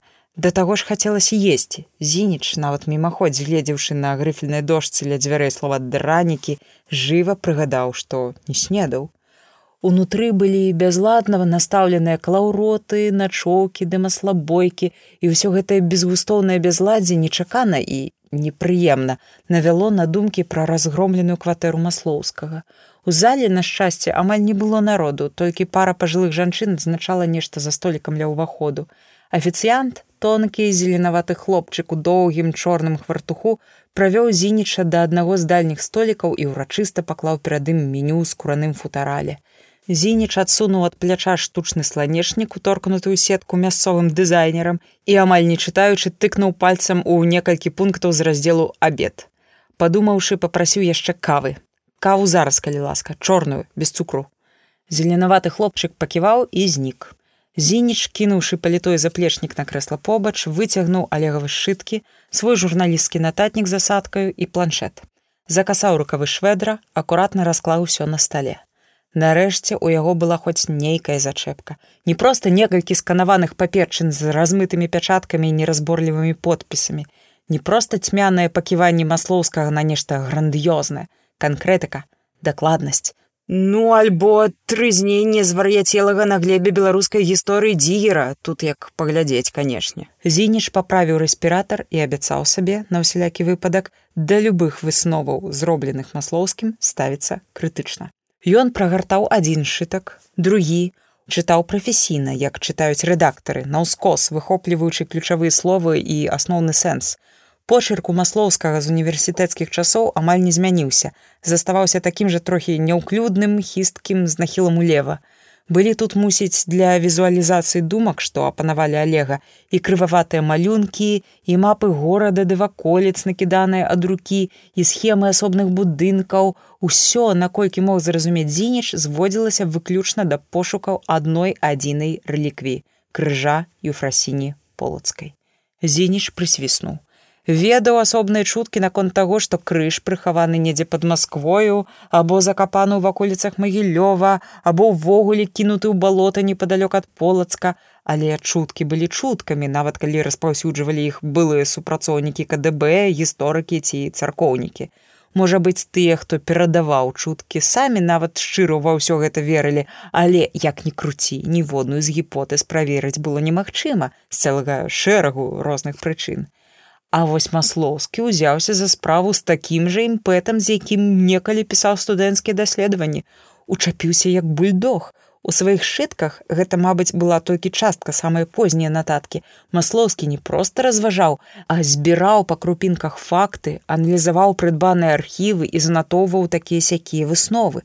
Цытаваў дзённікі вянецкага, спасылаўся на пратаколы допытаў на вопісы экспедыцыі Бел АН, то бок працаваў скрупулёзна і досыць навукова. Зініч прагортваў шыткі, то вяртаючыся на колькі старонак назад, то зноў праглядаючы запісы наперад і спрабаваў ухапіць нітачку разважанняў, логіку даследавання. Афіцыянт прынёс яму кавы і зініч, пачакаўшы, пакуль зеленаваты хлопчык зноў узнікне ў чэраве кухні, апусціў рэспіратар на падбародзе і адпіў з кубка. Кава адразу дадала імпэту думкам, тыя заварушыліся куды ахвотней і на бледных зінічавых шчоках з'явіўся цень румянца атрымалася сяк так усталяваць храналогію запісаў, а ад яе і сувязь паміж фактамі. Апроч таго, зініч звярнуў увагу, што ў нататках маслоўскага у самым познім ружовым шытку часта згадваецца нехта з ініцыяламі ВД, прычым часта побач змешчаны лічбы. Зініч рассейна паціраючы лоб, дапусціў, што гэта могуць быць грашовыя пазыкі. І нават калі сумы пададзены ў беларускіх рублях немалыя. Між тым загадкавыя літары сустракаліся і ў запісах пра абмен інфармацыяй. Накшталт ВД мяркуе або на думку ВД, як быццам маслоўскі лічыў свайго крэдытора дастаткова абазнаным у пытаннях беларускай гісторыі. Апошняе зінічу уявіць было цяжкавата. Ён добра памятаў, як Алег на абароне ўласнай дыпломнай работы ушчэнт пасварыўся з навуковым кіраўніком загадчыкам кафедры, якога палічыў некампетэнтным. Настойкі пасварыўся, што перспектыўнага і ініцыятыўнага студэнта ледзьве не надзею беларускай навукі пазбавілі планаванага месца ў магістратуры. На апошняе праўда зінічу наракаць было б якраз не варта. Месца бунтаўшчыка маслоўскага дасталося тады яму. Хто ж там за вд такі падумаў зініч мурачыся. Да сваёй сферы ведаў маслоўскі ставіўся досыць раўніва і прызнаваць кагосьці не проста дастаткова абазнаным але і вартым увагі суразмоўцам алег ніколі не спяшаўся. Няўжо адыгралі сваю ролю пазыкі Маўляў, хто грошы плаціць, той і музыку замаўляе. Зініч пахітаў галавою. Маслоўскі быў не з такіх, хто вядзецца на грошы, прынамсі раней, але наўрад ці за некалькі гадоў чалавек мог бы змяніцца настолькі карэнным чынам. Аднак цікавостак у нататках ставала і без загадкавых ініцыялаў. Зініч наторкнуўся на фразачку адзін гаўрыла ў полацку, шматкроць абведзеную, абкружаную росчаркамі і завітушкамі, смешнымі профілямі ды крываватымі кветачкамі. Наторкнуўся і фраза падалася яму трохі знаёмай. Не як вядомая прымаўка, але як словы, што чуў параўнальна нядаўна. Зініш перагарнуў старонку, адно каб пабачыць абкружанае тлустымі клічнікамі слова звеставанне. Побач з тэплерам была прамацаваная візітоўка, полацкая мастацкая галерэя паліна Эдуардаўна дрыга, гарадскі, пэўна, працоўны тэлефон і часы працы. Сіняй асадкай нехта, хутчэй за ўсё, Олег абвёў графік працы ў суботы. Зініч вархнуў бровамі. Сёння якраз была субота. Ён правёў пальцамі па вялікіх ледзь не на паўстаронкі літарах з нахілам улева. Звеставанне. У памяці нешта заварушылася, Докшыцкая бабуля і маленькі зініч ідуць на вялікдзень свянціць яйкі ды булку ў маленькую цэркаўку, а пасля, пасвянціўшы ежу, заходзяць у адчыненыя на роскрыз дзверы, унутры цемнаватай горача пахне ладанам, так што ў зініча круціцца ў галаве. Бабуля вядзе яго за руку, другую трымаючы цяжкі кошык з самаробным кулічом, цвёрдай амаль каменнай каўбасою і фарбаванымі лускай цыбулі яйкамі. Глядзі, кастуся, глядзі, абразы. Вон там мікалай цудатворца. Вось там Божая маці, бачыш, якая прыгожая, А вось там зірні кастусь табе спадабаецца, бач, які анёл белакрылы, зірні кастусь, дзедка, там звеставанне, прамовіў зінічу голас. Зеленаваты афіцыянт, што якраз прыцягнуў паднос з гарачым, здзіўлена акругліў вочы. А зініч застылы на сваім крэсле, успамінаў: і праўда, белакрылы анёл, і Божая маці. Анёл прынёс ёй вестку пра будучыню, таму уласна і звеставанне, а звалі анёла, еще што-нибудь выхавана пацікавіўся афіцыянт прыціскаючы паднос да жывата зініч адмоўна пакруціў носам схаваўшыся за рэспіратарам згадка пра дзяцінства пра докшыцкую бабулю зрабіла далёкімі і нязначнымі ўсе непрыемныя дэталі сучаснасці але цяпер сучаснасць вярнулася вусцішнай хваляй пандэміі Зініш мляўка падумаў, ці мог бы падчапіць ад хваравітага з выгляду афіцыянта нейкую дрэнь і адначасна прыдзірліва і баязліва зірну на змесціва талерак. Ані грыбны суп пюрэ, ані грэчская салатка, ані дранікі з мясам асаблівага даверу чамусь не выклікалі. Згадка пра абраз у докшыцкай царкве не давала спакою. Зініш таропкім дотыкам ажывіў планшет і ўбіў пашукавік назву запісаную адзначаную маслоўскім як нешта неймаверна важнае прагартаў адзін сайт з вынікаў пошку гугла, другі, учытаўшыся ў адзін з артыкулаў зініч варухнуў бровамі. Імя анёлу было гаўрыіл. Пытанне, канешне, чаму маслоўскаму раптам прыйшла фантазія фамільярнічаць з анёламі. Зініч лінавата пагартаў іншыя выявы гаўрыіла і задуменна прыкусіў вусны. Скласці два і два было нескладана. Калі Олег гаварыў пра нейкае звеставанне і прамацоўваў побач, верагодна дамовіўшыся пра сустрэчу візітоку супрацоўніцы мастацкай галерэі, значыць, размова ішла пра абраз з такім сюжэтам. Абраз гаўрыілам. Адзін той абраз у полацку або не, зінічу цяжкавата было меркаваць, але дапусціць гэта можна, можна ў гэтым пункце маслоўскаму, пакуль што даверыцца. Зініч пакалупаў лыжкаю грыбны суп тут жа пакасіўся на свой смартфон і рашуча адсунуўшы талерку набраў нумар з візітоўкі адказалі не адразу першыя два разы было занята на трэці нібыта паднялі слухаўку і тут жа кінулі зініч аднак навучаны прафесійным досведам не адступаў і на чацвёрты раз яму пашчасціла смартфон адгукнуўся густым жаночым голасам стомленым з трохі раздражнёнымі інтанацыямі і зініч адразу ж намаляваў у галаве партрэт немаладая, дзябёлая з узбітымі светлымі валасамі і крываватымі стрэлкамі на вачах. Яму шмат даводзілася бачыць вось такіх загадчыц раённых бібліятэк або дамоў культуры і зініч метадам спробы памылак выпрацаваў свой уласны падыход да гэтага чалавечага тыпажу, бессаромная напорыстасць. Паліна Эдуардаўна дзелавіта спытаў ён і тут жа без паўзы працягнуў: Гэта вас наконт звеставання турбуюць. Памятаеце, можа быць, мы дамаўляліся на сёння. Я, калі што зараз вольны, вам зручна? Па той бок гэты напор выклікаў збянтэжанасць. Паліна Эдуардаўна кашлянуўшы пасля непрацяглага маўчання пагадзілася. Толькі давайце ў найбліжэйшыя паўгадзіны попрасіла. Канец месяца у мяне справаздачнасць гарыць. Зініч, які не быў да канца ўпэўнены, ці спрацуе ягоны хітрык з лёгкім сэрцам пагадзіўся спахапіўшыся уставіў пасярод змятага развітання паліны эдуардаўны. Як вас знайсці толькі? Дзе вас шукаць? Ідзіце праз галоўны ўваход строга загадала дрыга. Сустрэнем яго сапраўды сустрэлі. Адразу ж за зялёнымі дзвярыма галерэі прычым мяркуючы па бэйджы на высокіх грудях сама паліна эдуардаўна Зініч не без самазадаволенасці адзначыў, што выглядае яна прыблізна так, як яму ўяўлялася, невысокая, але мажная, з двайным падбароддзем з цяжкімі залатымі завушніцамі.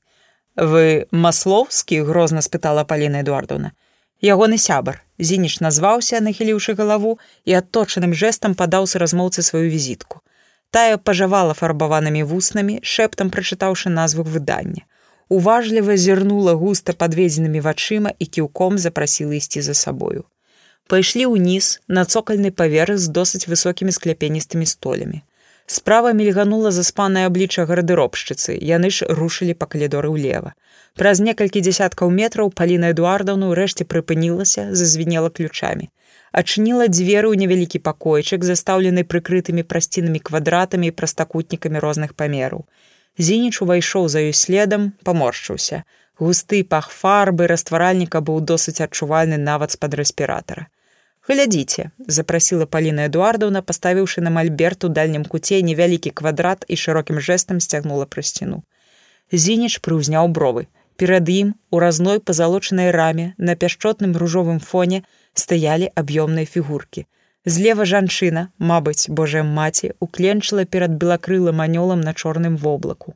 Анёл выцягваў руку, паказваючы кудысь угару, а над гэтымі дваімі раскідывала крылы птушка, можа, голуб, абкружаны промнямі ззяння. Пазалочаныя промні таксама былі аб'ёмнымі і часткаю абламанымі. Фатаграфаваць будзеце, спытала Паліна Эдуардовна. Зініч, усё яшчэ ўглядаючыся ў абраз, рассеяна кіўнуў. Пять хвілін, сказала дрыга. Я вас тут замкну, а то мала што. Абраз 19 стагоддзя як ніяк. І фоткайце на здароўе, а праз 5 хвілін вярнуся і выпушчу. Канец месяца, справаздачнасць. Яна знікла з нечаканым для сваёй камплекцыі спрытам і абяцанне замкнуць выканала. Чуваць было, як павярнуўся ў замку ключ. Зініч, мала зважаючы на гэта, наблізіўся да мальберта з абразом, вывучаючы і звыкла падлічваючы ўсё, што можна было падлічыць. Падлічыў і паморшыўся, бо выразаныя на раме бутоны размяркоўваліся несіметрычна. Зверху і знізу па чатыры, справа 5, а злева ўвогуле 6. Зініч механічна правёў рукою па левым няправільным баку рамы і нечакана адчуў, што адзін з бутонаў пад ягонымі пальцамі варухнуўся, правальваючыся ўніз. Зініч націснуў на кожны бутон асобна, уважліва прыслухоўваючыся і высветліў, што западае трэці знізу. Гэтага, мабыць, увогуле датыкаліся часцей за іншае, бо пазалоты тут было меней, чым на іншых частках рамы. Зініч націснуў мацней, але нічога не адбылося. Не ўсё так проста, прамармытаў зініч, канешне. Ён уважліва зірнуў на фігуру анёла, за дужа вялікую, каб рабіць яе рухомай. Гаўрыіл, схіліўшы голову, паказваў угару на птушку з раскінутымі крыламі. Зініч зірнуў на галуба больш пільна, пералічыў надламаныя і не надламаныя промні. На некаторых злева заўважыў даўнія неглыбокія барозны, быццам нешта паварочвалі. Зініч перарывіста выдыхнуў і, заціснуўшы адной рукой бутон на раме, другою асцярожна павярнуў фігурку галуба так, як падказвалі драпіны на пазалоце. У ніжняй частцы рамы нешта суха пстрыкнула, як бы ўздыхнула, быццам з высілкам раскруцілася праржавелая спружынка. Зініч, асцярожна прызняўшы абраз, правёў дрыготкай ад хвалявання рукою па нізе рамы, адчуў пальцамі ўдаўлену пас, націснуў мацней. На далоні яму упала тонкая металічная капсула футара.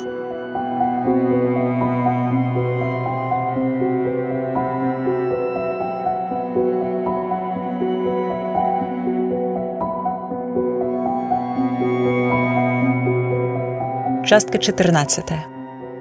За вокнамі цёмна, круціцца снег.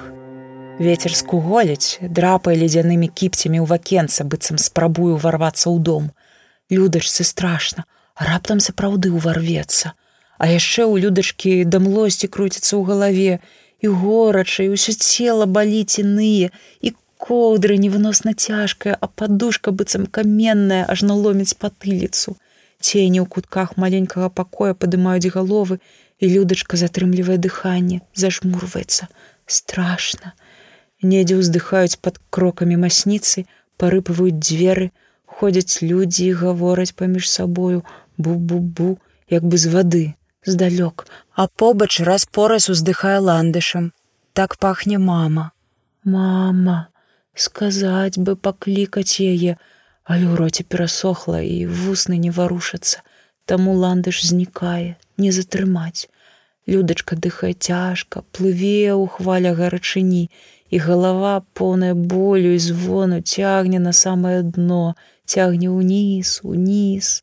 Ветер урываўся ў маленькі пакой у дзень рэзка адшоргваў фіранкі так што балюча рэзала вочы калючым белым святлом. Ветер разгортваў коўдру мацаў белымі холоднымі рукамі поўзаў па грудях блішчастую трубачкай трос тэрмометрам белы белы ветер ад якога пахла шпіталём і уколамі. Гэтыя пахі людачку добра ведае таму толькі адчуўшы іх скрозь свой паўсон паціснулася і захныкала. Корь сказал ветер бліснуўшы круглымі акулярамі тэкс! Пасля ўсё зноў правалілася захінулася хвалямі мулкай гарачыні людачка кашляла і боль разрастаўся ў яе ў грудях і звенела ў вушах мацней быццам конікі ў лузе Людачка смутна, туманнымі ўрыўкамі, памятае, як ездзіла да бабулі на вёску, і лог з тых успамінаў раптам падкаціўся бліжэй, расхінуўся вакол, патыхаючы ландышам, радасны, заліты сонцам зялёны луг. Але пасля стала ціха і цёмна, і ветер стаў скуголіць і драпаць шкло. Людачка зноў захныкала, задыхаючыся адначасна ад страху і болю ў грудях. Бу-бу-бу, гэта за сценкай. Крокі наблізіліся, рыпнулі дзверы, прыцягнулася па масніцах дорожка святла і па тым святле прыйшоў бацька, сеў сутуліўшыся побач з дзіцячым ложкам. Ты чаго, верабей, ты не плач. Хочаш, я табе што-небудзь раскажу. Людачка ківае. Калі бацька побач, ветер пабойваецца нахабнічаць і цені ў кутку не такія вусцішныя. Людачка чапляецца за шурпатую бацькаву далонь і выміраючы сваёю сонна дзівіцца, вялікая. А бацька ўсаджваецца латвей і расказвае шэптам. Людачка плыве і плыве, пахваля гарачыні за гэтымі шэптамі, глядзіць на бацькаў твар, палова якога выхаплена з цемры дарожкаю святла, сумны твар, стомлены твар, заўчаснымі зморшчкамі цераз лоб і каля вачэй. Бацька пахне танным тытунём і ад гэтага цяжкога паху козаць на ўносе. Бацька расказвае шэптам, быццам нельга, каб нехта ўчуў, быццам дзеліцца таямніцай. Бацька расказвае: Да рэвалюцыі людачка, там кадэты вучыліся. Кадэты гэта такія маленькія вайскоўцы, будучыя афіцеры, як юнга на караблі, памятаеш, як у жуля верна мы з табою чыталі. Вось, Ну, арыстакрат, канешне, спрэс, графы ды князі, але гэта да рэвалюцыі. Пасля рэвалюцыі ясная рэч ніякіх кадэтаў там не засталося. Раней за кадэту каго там толькі не было. Збольшага, канешне, царкоўнікі, монахі розныя. Але тады, людачка, монахі вучылі дзяцей. Вось былі такія, скажем, езуіты, ад слова Езус, Ісусу, значыць, грамада Ісусава то яны зрабілі там вучэльню, асталяваліся. Даўно-даўно, а да езуітаў, канешне, нешта было і да езуітаў, мне дзіўныя рэчы некалі расказвалі, дзіўныя дзіўныя рэчы, але ты лепей спі, людачка, вочы заплюшчы і спі, лепей стане, не хочаш? Не, цябе яшчэ тады не было. Гэта ты пальчыкі загінай, палічыш раз, два, три, так шесть гадоў да таго як ты нарадзілася. Болей чым ты жывеш. Мы тады тата і іншыя людзі вучоныя былі ў полацку ад акадэмій навук. Можна сказаць скарбы шукалі. Знайшлі так. І яшчэ якія скарбы людачка і золата і срэбра таксама карціны старых майстроў там разумееш розныя анёлы ды святыя называется абразы і кожнай такой карціне па некалькі соцень год. На пальчыках не палічыш, а яшчэ скульптуры знайшлі і ўпрыгожанні самыя розныя, неймаверныя рэчы, а ўсё зроблена чалавечымі рукамі, дзівосы, там каменьчыкі каляровыя ажно свецяцца і чырвоным і сіненькім і зялёным, А вось золата старое, толькі паблізкавае, нізяе, яно ад старажытнасці як бы затухае трохі. А былі і людзі выразаныя з дрэва, пафарбаваныя, амаль як жывыя. Гэта некалі ў церквах, там, дзе людачка Богу маліліся у розных храмах, Дык вось там стаялі такі вось драўляныя людзі і з крыламі і проста так сабе, прыгожа, і твары ў іх жывыя, у каго дабрадушны, у каго сярдзіты, а ўсё адно жывыя, каб чалавек у храм зайшоў і адчуваў, што тое нябёснае тут з ім побач. Хто рабіў? А нашыя беларускія майстры, старадаўнія, мы беларусы таксама старадаўнія, ведаеш, Мы тут жылі даўным-даўно і пісалі кнігі і будавалі храмы. І таму ты сама трошачкі старадаўняя верабей, хаця пакуль яшчэ дробная зусім. Галоўка баліць і лоб вунь гарачы. Ты спі, людачка, спі. Там сярод скарбаў быў крыж, наш беларускі, Некалі ў полацку жыла князёўна, якая не хацела быць князёнай, а хацела вучыцца. І пайшла вучыцца ў храм і там засталася. У храме яна перапісывала кнігі. Ведаеш, тады ж не было як надрукаваць, не прыдумалі яшчэ, то ўсё пісалі ад рукі, гусіным пёркам, чарнілам, у святле свечак, цяжкая праца, а яна рабіла, бо часам людачка цяжкую справу павінен нехта рабіць, несці на плячах і трываць, не дзеля сябе, дзеля іншых, і фрасіня, так яе звалі князёну тую.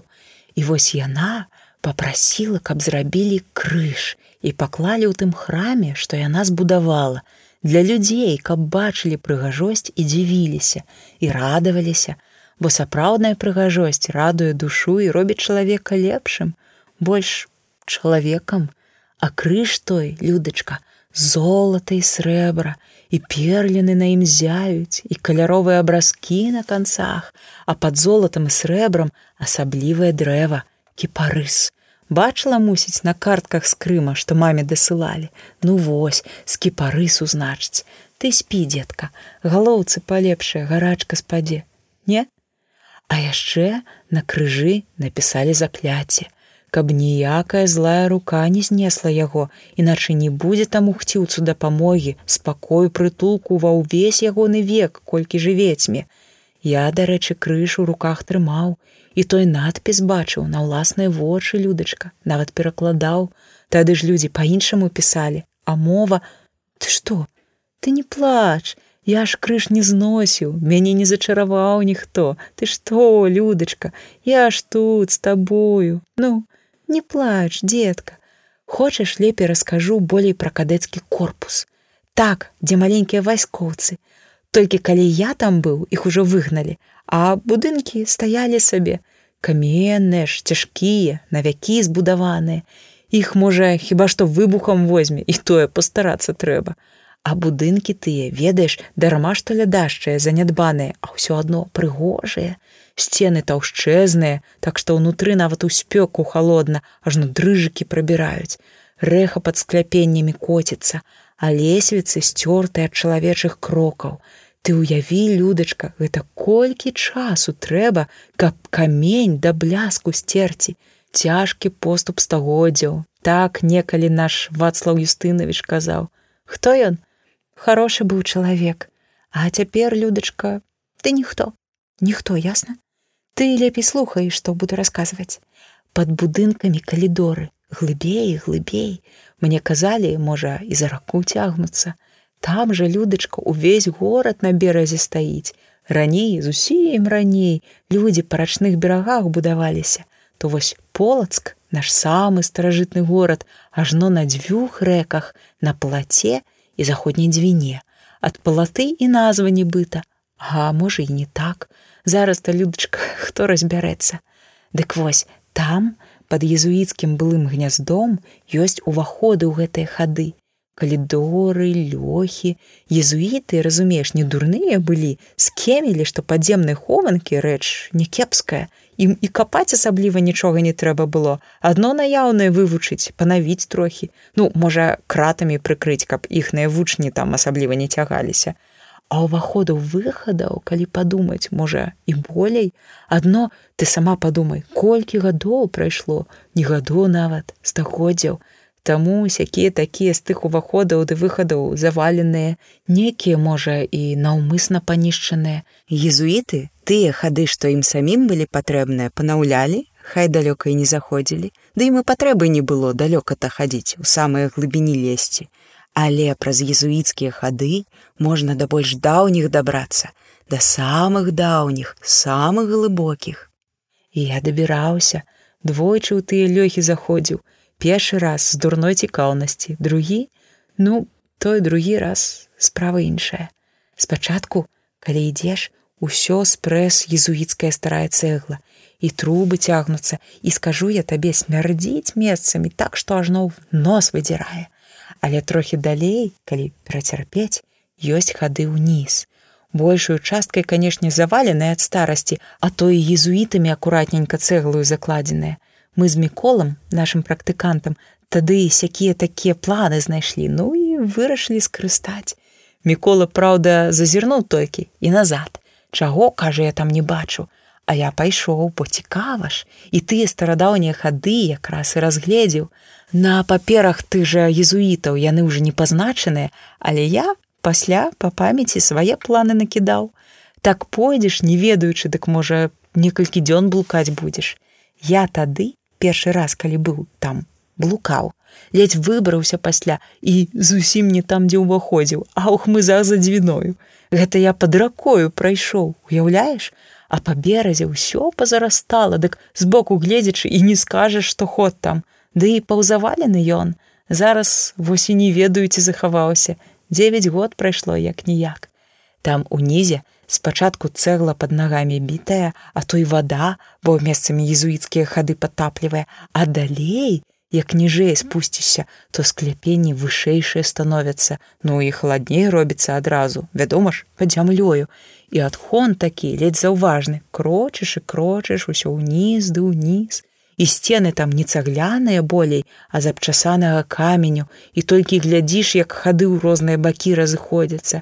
Ліхтар, канешне, узяў, не такі дурны быў, туды ж без ліхтара лепей не сунуцца, куды там? І не пабачыш, дзе ты ды як ты, а хады ж там хітрыя, которые абрываюцца і бездань, не ўбачыш паляціш, або яшчэ бываюць розныя хітрыкі, усялякія пліты з падвохам. Я на одну такую наступіў быў, а яна ўніз пачала правальвацца. Я праваліўся б, каб у час не адскочыў. Там асцярожна трэба, хто б не будаваў, а будаваў з асцярогай, каб не кожны мог прабрацца ў самую глыбіню. Сям там розныя жалезкі раптам паварочваюцца, каб ударыць, дзе-нідзе ржавы краты ледзь на галаву не падаюць. Страшна? І мне людачка страшна было, але ты не бойся, ты дома, і я цябе верабей у крыўды не дам. Бачыў, а шмат чаго бачыў. Там на камянях, дзе глыбей асабліва усялякага панамалявана, і фарба людачка трохі свеціцца ў цемры, падмешана яе нешта ці што, то ідзеш, а яно свеціцца вакол. І знакі там розныя і выявы людзей і ўсё быццам у цемры плыве. А яшчэ ты толькі не бойся верабей, яшчэ там магільнікі ёсць, прарэзаныя хады, а ў сценах выбітыя пячоркі такія. І там дамавіны, старажытныя думаю. На некаторых можна знакі адрозніць але я як не біўся зразумець не мог. Даўняя бач. Я ў першы раз ад магільнікаў тых і павярну. Дарма што камсамольц да навукоўца ні ў чорта ні ў бога не веру. а ўсё адно такая вусціш прабрала што ледзь не завішчаў ад жаху пабег не разбіраючы дарогі Ну і нейкім цудам паблукаўшы, наторкнуўся на той выхад за ракою, думаў, памру і ніхто не дазнаецца, што са мной сталася, ажно заплакаў, а тады адчуваю, ветрыкам цягне. Пайшоў, пайшоў і вылез, абадраны ўвесь брудны, галодны. А другі раз я спускаўся ўжо не адзін. Страшна было, канешне. Я, дзетка, і цяпер падзем'і не дужа люблю, задыхацца пачынаю, накатвае, а трэба было, і пайшоў ёсць такія справы людачка цяжкія і страшныя якія трэба рабіць дзеля іншых дзеля ўсіх вось дзеля цябе таксама тады мы далей зайшлі за магільнікі глыбей атрымліваецца. Але калі не адзін ідзеш не так страшна. Страшна калі поруч нікога няма і по вялікім рахунку баяцца там няма чаго горшыя страхі ўсё адно сам сабою нясеш унутры Ну і галавою, вядома ж, трэба думаць. Але гэта нідзе ніколі не зашкодзіць, як мяркуеш, верабей. Людачка выпускае бацькаву далонь з пальцаў. Павекі цяжэюць, быццам самі сабой, а недзе плятуцца, цягнуцца быццам карэнні, падземныя хады, і каменная рэха коціцца і мерна ўспыхваюць у цемры таемныя знакі. Дарожка святла з дзвярэй павольна гасне.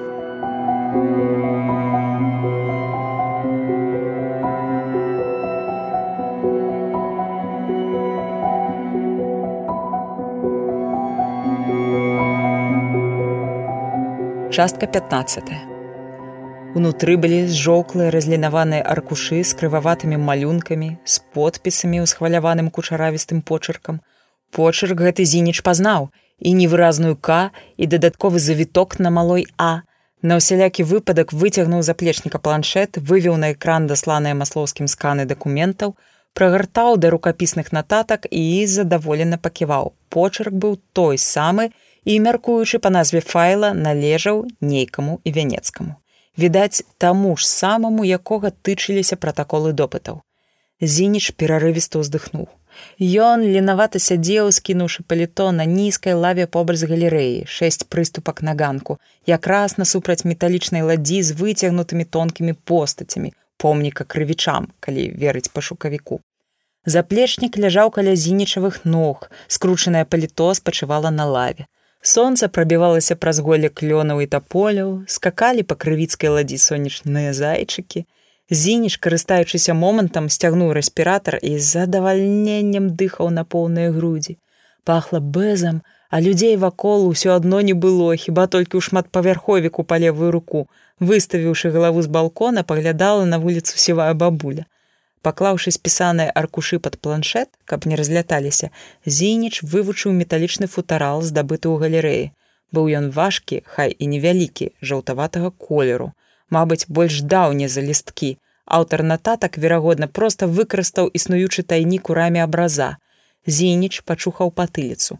Па ўсіх разліках аўтарам схаваных нататак мусіў быць нехта з экспедыцыі белаэн у іх верагодна было дастаткова часу каб як след вывучыць сабраную ў фінаддзеле каштоўнасці і болей затое нават дабрацца да вось такіх хованак цікава толькі з якой мэтай З іншага боку, разважаў зініч, мэта тут відавочная. Калі беланаўцы захацелі б нешта прыхаваць, скажем, хоць бы і той жа крыж, ім трэба было прыкласці да гэтага досыць істотныя высілкі. Уласна, трэба было не толькі схаваць, як мае быць, але і пакінуць след, каб пасля крыж атрымалася адшукаць, але след невідавочны з загадкамі з хітрыкамі, каб пазбегнуць нявартых рук каб крыж не апынуўся ў якім-небудзь музейным запасніку, а адтуль не быў выпраўлены як цэлы шэраг іншых каштоўнасцей рэквізаваных бальшавікамі на продаж. Зініч пазяхнуў і пацягнуўся да храбусцення ў суставах. Вызваліў з-пад планшета спісанай аркушы, якія ўсё намагаліся зноў скруціцца, асцярожна расправіў. Нечая рука апантана і трохі блытана намалявала тут нешта аддалена падобнае да каранёвай сістэмы дрэва а вакол таго перапляцення каранёў пярэсцілі стрэлачкі і грувасціліся подпісы лепшы ўваход не паварочваць тут небяспечна і падобнае над усім гэтым крыва быў накіданы домик як малююць дзеці. Доўгі дашак трохкутнікам колькі квадратных вокнаў касыя дзверы. Гэты домик праўда быў названы кадэцкі корпус і побач з надпісам танчыла некалькі смешных чарнільных чалавечкаў падобных да мурашак. Стрэлачка падпісаная лепшы ўваход круто сыходзіла ад гэтага доміка ўніз і тут жа выстройваліся адмысловымі танцавальнымі фігуркамі драбнейшыя квадраты і прастакутнікі мабыць план будынкаў. На баку аднаго прастакутніка паставілі тлусты крыж а побач танчылі кучаравістай літаркі 17 стагоддзе. А под гэтым толькі чатыры літары шматкроць абведзеныя. Уніз. 17 стагоддзе прамармытаў зініч Калі ён зразумеў гэтыя трохі блытаныя нататкі правільна, самаробная мапа і вянецкага вяла кудысь пад колішні кадэцкі корпус, прычым ад самых старых забудоў ці дакладней сказаць пад іх. Зініч пакасіўся направа. Там за помнікам крывічам падымалася, адкідваючы сыры цень высокая сцяна. Трохі далей за закратаванымі варотамі бачны быў заліты сонцам дворык. У стыках шэрых плітак тырчэлі травінкі і самотны дзьмухавец, а пад ім патрэсвала хвосцікам тоненькая быццам з паперы выразаная пліска. Кадэцкі корпус, колішні езуіцкі калегіум быў зусім побач, літаральна за сцяной, адзіным напамінам пра некалі ўзарваныя будынкі. Увогуле нават і мастацкая галерэя была з гэтага самага комплексу забудоў можа быць дзесьці і злучалася з астатнімі над зямлёй або пад зямлёй дадаў сам сабе зініч крыва ухмыльнуўшыся і зноў зірнуў на самаробную мапу вянецкага Самотная сцяна, што выстаяла пад выбухамі, у гэтым можна было пераканацца, была таўшчэзная, і забаўна было бачыць, як танюткая пліска паважна вымірае таўшчыню гэтай махіны крокамі. Цяпер жа, наколькі зініч ведаў, тут месціўся полацкі дзяржаўны універсітэт. Што магло дадаць складанасці, як ніяк чалавек збоку, што вышуквае нешта на тэрыторыі установы адукацыі, фігура падазроная. Зініч задуменна пастукаў пальцамі па лаве, прыкідваючы ўсе свае варыянты. Загадка, пастаўленая біланаўцамі, яго вабіла, і азарт даследчыка, гэты высакародны сваяк паляўнічага азарту разгараўся ўнутры мацней і мацней. Калі крыж ляжаў блізка, вось тут, дзесь пад універсітэцкімі аўдыторыямі, было б проста ганебна не паспрабаваць яго знайсці. Думаеш, усё так вось проста? Зініч зірнуў лева. На лаве трохі ўводаль маячыла ўсё тое ж дзяўчо крывіла падмаляваныя вусны з'едліва, глядзела з насмешлівым, амаль здзеклівым прыжмурам. Калі б усё было так проста, працягвала цыбатая стерва. Крыж знайшлі падчас адной з перабудоў. А можа, калі на тое нават і ўзарвалі б разам з якім-небудзь будынкам, як касцёл святого Стэфана. Тут кастусь быў некалі касцёл. І няма. Можа, і крыжа ўжо даўно, ад апошняга яе слова якое не прагучала зініч падскочыў злосна сціскаючы кулакі глядзеў на гэты спакойны бледны амаль празрысты тварык і адчуваў як закіпае ўнутры просто такі лютая нянавісць а яшчэ працягвала дзяўчок крывячы вусны ва ўсмешцы яшчэ можа цябе тут пусцілі паследзе і вянецкага як ганчака на шворцы а самі сочаць за табою як толькі знойдзеш што трэба цябе Яна не стала працягваць, толькі шматзначна усміхнулася. Сціхні, стерва, прасычэў раз'юшаны зініч. І амаль адначасова ад прыступа к галерэі прагучаў іншы голас.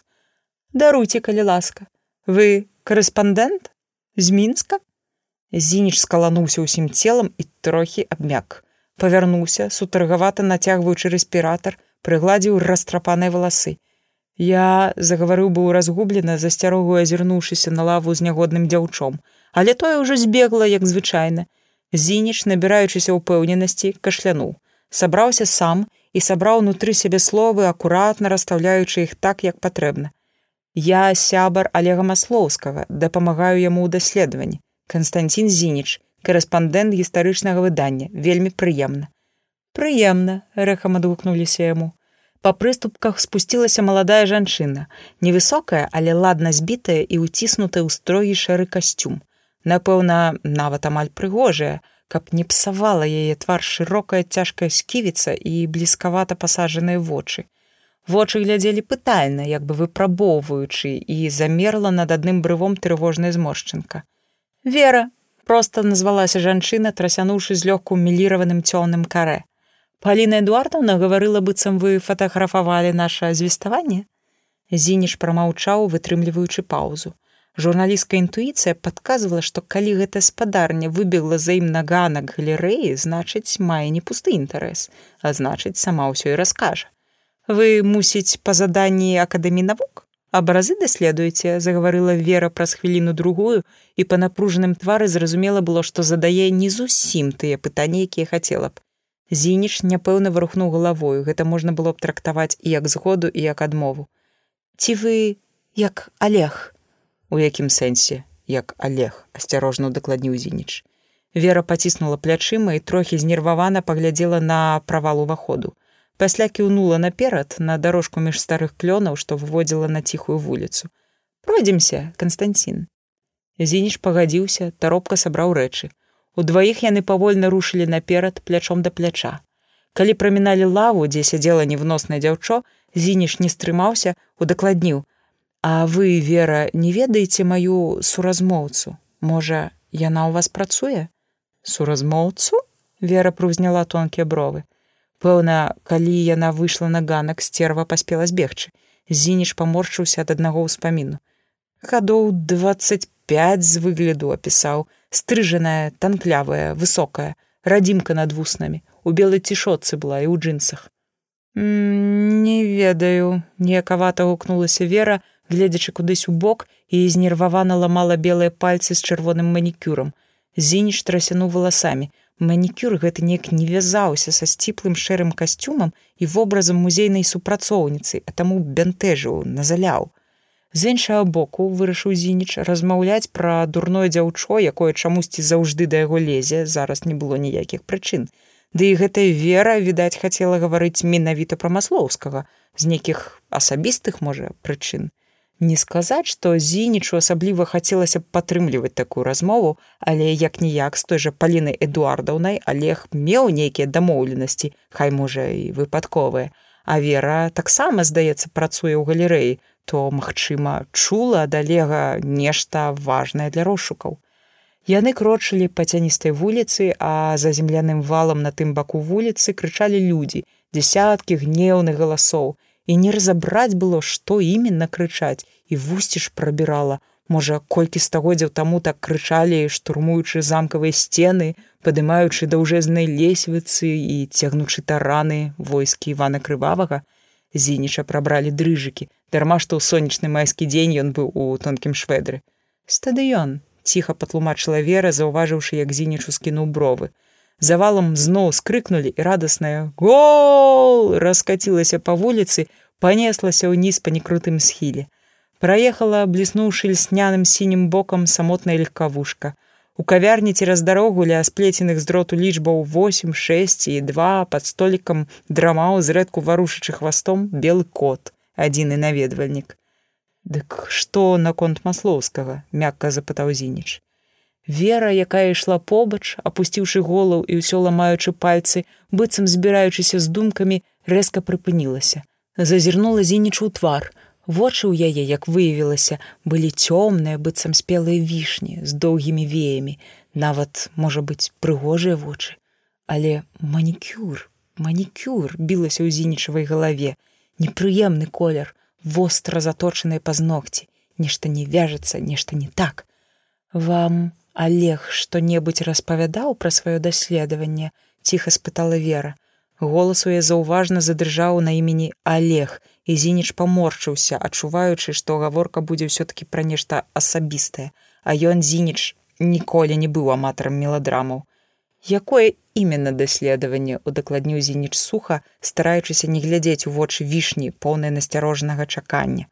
Глядзеў на белыя пальцы з чырвоным манікюрам і ад гэтага відовішча ўнутры варочаўся неспакой. Адзінае глуха адгукнулася вера, адзінае важнае для яго. Зініч паціснуў плячыма. Яны прыпыніліся на бязлюдным скрыжаванні трохі далей за адчыненыя вароты універсітэта. Леваруч дарога спускалася ўніз, праваруч раскінулася нейкая будоўля, наперадзе зелянела агароджа, а далей за ёй начатымі дрэва ўзносіліся, працінаючы неба, Зініш не бачыў, але ведаў, памятаючы па мапе белыя вежы Сафіі. За іх з верай спінамі, за універсітэцкімі варотамі ля статуі дзяўчынкі ў калготах, што з усмешкай трымала цяжэзны стос кніг, сумавала яшчэ адна дзяўчынка, жывая. Апошняя пухленькая з хвосцікам цёмных валасоў, распараны ў тоўстым чорным шведры і джинсах, сумавала пад шыльдаю экскурсіі па тэрыторыі універсітэта.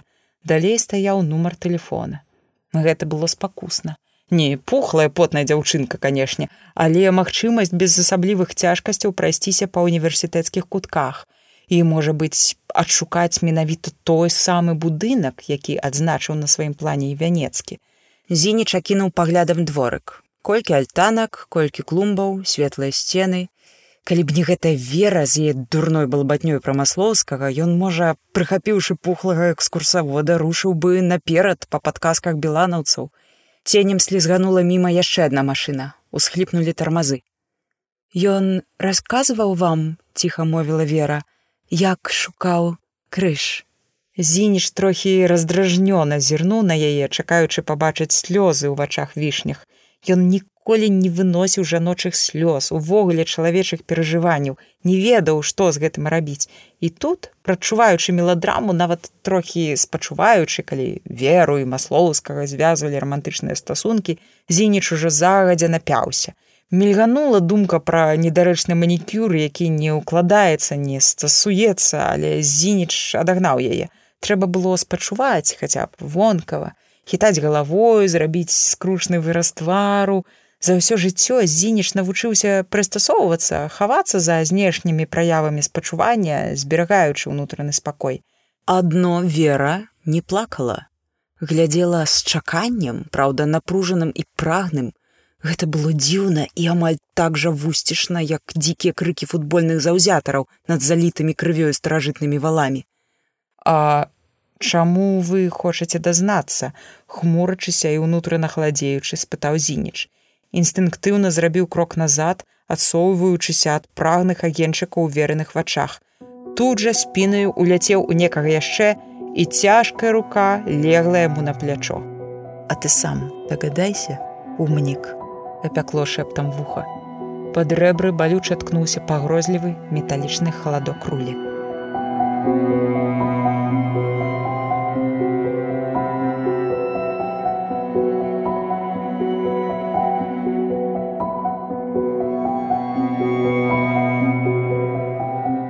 Частка 16. Яго звалі Іаган Крыштоф. Мясцовыя, перакручваючы імя на сваёй дзіўнай мове, знайшлі ўласны адпаведнік нямецкаму найменню Ян. Ён не пярэчыў. Гэта была пазнака свойскасці, блізкасці ім, роднасці. Без гэтага адчування было цяжка жыць. Ён небагаты выхадзяць з селезіі, якому ў галоднае юнацтва давялося пабадзяцца па Аўстрыі, баварыі, ведаў пра гэта як ніхто іншы. У вільні выйшла затрымацца, зачапіцца карэннем, стаць сваім, калі неродным па крыві, дык блізкім па духу. Ён цаніў гэта. Ён любіў сваю вільню, таму страшэнныя пажары, што знішчалі яе, быццам на сланнё, балелі яму як апёкі на ўласным целе. Вільня і была ягонае цела, плоть ад плоці, жывы працяг, і яе жывую трэба было лікаваць, разбіраючы завалы, аднаўляць, упрыгожваць, каб паўстала з попелу, каб жыла адноўленая, шчаслівая. Ён быў архітэктар, не без натхнення, не без божага дотыку нібыта. З майстэрствам, якое зарабіў крывёю і потам, бо працаваў некалі і простым мулерам на будоўлях і ведаў, як паступова расце, выспявае быццам дзіця ў мацярынскім лонні, каменнае цела будынка, як чалавечая думка, лёгкі накід на паперы набрыняе цяжарам, становіцца рэчыўнай, узносіцца да неба. Гэта было шчасце. Тут, у вільні, у кутнім доме, арандаваным у лютеранскай абшчыны. Тут, у гэтым краі дзікім, пушчанскім, ваўкаватым, недаверлівым, спакутаваным ад войнаў ад шляхецкіх вольнасцяў ад слабой улады, спакутаваным, замучаным, перавучаным гаварыць на чужой мове і ўсё адно прыгожым. І ён, Ян Крыштоф, любіў яго, гэты край, пачуваючыся на самым пачатку, а відзеем, якога выслаў помслівы імператор, ён пасля прырос да гэтай зямлі душою. Душа быццам абрасла ваўчыную поўсцю, і сны ў кутні віленскі дом прыходзілі дзікія, пушчанскія. А ў дарозе, Яму часта даводзілася ездзіць, выконваючы замовы, бо майстэрства дае хлеб, толькі калі нястомна працуюць рукі, звычайна не сніліся ніякія сны. Стомлены ён змыкаў павекі на лаве ў прыдарожнай карчме або на ложку ў магнацкім замку усё адно і правальваўся ў чарнату, у нічога. Толькі пад раніцу з таго нічога на хісткай мяжы сненняў вырасталі сцены і вежы, залаціліся світальнымі промнямі ветранікі і крыжы, Тады ён прачынаўся, а вобразы неіснуючых палацаў і храмаў круціліся ў галаве, раставалі павольна быццам ранішні туман, прывіды, муроі. Яны пасля вярталіся, адзін за другім ажывалі ад дотыкаў вугалю да паперы, нібы самі сабою выступаючы з белай глыбіні. Заставалася толькі падарыць ім жыццё, даць ім рэчыўнасць, прывесці ў свет пад сонцам, каб сатканыя з туману мроі паўсталі цэглай і каменем. З некаторымі было складаней. Тыя існавалі да яго, жылі ўласным жыццём і раней, але патрабавалі перабудоў сменаў. Чужая задума, улетае ў каменныя жылы, скаралася не адразу, блытала планы, абцяжарвала і адначасна прыспешвала працу, загадка, задача хітрая галаваломка, да якой трэба было падабраць ключык.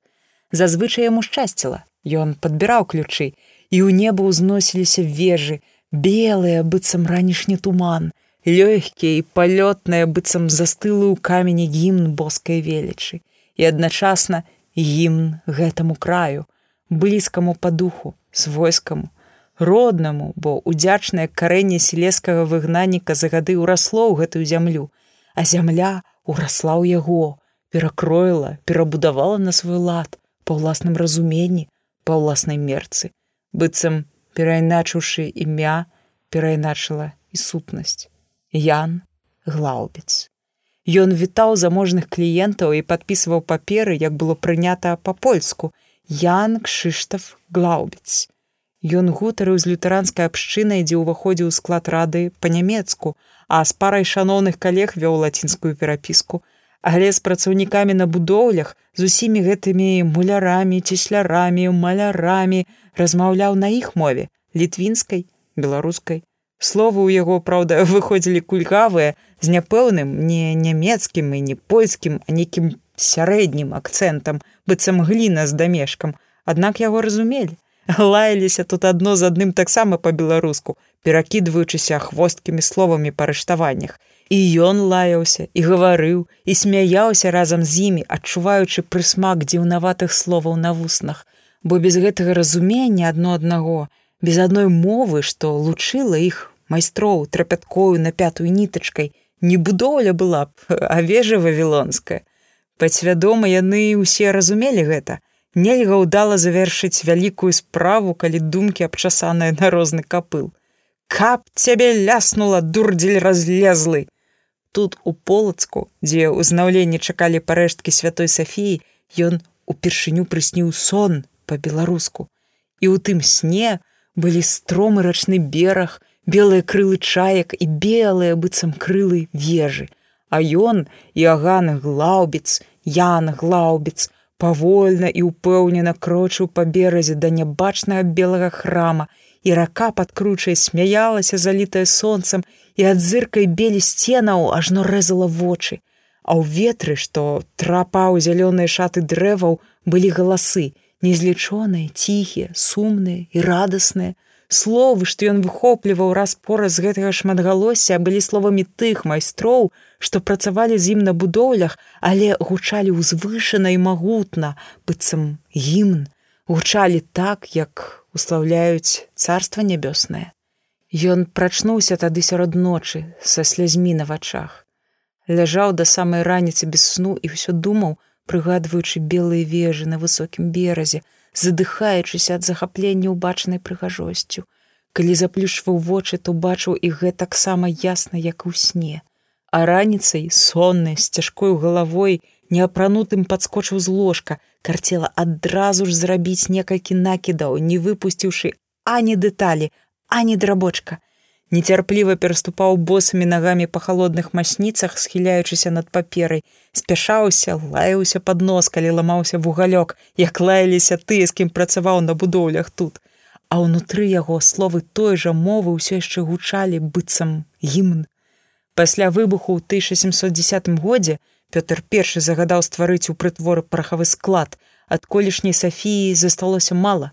Уся была як жывая рана, і амаль 30 гадоў ляжала ў руінах, зарастала травою, рассыпалася, памірала павольна і без гонару. У смерці і тленні увогуле мала гонару. А зараз яна вырастала нанова, як зерня з попелу спаленай нівы, і ад гэтага было радасна яму яну глаўбіцу, бо раны гэтай зямлі былі і ягонымі ранамі. Бо гэта была яго зямля, ваўкаватая дзікая зарослая пушчамі легендамі зацягнутая туманамі і ліхаманкамі спакутаваная залітая крывёю апаленая войнамі знявечная нядбайным гаспадарнем але ўсё адно моцнае і прыгожае старадаўняе вечнае і велічнае адзінае Ён прачнуўся рэзка у сваім кутнім доме ў вільні арандаваным у лютэранскай абшчыны таму што ўбачыў той самы сон. Белыя вежы над кручаю крылы чаек быццам тое адбудаванае адроджанае ягонымі высілкамі колькі гадоў таму тарганула за нітачку снення паклікала Ён сеў спусціўшы сухія старэчыя ногі з высокай пярыны закалола сэрца быццам заварушылася за рэбрамі тонкая іголачка У невялікай душнай спальні было светла. Свечка на століку побач з ложкам захлыналася васкавымі слязьмі, адгарала. А над вільняй у свінцовай аплётцы вакон рассцілалася бледная сакавіцкая раніца, лёгкім вэлюмам смугі калыхалася над высокімі комінамі. Холад масніцаў апёк падэшвы. Ён падняўся з высілкам, пакрэхтаваючы і расціраючы грудзі пад начною кашуляй, адчуваючы цяжар гадоў кожную мышцай. На стале ля вакна грувасціліся паперы, недапісаныя лісты і кнігі. Прыцмокваючы ён апусціўся на крэсла і са скрыпам адсунуў кніжную шуфляду. Там пад спісанымі паперамі навобмацак адшукаў пляскатую шкатулку са сваімі ініцыяламі, дрогкімі пальцамі падняў вечка. На сіняй падушачцы спачываў ключ, быццам серэбраная рыбка. Пальцы апякло халадком металу, бліснуў адбітак свечкі на мудрагілістай бародцы. На старэчай сухой далоні ключ асеў цяжарам, важкім і важным адначасова. Ключ ад мудрасці прамармытаў Ян глаўбец пад нос і крыва ухмыльнуўся. Тут жа паморшчыўся, схапіўшыся за грудзі, зноў закалола сэрца, ажно паплыла перад вачыма нованароджаная віленская раніца. На шырокім падваконі побач з вянком сухіх кветак, ад якога цягнуўся па пакоі ледзь заўважны тонкі пах, стаяла простае распяцце, жончына, Ён мутна, нават пахмурна зірнуў на драўляны крыж і мацней сціснуў у руцэ ключ. Ён болей не сумняваўся. Белая Сафія ўладна паклікала яго да сябе гэтай сакавіцкай раніцай, а значыць, трэба было спяшацца. Завяршыць няскончаныя справы, пакуль яшчэ можна. Зашапацелі паперы на стале. Асобныя незакончаныя накіды ён не без шкадавання адклаў у бок. Усё жыццё думаў, што яшчэ стане часу і сілы на многае, і вось не хапіла. З іншым жа распраўляўся з сапраўднай нямецкай рупнасцю без лішніх сантыментаў. Тэстамент з сымёнамі дзяцей, нататка для лютэранскай абшчыны, колькі лістоў, колькі аплачаных рахункаў. Ключ ляжаў перад ім на стале, побач з чарнільніцай і час ад часу прыемна было дакрануцца да яго самымі кончыкамі пальцаў, каб адчуць на скуры супакойлівы металічны халадок. Ён задумаўся на імгненне над самым апошнім лістом, нават пасадзіў на аркуш кляксу, забурчаў, лаючыся па-нямецкую па-беларуску, узяў новую чвэрць аркуша, пажаваў вуснамі, зноў пагладзіў ключ і, нечакана натхнёны, накідаў колькі словаў. Вяртаю ключы ад галгофы мудрасці, бо хутка спазнаю душою сваёй усю мудрасць Божую. Гэта таксама была загадка, галаваломка для неабазнаных. Зрэшты, той, каму ліст адрасаваўся, павінен быў зразумець і перадаць ключ на захаванне камусьці вартаму. Бо не вартыя рукі не павінны датыкацца мудрасці, бо не варты не павінен дазнацца сакрэт той галгофы. Ён цяжка выдыхнуў і абцёр пот з твару.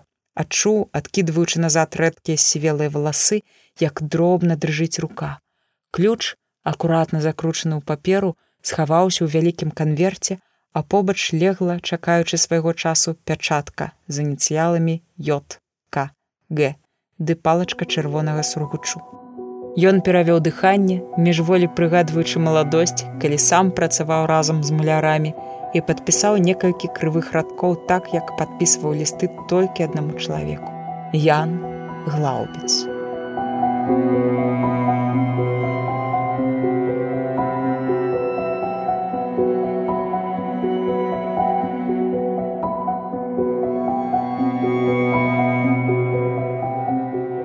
Частка 17. Зініча, усё яшчэ прытрымліваючы пад локаць, падвялі да серабрыстага красовера і, прыціснуўшы да машыны, абмацалі з непрыемнай інтымнасцю кішэні. Пасыпалася, падскокваючы на асфальце драбяза, пакаціўся падскокваючы самотны малінавы жэтон. Воскуць, прасіпеў зініч. Бліснула пад сонцам сярэбранае цельца ключа, выцягнутае з задняй кішэні ягоных джинсаў. Атлічна, спакойна азваўся голас веры а абмяклага зініча ўвапхнулі ў салон на задняе сядзенне. Следам пасопваючы тут жа ў лес той з пісталетам. Зініч, скасіўшы вочы, згледзеў знаёмую шэрую куртку і нервова праглынуў сліну. Зірнуў на кіроўцу, была відаць адно шырокая голеная патыліца, мажное плячо ды цяжкія далоні на рулі. Спераду побач з кіроўцам таропка села вера. азірнулася кіўнула зінічу амаль па-сяброўску калі шэрая куртка перадала ёй ключ трогай загадала кіроўцы красовер мякка і амаль бязгучна сарваўся з месца пакаціўся ўніз па схіле за вокнамі мільгалі з аднаго боку дамкі ў аблоках бэзу з другога сцены і забудовы універсітэта у салоне абабітым светлую скурай трохі задушліва пахла хвоей. Зініч з непрыязнасцю зірнуў на елачку што боўталася на люстэрку задняга віду у люстэрку сустрэўся позіркам з верай. Тая якраз па-гаспадарску вывудзіўшись з бардачка памаду фарбавала вусны. Вы константин не крыўдуйце сказала яна на свой лад зразумеўшы зінічаў позірк. І раптам нязмушана перайшла на рускую мову. Вообще сами виноваты сидели бы себе в мінске в своей родной редакции не мешались бы в чужие дела у голасе гучала добрадушное дакаранне а я замяшаўся ў ваши справы спытаў зініч ломкім голасам шэрая куртка што з прафесійнай спрытнасцю схавала пісталет у кабуру под пахай выскалілася именно подтвердила Вера. Дела вообще запутанные и важные, так сказать, в международном масштабе. Шэрая куртка тым часам звыкла падсунула да сябе зінічаў заплечнік, падчапіла там планшет і телефон, варухнула кусцістымі бровамі, заўважыўшы каляровай шыткі з запісамі маслоўскага, паслініўшы пальцы прагартала журналісцкі нататнік. За ўсім гэтым імправізаваным вопшукам зініч назіраў з хладнаватай адчужанай цікаўнасцю даследчыка як назіраюць за не самымі прыемнымі стварэннямі кшталту змей або скарпіёнаў. Было брыдка і адначасна дзіўна настойкі, што немагчыма было варухнуцца запярэчыць. Здаранцвенне апаноўвала ўсё цела і падавалася, што сапраўдны зініч глядзіць аднекой збоку зверху, а тут у лялечнай машынцы едзе пластыкавая фігурка. За пластыкавую фігурку было не страшна пластыкавыя фігуркі не паміраюць і нічога не адчуваюць ні страху ні болю. Зініч сціснуў і расціснуў пальцы вільготныя пад гумаю пальчатак млосць наплывала хвалямі накрывала з галавою прысады і домікі плылі перад вачыма. Но если вы константин будете с нами сотрудничать все обойдется дадала вера адмыслова зрабіўшы паузу перад апошнім словам паўпрытомнага зініча занудзіла варахнуўся ў жываце ліпкі камяк все абойдется паўтарыла вера. Красовер вільнуў лева за дамамі праваруч мільганула дзвіна расцяклася зыркім срэбрам удалечыні гарбаціўся на палову разабраны шкілет моста а тут над ціхаю вуліцай над ракою плылі галасы званоў ці то звінела кроў вушу. Як з алегам супрацоўнічаць ціха спытаў зініч. Вера, ён бачыў у люстры, скрывіла вусны. А што, Олег, прагаварыла яна пасля непрацяглага маўчання. Олег Маслоўскі быў, праўду сказаць, вельмі разумным чалавекам, задужа можа быць разумным, бо ягоны выключны навуковы розум, на жаль, вельмі часта замінаў яму бачыць непасрэдную выгаду для самога сябе, для людзей вакол, для сваёй краіны нават у міжнародным разрэзе. А вы бачце выгаду значыць прагаварыў зініч міжнародную Ён глядзеў у вакно сцяўшы зубы і стараючыся не заўважаць як шэрая куртка за абыякавым тварам вывучае ягоныя перапіскі ў садсетках шыткі маслоўскага паклікаўшы на паўголасу куртка перадала веры наперад і тая цяпер прагортвала іх манерна адстаўляючы пальцы з крывавым манікюрам бачу рассеяна адгукнулася вера Красовер подкінула на выбоіне і спісаная алегавым почеркам старонка разарвалася напалам пад яе рукой. Вера вылаялася пад нос, а кіроўца тым часам выкруціў руль і прыпаркаваў красовер каля двухпавярховага катэджа за чырвоным плотам. Шэрая куртка адпрацаваным рухам згрэбла ўсё змесціва назад у зінічаў заплечнік і задуменна намацала кабуру пад пахай. Всё нормально, не нужно, сказала шэрай курцы, азірнуўшыся вера. Зірнула на зініча і не запытала, а сцвердзіла: мы ведь с нашим сталічным журналістам просто паговорим цывілізована пагутарым змрочна абяцаў зініч а сам думаў з лихаманкавай хуткасцю пакуль яго як мех з бульбай цягнулі з салона пакуль вялі праз брамку катэдж думаў хто яны? Зразумела што расшукваюць тое самае што і маслоўскі іначай не выйшлі б на яго іначай яго дзеля поспеху ўласных розшукаў не забілі б. І цябе заб'юць ясна прагучаў галаве голас той даўгалыгай стервы Зініч скрыпнуў зубамі. Раптам прыгадалася разгромленая кватэра маслоўскага, у прыватнасці брыдотная лужына на кухні і мушкі, што віліся над ёю. Уявіўся Олег, жывы, а пасля ён жа на падлозе на брудным лінолеуме у лужыні крыві. І адначасна, як верагоднасць, як задушліва блізкая магчымасць, уласнае цела, пустое і холоднае, быццам пакінуты дом і ўласная кроў на брудзе і мушкі, што радасна мітусяцца над лужанай. Яму чамусьці, можа, праз тое, што так старанна, амаль апантана аберагалі бацькі, ніколі не верылася ва ўласную смяротнасць, але цяпер смерць была блізка, дыхала гніллю наўпросту твар, смяялася ягоная зінча смерць. Жудасным падавалася чамусьці не ўласна нібыццё, але вось гэтая нікчэмнасць чалавечага цела і мушкі над ім, як над падленай і ўсё. Зініча перасмыкнула. Ён зачапіўся за парог, ледзьве не страціўшы раўнавагу, і шэрай курцы давялося падштурхнуць яго ў спіну, скіроўваючы наперад. Ч ты валішся, прабурчала куртка, дыхадзяга. Катэч выглядаў нежылым, ці неабжытым. Свежая фарба і шпалеры, паўпустыя пакоі з новай, але безладна расстаўленай мэбляй, без фота, без дробязяў, без слядоў утульнага чалавечага побыту, Зініча правялі раз-пораз падганяючы цераз вялікую вітальню з грувасткай шафай купе, што свяціла ўнутранай пустэчай. Падаркай збоку бліснуў белы бок халадзільніка, побач караскаліся ўверх рэбры драўляных сходаў, бястварае нічыё жытло, здымнае, канешне. Сюда, мовіла вера, якая ішла першую быццам гаспадыня гэтага пустога дома і шырока расчыніла дзверы ў пакой наперадзе. Унутры была цёмная скураная канапа, падобная да выкінутага на бераг кіта, сучасны велізарны тэлевізар проста на падлозе перад ёю і бліжэй да вокнаў светлая камода. За вокнамі відаць была стрыжаная траўка і конусы касматых туй, а таксама высокая агароджа з металічнай сеткі. Присаживайтесь, Константин, запросила Вера, кінуўшы на камоду олегавы сшыткі. Поговорим. Зініч завагаўся быў, але яго зноў штурханулі ў плечы і ён вымушана апусціўся на край канапы. Куріце, Вера дастала з кішэні пінжака пачак. Калі зініч пакруціў галавою, чмыхнула і прагна запаліла.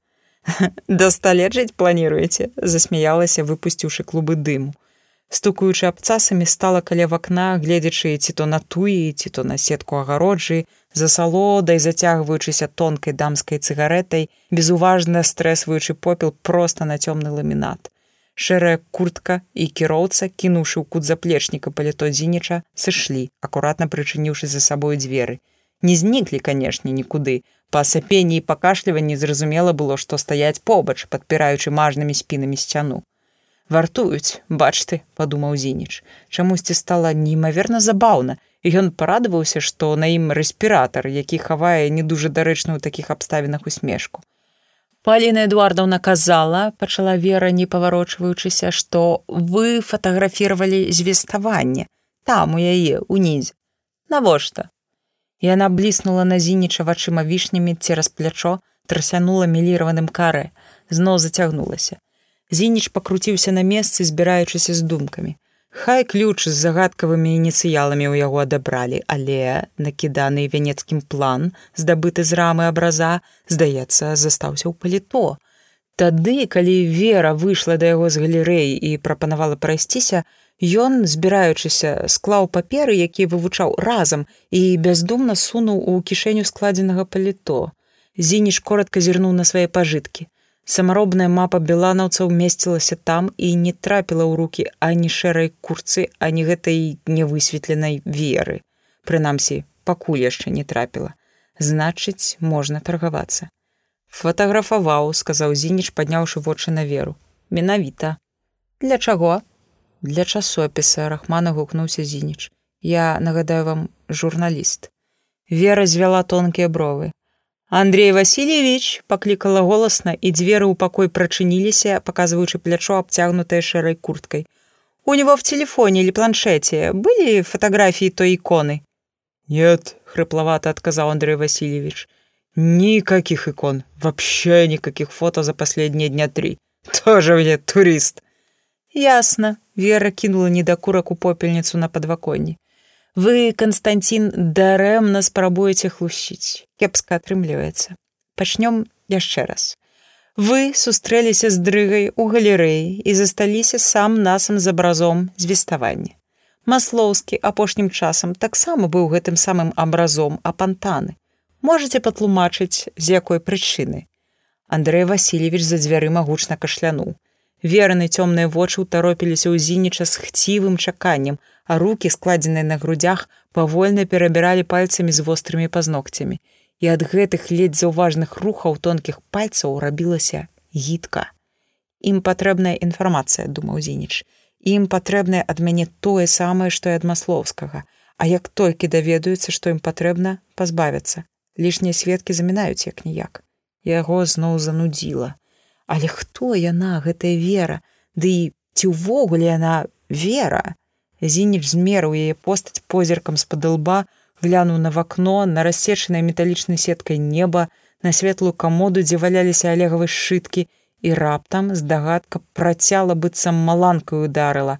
Вд тыя незразумелыя ініцыялы са сшытка маслоўскага ініцыялы а побач лічбы мабыць сумы. В. Вера д пэўна прозвішча.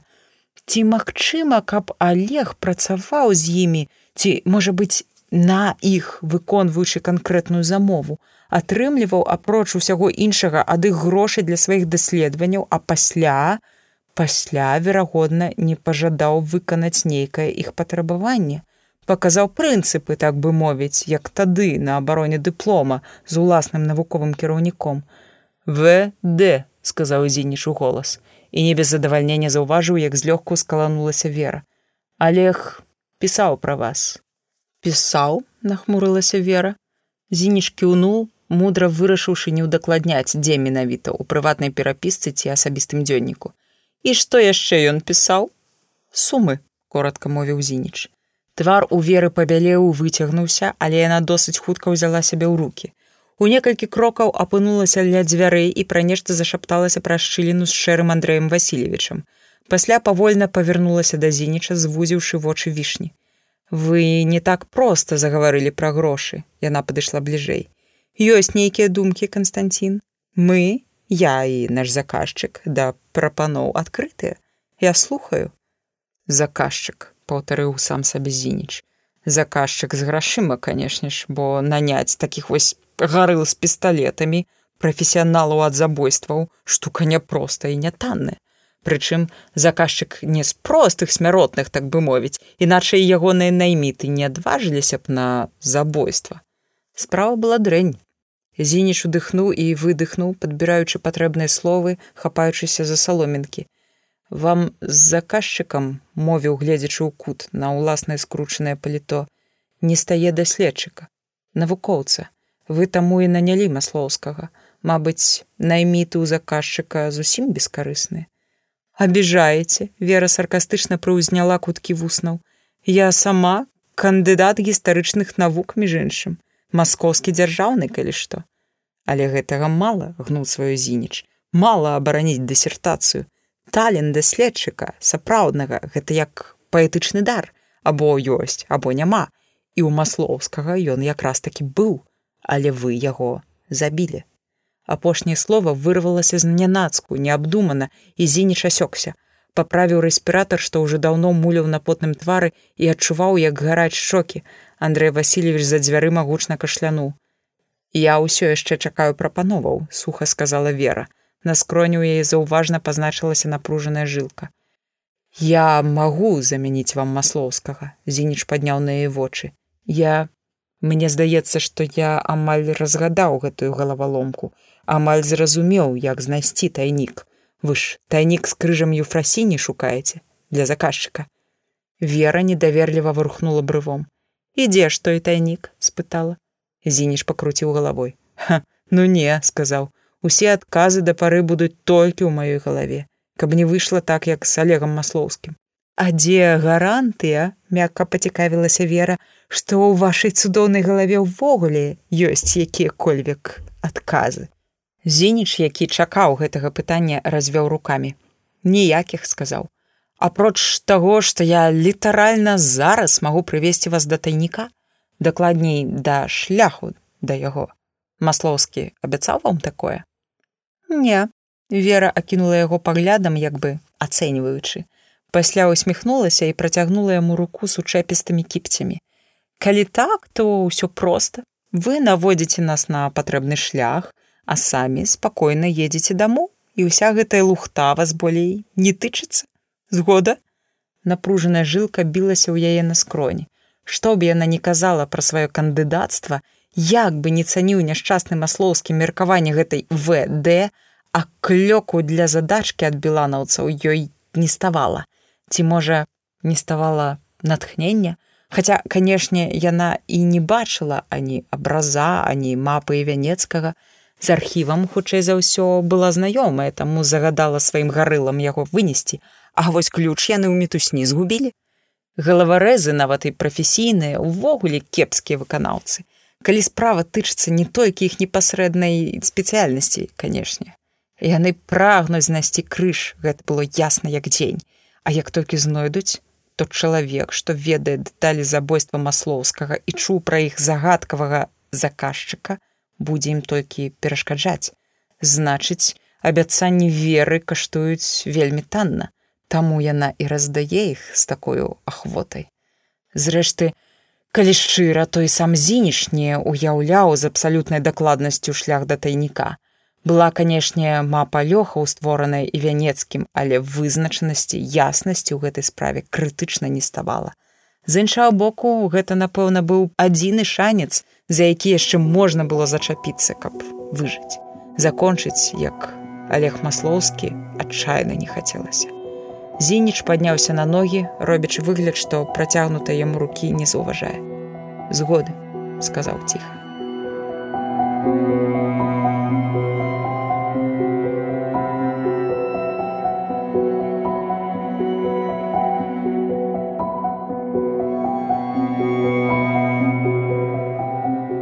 Частка 18. Юрка! Зверху пасыпалася дробнае каменне, мільганулі цені. Хтосьці прайшоў міма, гукаючы яшчэ і яшчэ раз, расцягваючы галосныя: Юрка! Ажно сырое рэха кацілася вакол, драбнілася, падскокваючы. Цяпер вось занепакоіліся, забегалі, бач ты. Юрка прыціснуўся да схілу, каб не заўважылі заплюшчыўшы вочы удыхаў густы пах сырой зямлі ажно пакуль крокі галасы зверху не сціхлі.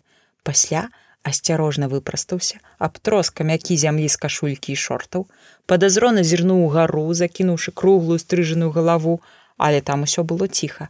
Мусіць калі яго і шукалі дык у іншым месцы. Юрка з палёгкую выдыхнуў.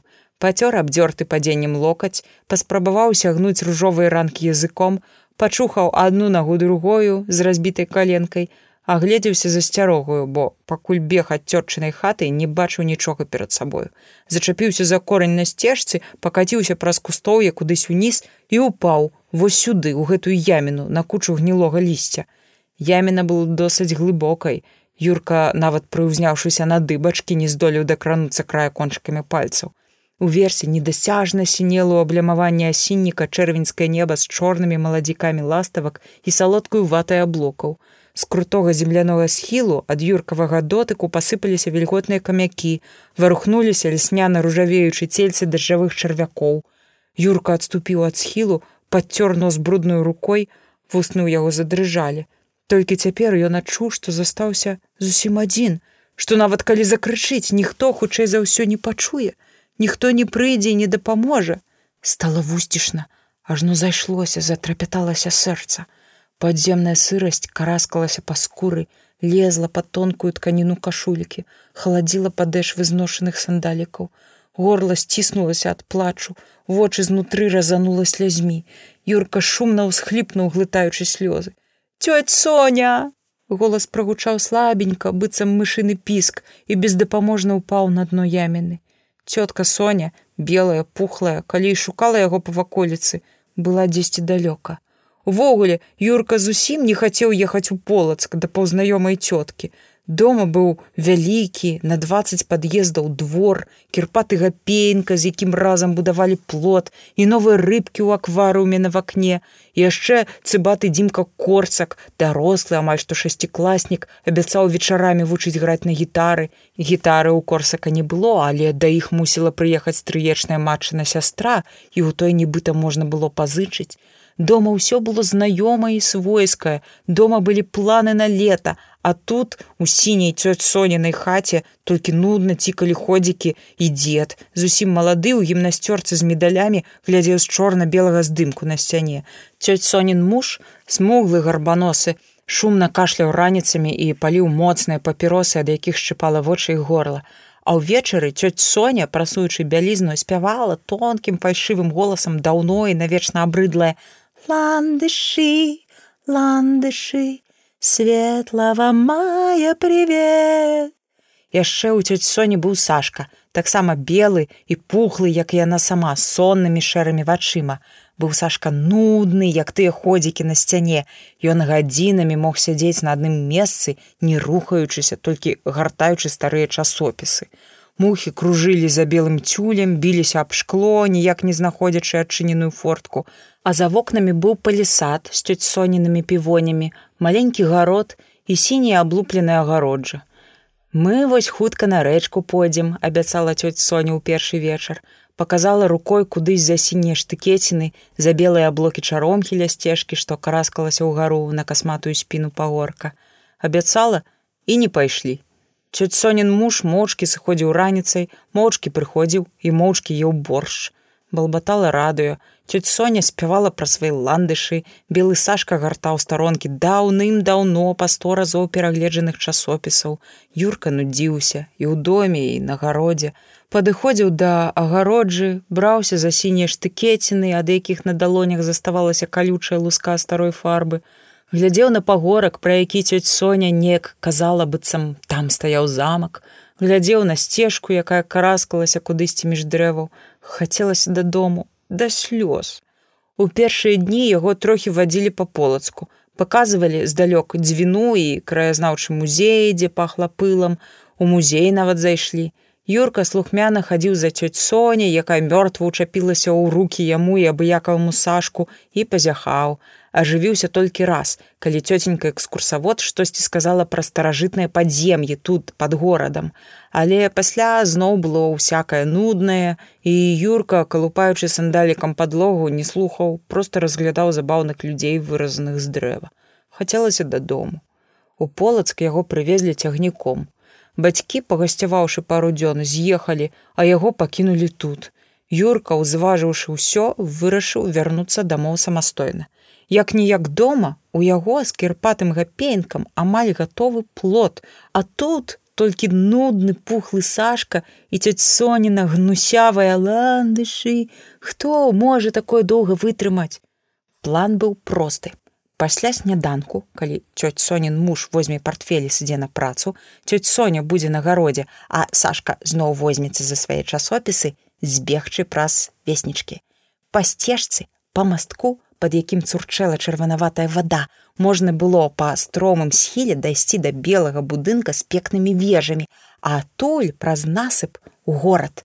Дарогу да вакзала Юрка памятаў не надта добра, але спадзяваўся ў выпадку чаго спытаць у мінакоў. Ён так аднойчы дома хадзіў гуляць, ад самай іх новай кватэры на герояў абароны да старой кватэры на камсамольскай. І нічога, усё знайшоў і назад вярнуўся.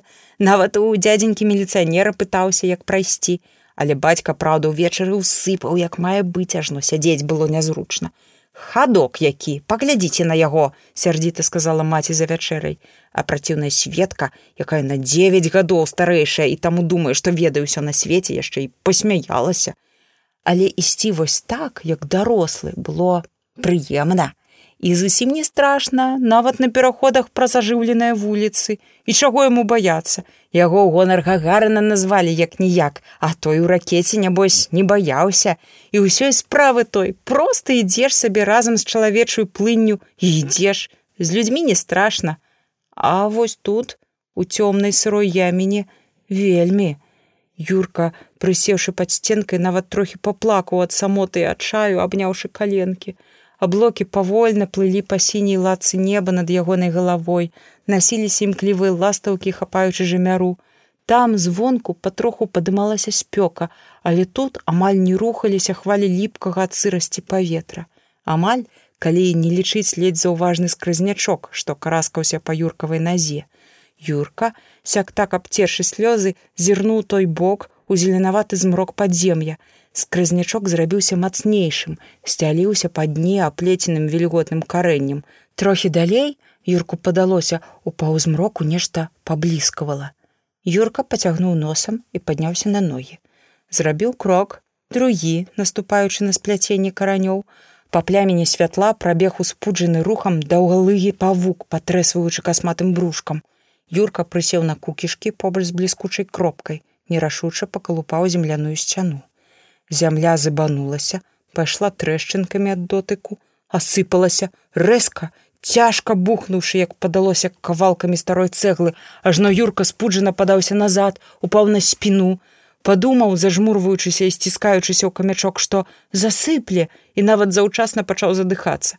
Але прайшло імгненне другое і нічога не змянілася, і зямля болей не зыбалася. Юрка расплюшчыў вочы і пабачыў далёка над сабою ластавак і аблокі, сеў, абапіраючыся на руку, здзіўлена лупаючы вачыма. Перад ім дыхаў свежасцю з чарнаты невялікі лас, быццам адмыслова для шасцігадовага дзіцёнка. Тое, што блізкала і вабіла ў паўзмроку, аказалася кавалачкам металу не болей за пяцікапеечную манету. Юрка на карачках падпоўз бліжэй, узважыў манетку на далоні, асцярожна прыбраўшы ці руху. Відаць было не дужа добра, але ў сцёртым з няроўнымі краямі метале праступалі нейкія літаркі ды значкі. Старая прошаптаў юрка. Подумалася адразу что такой монетки ні ў кого ў двары няма хоць на героя обороны хоць на камсамольской гапеенка хвалится быццам дядька геолог яму прывозіў монетки з індыі але гапеенка хлус вядомы і тых ягоных індыйскіх монетак ніколі ніхто не бачыў А гэта была мусіць сапраўдная, можа быць старажытны скарб. Юрка прыгадаў, як цёць Соня казала пра замак, які стаяў недзе тут і ласкава пагладзіў манетку бруднымі пальцамі. Падумаў пяшчотна, што, магчыма, тую манетку згубілі якія-небудзь рыцары у даспехах і з мячамі.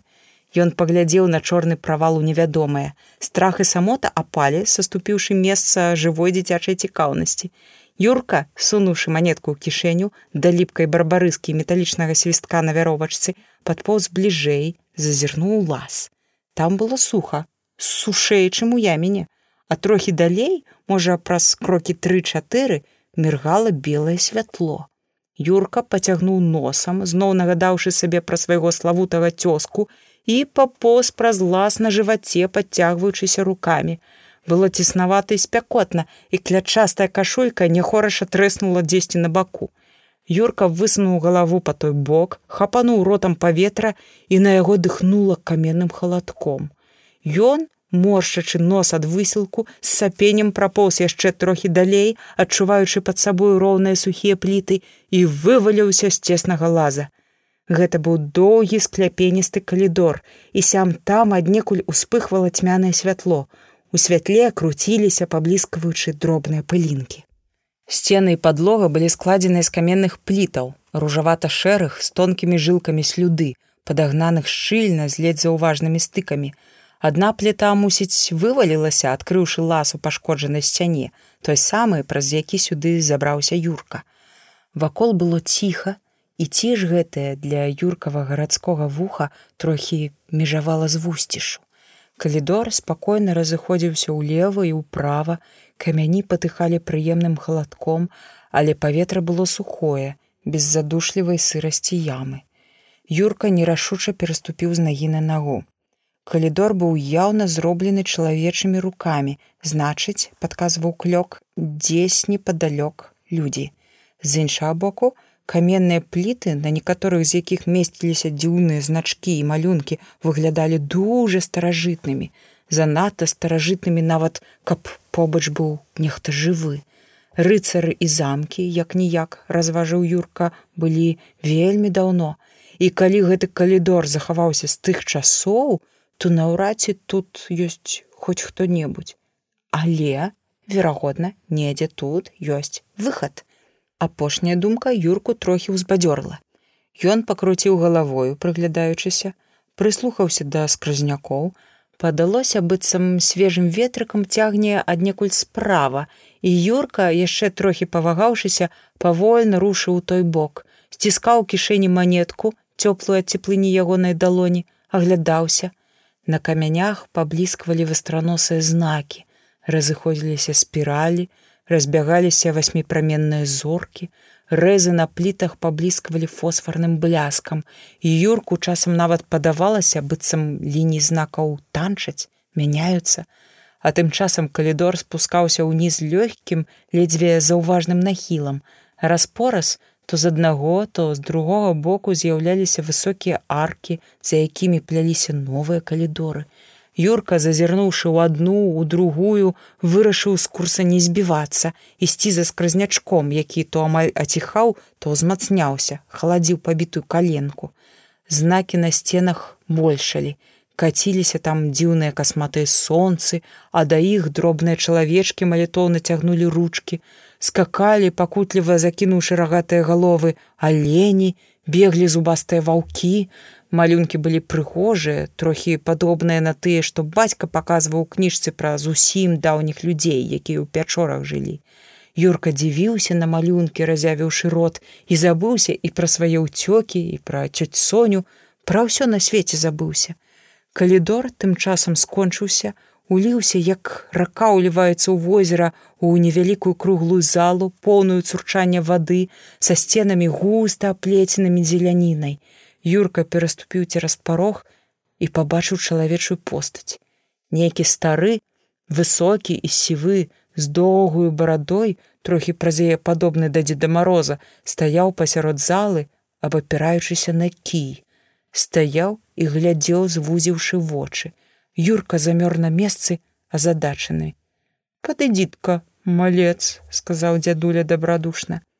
Юрка засоб сціскаючы ў кішэні манетку і неякавеючы зрабіў пару няпэўных крокаў. Я сейчас в яму упал, промовіў Юрка, показываючы абзёрты локаць. Там яма, а в ней лаз, а тут ходы и всякое такое, и рисунки еще. А вы, дедушка, тут живете?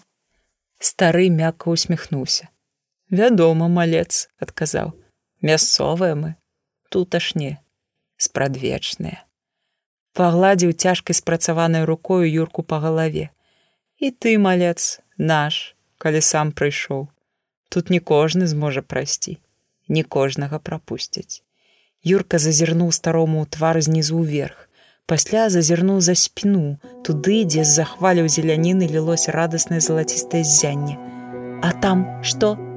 Стары усміхнуўся, працягнуў юрку руку, падобную да старога кораня хочаш ведаць малец то хадзем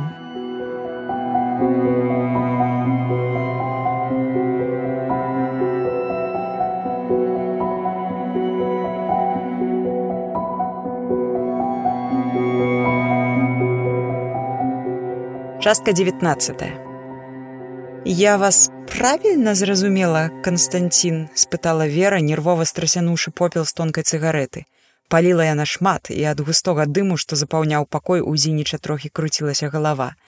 Вы хочаце сказаць, Канстанцін, што праход да тайніка у падвалах полацкага дзяржаўнага універсітэта і дасюль яго ніхто не знайшоў? У голасе веры гучаў здаровы скепсіс. Зінічу і самому не дужа верылася, што падчас усіх перабудоў, якія напаткалі колішні езуіцкі калегіум, маглі застацца нейкія таямніцы пад ім і вянецкі маляваў сваю саматужную мапу напрыканцы двадцатых гадоў мінулага стагоддзя, а за гэты час чаго толькі не адбывалася з тымі будынкамі. Адзіная зачэпка глуха адказаў зініч крывячыся. Яму нядаўна далі магчымасць умыцца і замяніць рэспіратар ды пальчаткі на чыстыя. Гігіенічнай працэдуры трохі нават прымірылі яго сітуацыяй, але густы цыгаретны дым ён цяпер амаль што адчуваў на скуры і адчуванне гэтае было надзвычай непрыемнае, а горла пачынала сціскацца.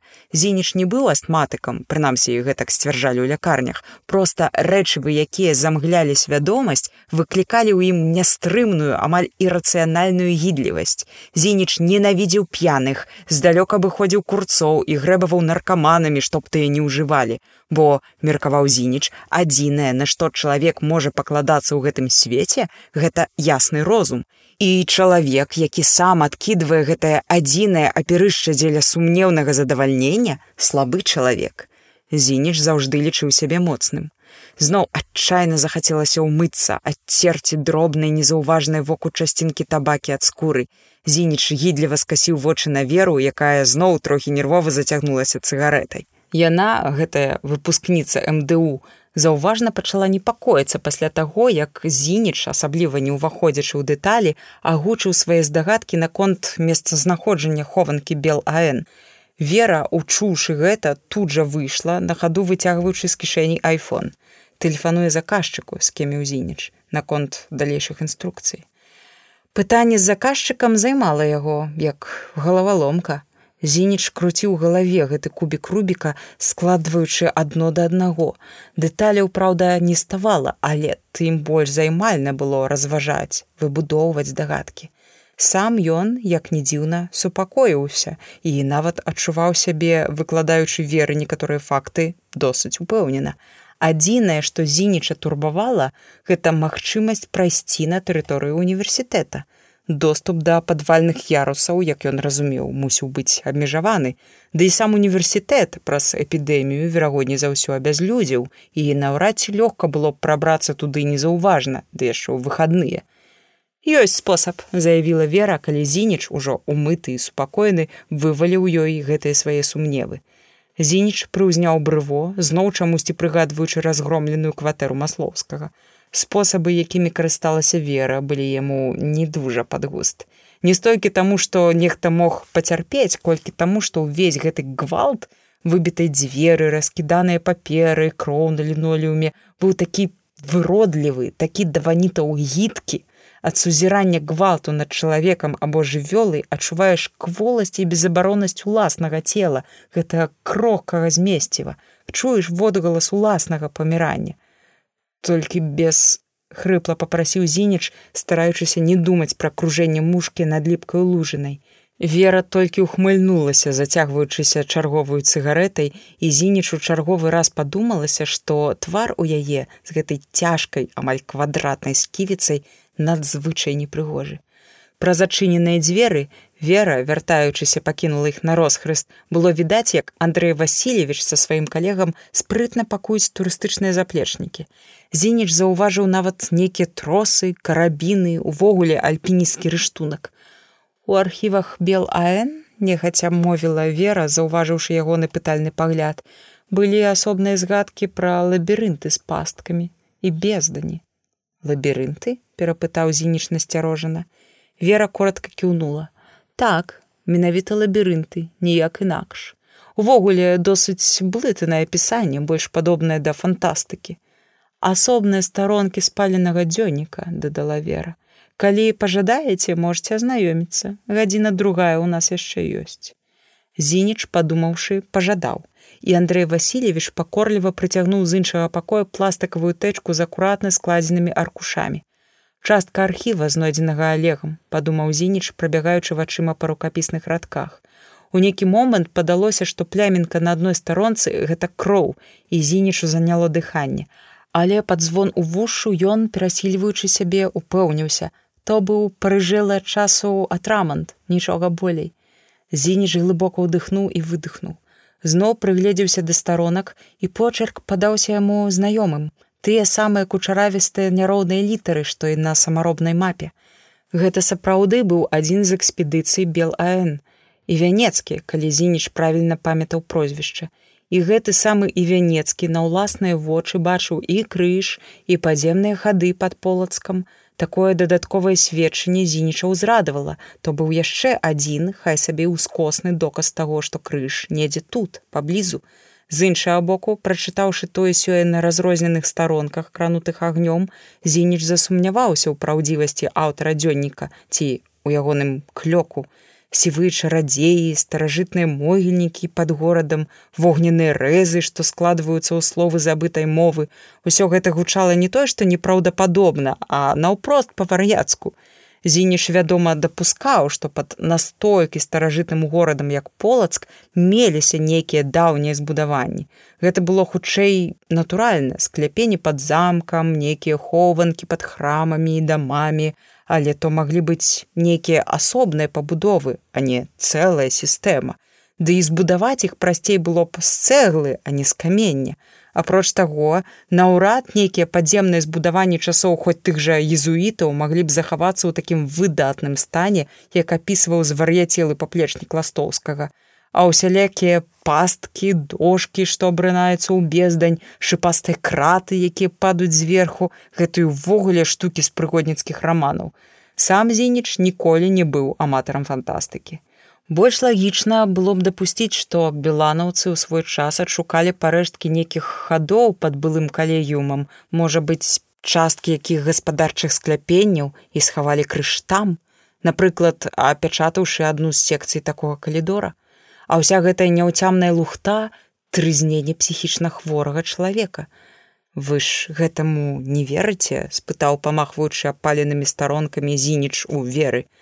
Тая зноў камусь тэлефанавала нешта высвятляючы нечага ўпарта дамагаючыся гаварыла па тэлефоне іншым не зусім сваім голасам вышэйшым на тон і надзвычай прыязным паліла змінала недакуркі ў попельніцы дрокімі ад хвалявання пальцамі і на верным твары ні драбочка той прыязнасці не адбівалася ці верце ўсё ж не дужа вера паціснула плячыма але перастрахавацца варта на ўсялякі выпадак За адчыненымі дзвярыма прайшоў несучы на плячы кувалду засяроджаны Андрэй Васильевич. Кувалду, відаць, таксама прыхапілі на ўсялякі выпадак. На дварэ за пару гадзін настоілася гарачыня. Зініч, выйшаўшы разам з веры на ганак, акунуўся ў хвалі цёплага паветра, напоенага бэзавым водарам, быццам у раку, ажно заняло дыханне. Ён зірнуў на нястерпна сіняе неба, дзе насіліся цёмныя цені ластавак і плылі падсіненыя вільгаццю аблокі.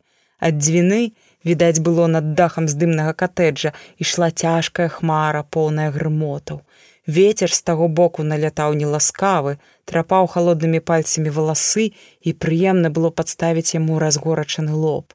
Зініч мімаход зірнуў на вуліцу загароджай, і там, падалося яму, прайшла знаёмая постаць у белай цішотцы.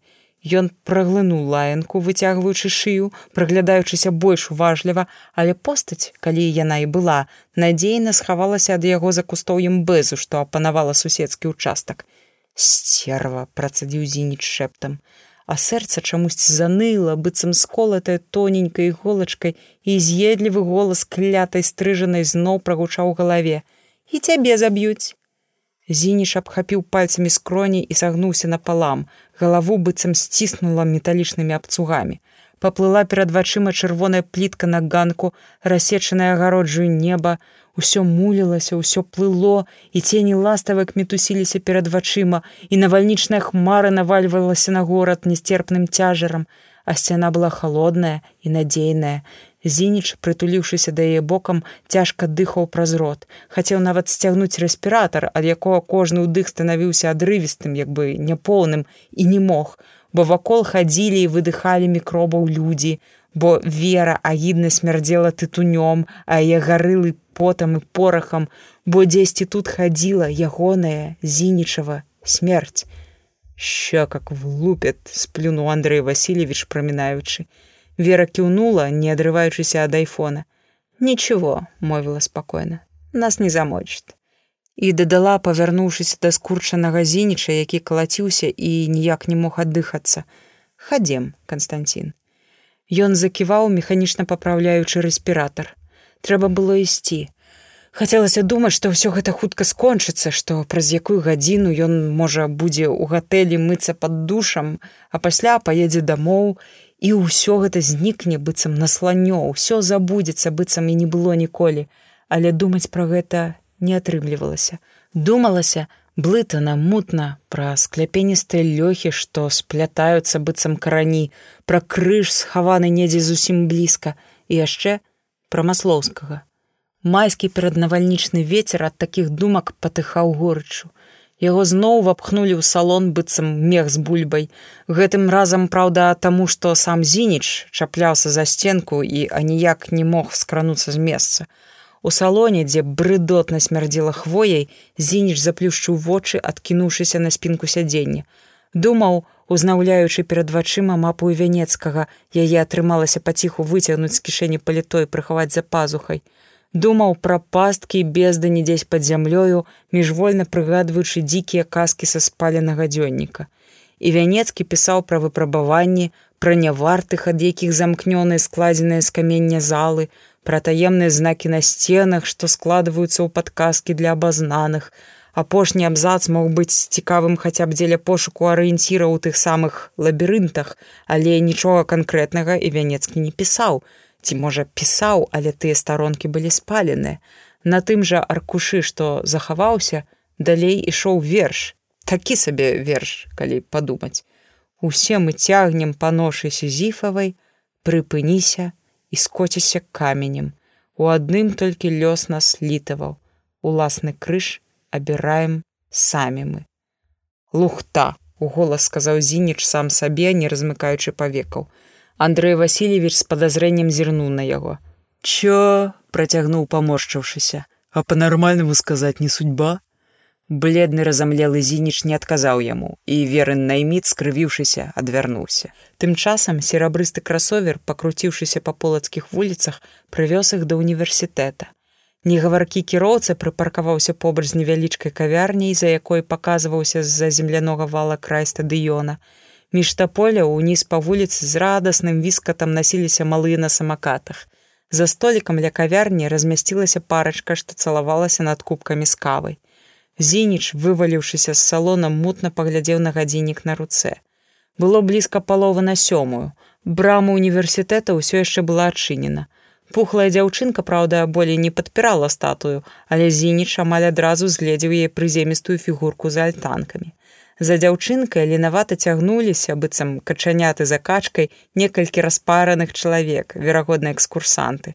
Качаняты перасеклі дворык і адзін за адным зніклі ў будынку. Вера кіўнула сваім наймітам і ў чатырох яны рушылі пад брамку. Зініча, які адстаў быў Андрэй Васильевич лёгкім штуршком скіраваў патрэбны бок. Дворык універсітэта быў досыць прасторны, з лавамі альтанкамі, з чорнымі старасвецкімі ліхтарамі і кветнікамі, з зялёнымі газонамі і зялёнымі дахамі. За ўжо вядомай статуяй дзяўчынкі ў калготах зініч заўважыў прыступкі, што вялі ўніз, пад дашчаны зялёны дашак на слупках і запаволіў хаду, прыгадваючы намаляваныя вянецкім прастакутнікі квадраты. Ці можа гэты вось жоўты будынак шматкроць перабудаваны датавацца сямнацатым стагоддзям, Калі так, то дзесьці пад ім мусіць быць уваход у скляпенні у тыя самыя загадкавыя лабірынты. І крыж верагодна таксама недзе там. Можа быць літаральна ў яго пад нагамі. Просто ляжыць амаль стагоддзе і чакае задуменнага зініча зноў без цырымона падштурхнули прыспешваючы. Іду іду агрызнуўся ён і суха пацікавіўся ў веры якая вельмі ўпэўнена крочыла да галоўнага ўваходу ва універсітэцкі корпус. У вас ёсць нейкі план? У мяне дамоўленасць працадзіла вера скрозь зубы. Зініч варухнуў бровамі. Па прыступках, што досыць круто ўзыходзілі да вялікіх дзвярэй, паважна хадзіла, патрэсваючы тонкім хвосцікам серабрыстая пліска. Пабачыла прыхадняў і тут жа пужліва ўзвілася, упала ў траву на газоне. Паўз газон з пліскай прамінула некалькі пажылых жанчын у ласінах, занятых ажыўленай размовы пра расцяжкі ды дыеты, да суровых вераных наймітаў, бледнага зініча або лёхаў з крыжамі справы ім было мала. За дзвярыма быў паўзмрок, з якога выплывала зашклёная быццам акварыум вахта. З акварыума пужліва паглядала жанчына ў тоўстым шведры. У памяшканні было досыць прахалодна. Зініч разгледзеў дыспенсар для антысептыка з раздрукаванымі рэкамендацыямі па мыцці рук, колькі шыльдаў з універсітэцкімі навінамі і раскладам. У канцы калідора злева відаць былі пакручастыя чорныя краты з надпісам бібліятэка з перпендыкулярнага калідора лілося, не прыносячы цеплыні дзённае святло. К завхозу безуважна кінула вера ў акварыум, прамінаючы побач. У акварыуме моўчкі заківалі, пачалі нешта казаць, але вера адмахнулася. Дарогу знаем. Дарогу яна сапраўды ведала, упэўнена павярнула налево, дайшла да дзвярэй гардыроба, выцягнутай залы са скляпеністай столю з калонамі. З-за пустой стойкі відаць былі пустыя шэрагі металічных вешалак, падобных да парэштак нейкіх агромністых жывёлін. Зініча перасмыкнула, бо прыгадалася пісаніна вянецкага пра падземныя могільнікі. Вераш зноў павярнула налево і пагрукала ў цёмныя дзверы. На грукат за дзвярэй слаба гукнуліся, і вера ўвайшла, жэсам загадаўшы астатнім пачакаць звонку. Я вам званіла, данёсся верын тэлефонны да саладжавасці прыязны голас і дзверы зачыніліся. Андрэй Васильевич і кіроўца, скінуўшы цяжкія заплечнікі, звыкла прыселі на кукішкі. Кіроўца выцягнуў з кішэні каляровы пачак семак і на тыльным баку далоні ў яго зініч зглядзеў сіні паўсцёрты ад часу якар. Марак спытаў зініч ціха. Кіроўца варухнуў рэдкімі светлымі бровамі. Твару у яго быў пляскаты і белы вусны пульхныя капрызлівыя вочы з-пад светлых веек глядзелі сонна і незадаволена. Пабачыш такую вось фізіяномію і ў наступную хвіліну не прыгадаеш ніводнай адметнасці ніводнай выключнай рысы было дело адказаў кіроўца Яны з Андрэем Васильевичам цішком пачалі лузаць семкі, косячыся на скурчаную постаць вахцёркі, якую было відаць праз арку. Зініч адышоў ад іх, сеў на лаву ў адной з нішаў. Падазрона зірнуў на верных наймітаў, але тыя мірна жавалі семкі, паплёўваючы шалупіне проста на падлогу. Андрэй Васильевич, праўда, не паварочваючы галавы ў зінічаў бок, трохі пасунуўся ўправа, быццам наўмысна блакіруючы сабою выхад. Гэта каб я не збег, падумаў зініч шмыхнуў рэспіратар. Збягаць ён якраз такі не планаваў, прынамсі, пакуль што. Пакуль што прамармытаў зініч у голас. Ён асцярожна выцягнуў з-за пазухі накіданыя рукою вянецкага планы, разгладзіў іх на каленцы. Прастакутнікі і квадраты перамешваліся ў ягонай галаве, круціліся, штурхаліся, вышукваючы свае месцы на плане і не знаходзячы іх. Вера нарэшце выйшла з нейкім пажылым сіваватым мужчынам, што моцна прыпадаў на адну нагу. Вакол іх круціліся яшчэ абрыўкі размовы, штосьці пра эксклюзіўны допуск для кінагрупы. Сіваваты, пагладжваючы рэдкую бараду, задаволена пасмейваўся, і ў кішэні ягонага заношанага пінжака выразна храбуснулі купюры.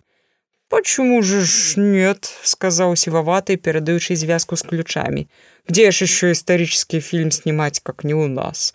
Здание, наши историки говорят, 17 столетия, сохранилось неплохо. Да. Зініч міжвольна выпрастаўся, пачуўшы пра гэта, і няпэўнае акружэнне прастакутніка ў ягонай галаве прыпынілася. Усе складнікі з храбусценнем сталі на належныя месцы. А гэты жоўты будынак пад зялёнай дахоўкай раптам стаў дыбка і, пакруціўшыся па сабачы, апусціўся на чарнільны прастакутнік з крыжам на баку і подпісам уніз. Канешне, многіх забудоў, якія застаў свой час і вянецкі болей не існавала, але гэта быў ён, той самы корпус. Зініч сутаргавата варухнуў плячыма, скуру пад тонкім шведрам прадрала марозам. Вера заўважыла зінічаў рэзкі рух, павярнулася да яго, гледзячы недаверліва і пытальна. Ён тут гучным шэптам прагаварыў зініч. Калі па шчырасці, дык ён і сам сабе не дужа верыў, не дазваляў сабе верыць. Кто? Здзівіўся сіваваты. Згледзеў найміту з семкамі, нахмурыўся, надзьмуўся і пачырванеў. Ліслівая усмешка патроху згасала ў яго на вуснах. Так мы пойдем работать, сказала Вера паспешліва. Большое спасибо. Приятно с вами сотрудничать. Яна ўчапілася ў зінічава плячо цвёрдымі холоднымі пальцамі з крывавым манікюрам і пацягнула за сабою.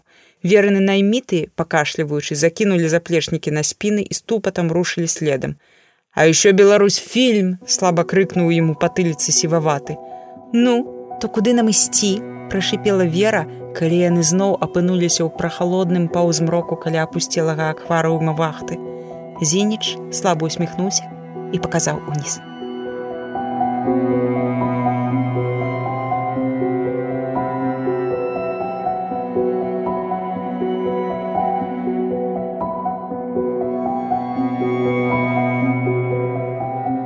Частка 20. У лета 6669 пакладае Ефрасіня святы крыж у манастыры сваім у царкве святого спаса. Святы крыж цаны не мае, а абкаваны ён золатам і срэбрам і каменнем і перлінамі ў 100 грыўнаў, а дрэва пайшло на 40 грыўнаў. Хай не знясе з манастыра ніхто і ніколі крыж той, не ўздумае прадаць або аддаць. А калі не паслухае хто, знясе з манастыра, хай не будзе таму памагатым святы крыж ані ў гэтым жыцці, ані за магілую. Хай пракляты будзе той святой жыватворную тройцай і святымі айцамі. Будзе яму доля юдзіна, што Хрыста прадаў.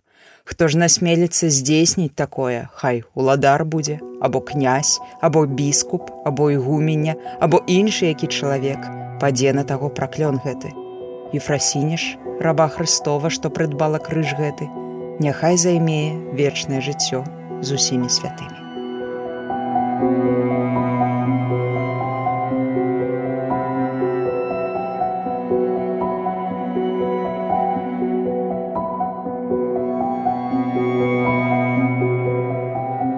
Частка 21.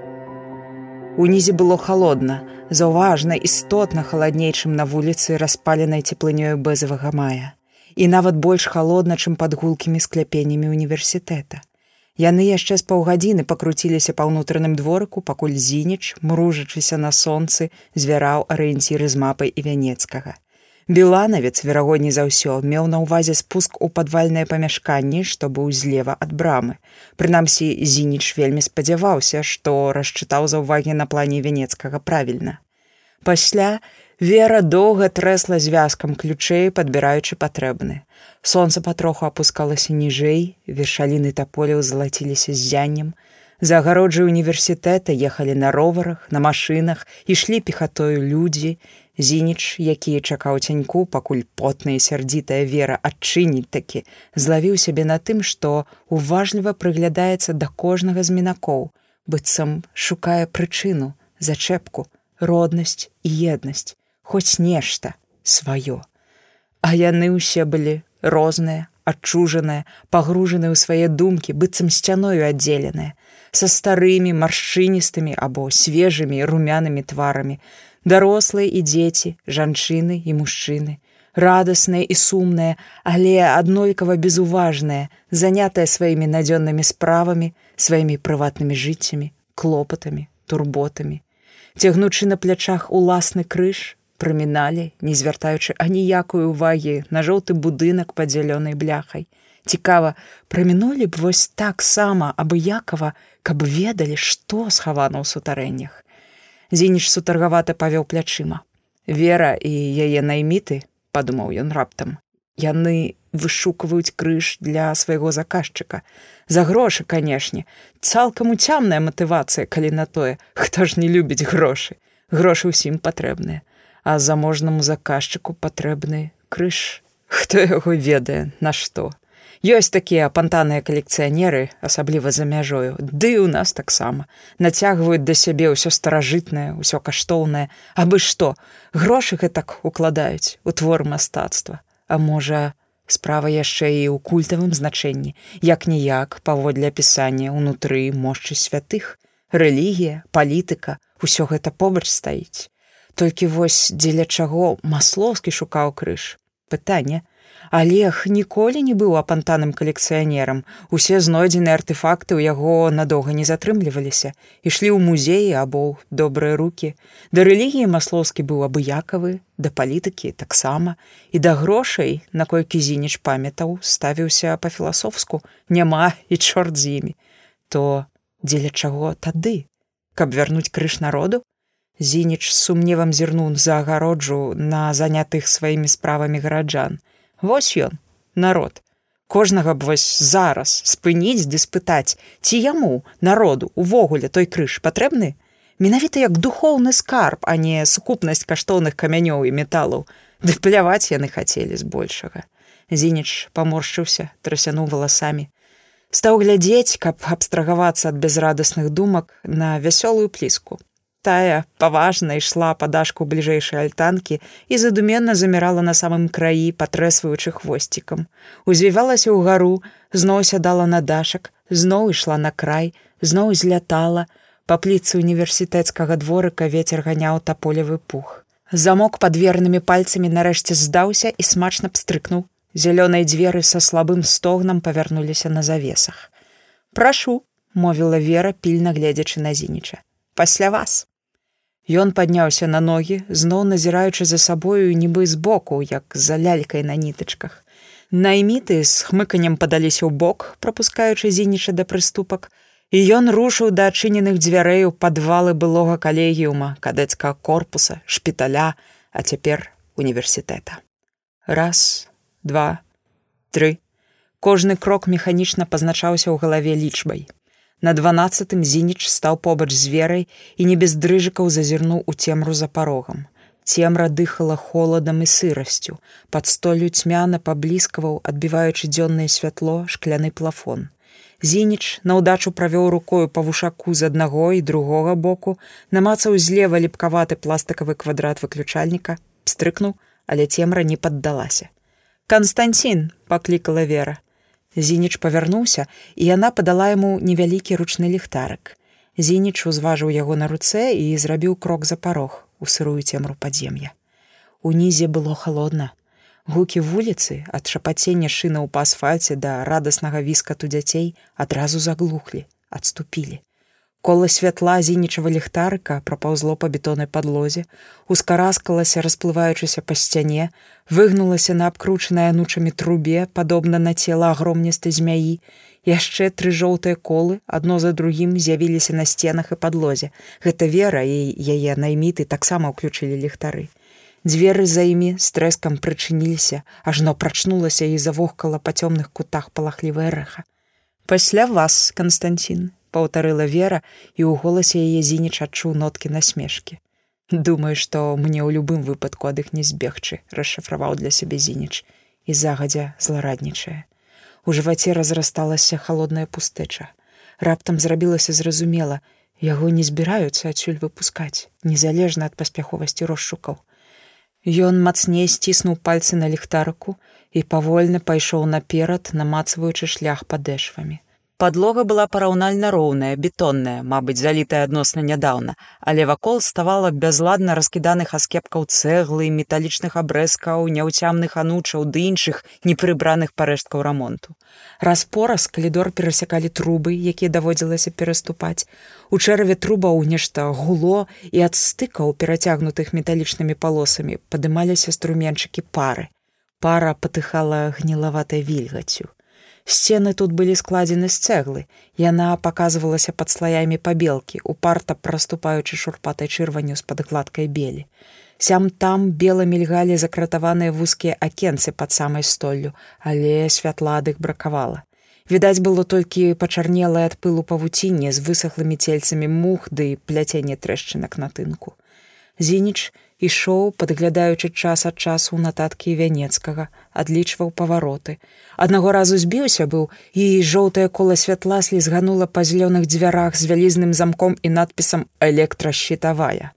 Зініч раздражнёна чартыхнуўся, адступіў на пару крокаў назад, наляцеўшы спінай ці то на потнага Андрэя Васильевича ці то на кіроўцу.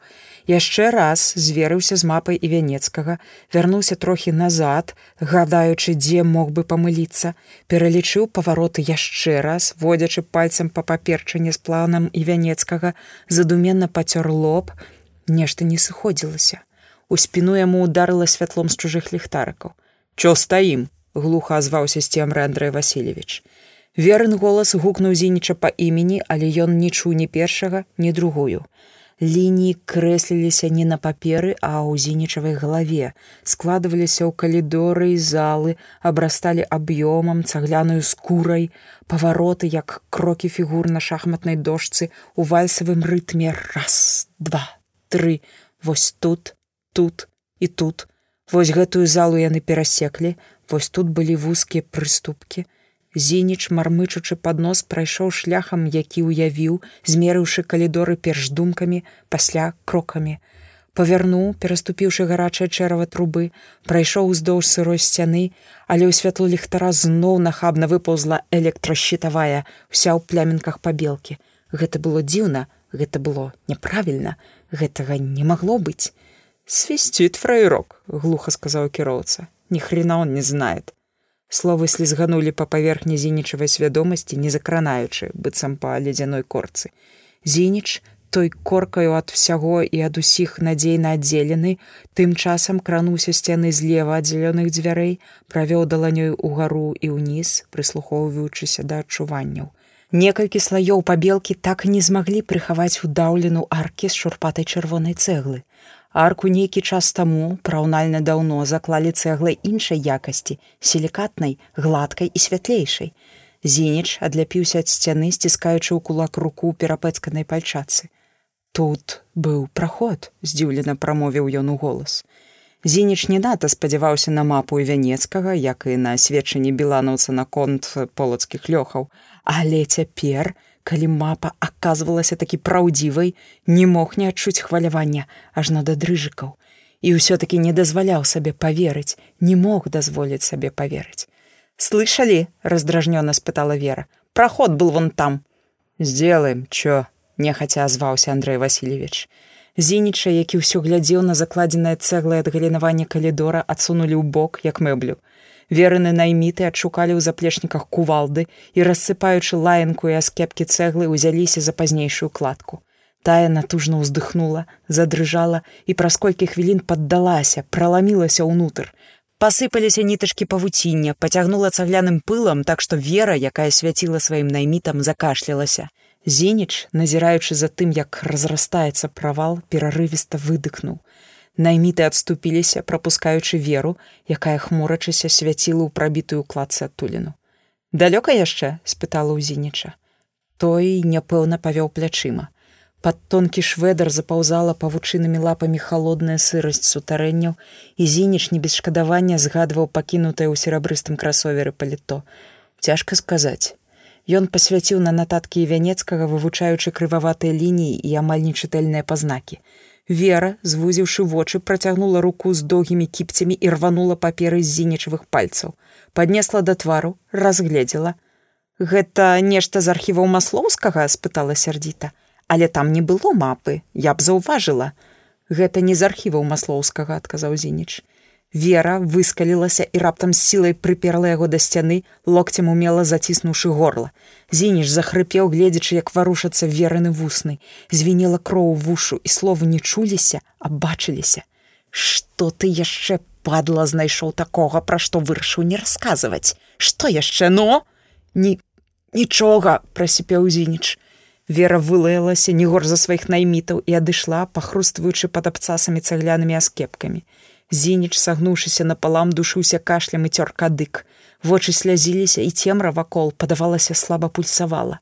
Мы тут не в игрушки играем, сказала Вера дзесьці збоку, раптоўна страціўшы і выхаванасць і беларускамоўнасць і кінула скамечаныя нататкі вянецкага зінічу под ногі. Ты это ўсёк, журналюга, і только попробуй еще не договаривать, тебя тут не скоро найдут. І цябе заб'юць, шапянула стрыжаная зусім побач. Зініч скалануўся. Яму падалося, што знаёмая белая цішотка мільгнула ў змроку за разбуранай кладкай. Асабліва прыглядацца праўда не было калі. Яго сілай падштурхнулі наперад да правала, з якога адчувальна цягнула скрызняком. Пад нагамі была наваленая бітая цэгла, нейкая храбусткая драбяза, скепкі каляровага шкла, якое заблішчэла ў святле зінічава ліхтарыка недзе побач капала вода, а на сцяне справа ўжо без слядоў пабелкі па аголенай старой цэгле цягнуліся плямы сырасці, зацярушаныя чорную плесняй. Зініч прайшоў далей, дзівячыся, як хутка змяніліся калідоры. Столь тут была ніжэйшай ледзьве не ўдвая, а падлога няроўнай з пясчанымі наносамі. Сам калідор ледзь прыкметна спускаўся, і гэта якраз такі ўсцешыла. Накірунак зададзены і вянецкім быў як-ніяк уніз. План біланаўца тут рабіўся больш блытаным, нібы напісаным наспех. Зініч часта прыпыняўся, каб разабраць пазнакі і лініі больш уважліва, крочыў павольна, без упэўненасці.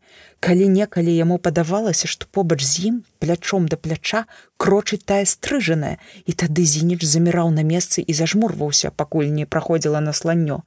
Следам цяжка ступалі, пасопваючы найміты, а за імі, трохі адстаючы на абцасах вера. Рэзка стала душнавата, сырасць абляпляла твар. Калідоры плылі, пляліся, падобныя адзін да аднаго, і ўсе няўхільна спускаліся ўніз, уніз.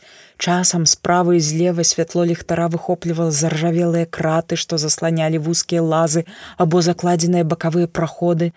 З арак, якія зеўралі побач, адкрываючы ад галінаванні калідора, патыхала то каналізацыяй, то холадам. Зініч, механічна падлічваючы такія хады, паспрабаваў быў уявіць сістэму лёхаў пад калегіумам і праз нейкі час кінуў, бо шматлікія калідоры, вялікія і малыя, пляліся і блыталіся быццам старое карэнне. Нататкі і вянецкага нарэшце вывелі іх у адносна невялікі пакой, засыпаны пяском і бітай цэглай. У сцяне наперадзе між ліпкіх мохавых плямін чарнелі тры праходы. У куце валялася некая падгнілая ламача, можа, парэшткі мэблі ці бочак не было як разабраць. Зініч спыніўся, вагаючыся, нерашуча пасвяціў ліхтарыкам пад адну, другую, трэцюю арку. Но, змрочна спытала вера, Не разумею, прамовіў зініч кусаючы вусны. У планах, накіданых і вянецкім, надалі не было ніякіх тлумачэнняў. Толькі побач з квадратикам, што абазначаў гэты пакой, быў намаляваны па меры здольнасцяў мініяцюрны крыж ефрасінні. Прынамсі зініч думаў, што то быў той самы артефакт, а не што-небудзь іншае, як ніяк у крыжа ефрасіні досыць адметная форма. Побач з малюнкам кучаравістым почеркам і вянецкага было паспешліва дапісана: уласны крыж абіраем самі мы. То была, напэўна, чарговая загадка. Зініч перачытаў радок, водзячы пальцам па крываватых літарках. Ну, зноў падала голас вера, і гэтым разам у ім выразна гучалі пагрозлівыя ноткі. Тут мапа абрываецца, суха прагаварыў зініч, праглядаючы план і вянецкага ў пошуках дадатковых падказак але іх не было. Увогуле больш не было нічога, што тычылася б гэтай невялікай цаглянай каробачкі пад старажытным калегіумам. Вера, неразборліва вылаяўшыся, наблізілася і выхапіла паперы. Вывучыла сама, свецячы сабе ліхтарыкам, прачытала апошні радок, варушачы вуснамі, скрывілася, падняла сярдзітыя вочы вішні на зініча. І што ж это значит? Не разумею, паўтарыў зініч. Святло ягонага ліхтарыка замітусілася па сцяне ад адной аркі да другой. Вера закаціла вочы і гукнула сваіх наймітаў. У траіх яны нешта напаўголасу абмяркоўвалі з раздражненнем са злосцю. Меркавалі проста прайсціся па калідорах, як на экскурсіі, падумаў зініч, а ў канцы экскурсіі іх мусіў чакаць дарагі ва ўсіх сэнсах артефакт. Ён падступіў бліжэй да адной з арак, выхапіўшы святлом ліхтара шчарбатую цэлу агледзеў уважліва крануўся рукою. Вільготная сцяна з плямінамі моху халадзіла далонь скрозь гумовую пальчатку. Пашарпаныя часам цагліны былі пакладзеныя шчыльна утваралі роўны выгін аркі.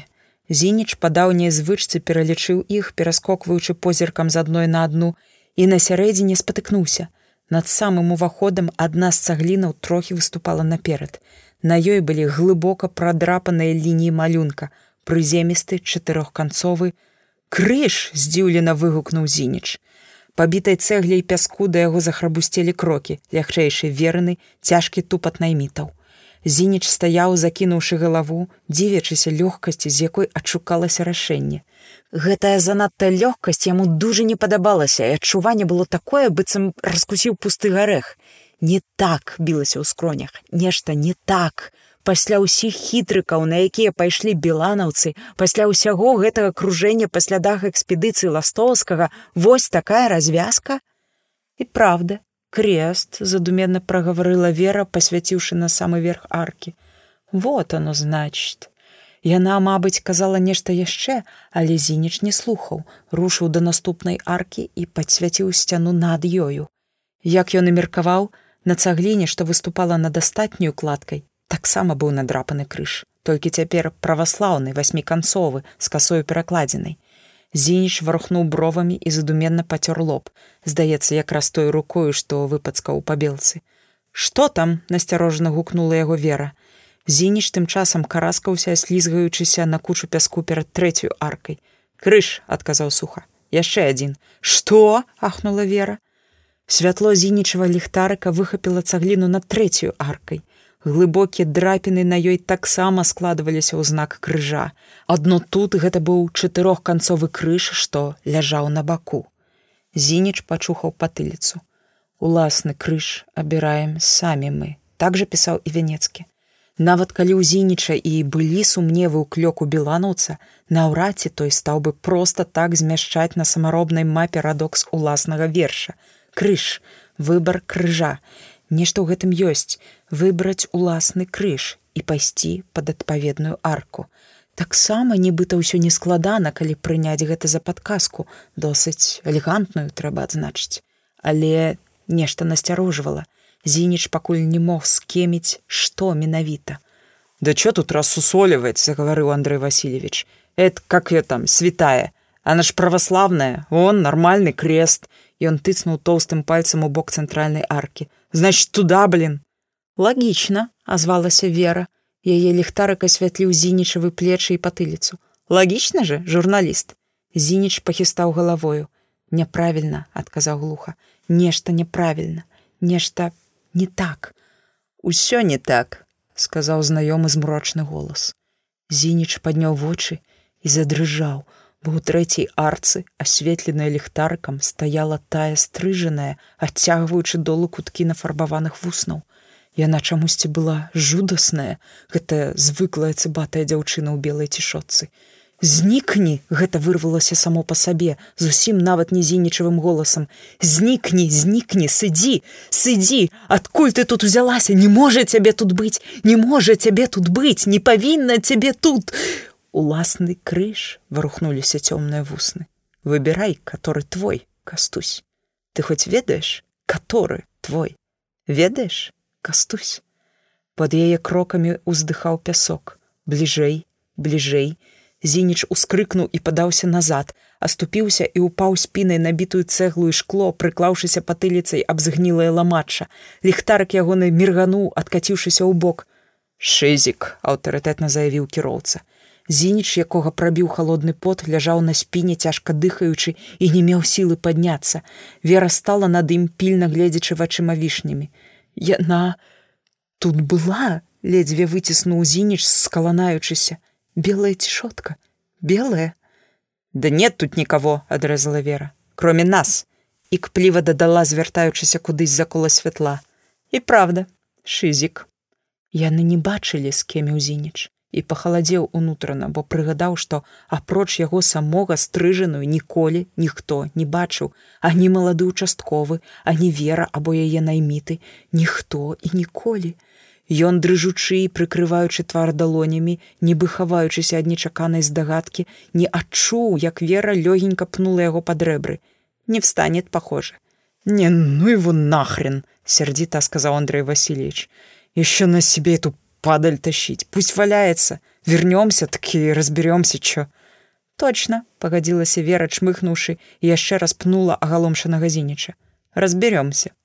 У траіх яны адзін за другім рушылі пад цэнтральную арку і зніклі, быццам рассталі. Зініч, усё яшчэ скаланаючыся, застаўся ў цемры адзін, сам насам з ёю і голасам вады, што тачылася па сценах, жывячы мох і плесню. Зініч, хапаючы ротам паветра, павольна сеў, абапіраючыся на руку. Глуха вохнуў, паспеў дзесьці добра прыкласціся локцем і з-пад прадранага шведра праступала кроў. Кінуты ліхтарак ляжаў за паўтузіна крокаў адзініча, заліваючы святлом гнілыя дошкі і ржавыя палосы металу, самотная кропачка сярод пераможнай цемры падзем'я. Цябе заб'юць, выдыхнула цемра над вухам. Зініч задушыў скрык даланёй і імхліва падхапіўся, закруціў галавою, аглядаючыся. Яе не існавала, але яна была побач, блізка, тут. Цемра, якая шаптала яе голасам, падалася невыноснай. Зініч, падцягваючы адну нагу, пакрочыў да выратавальнага ліхтарыка. Нагнуўся, каб падняць, паморшчыўшыся ад болю ў пабітай спіне і раптам, на ўзроўні сваіх вачэй над гнілымі дошкамі пабачыў яшчэ адну цагліну з рэзамі. Крыж, старанна надрапаны над ёй быў шасціканцовы, як і тое, што насіў імя Ефрасіні.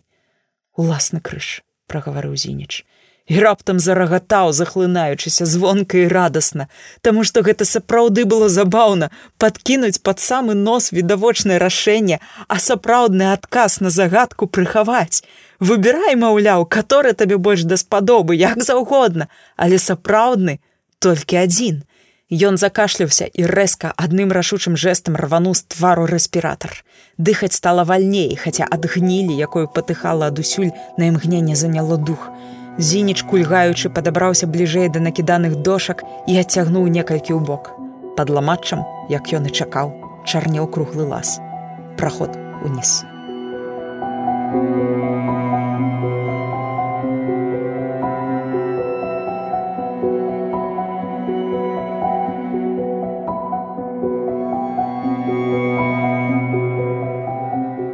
Частка 22.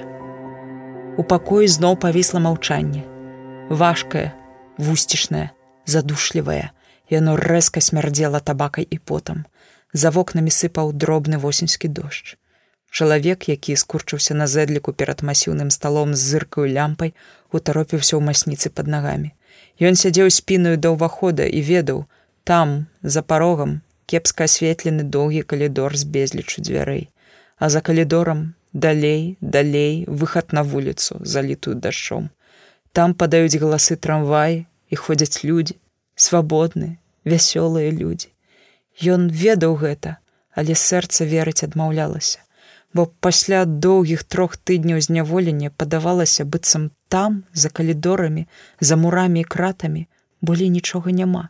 Што ўвесь свет гэта бетонная каробачка з электрычнай іскрай пад столлю. Ён стаміўся ад кратаў, ад вокрыкаў, ад рэзкага святла скіраванага ў твар, ад папер машынапісных і спісаных ягоным уласным почеркам. І ўсе гэтыя паперы нешта значылі, нешта даводзілі, нешта або некага выкрывалі. Калі яго арыштавалі ўпершыню гадоў сем таму, было страшна.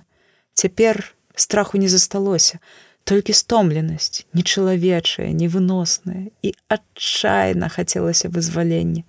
Смерць таксама была б вызваленнем. Ён трасянуў галавою заўчасную сівізной і з-пад лба паглядзеў на чалавека за сталом. Той чыркаў запалкай і чартыхаўся пад нос, бо папяроса аніяк не жадала падпальвацца.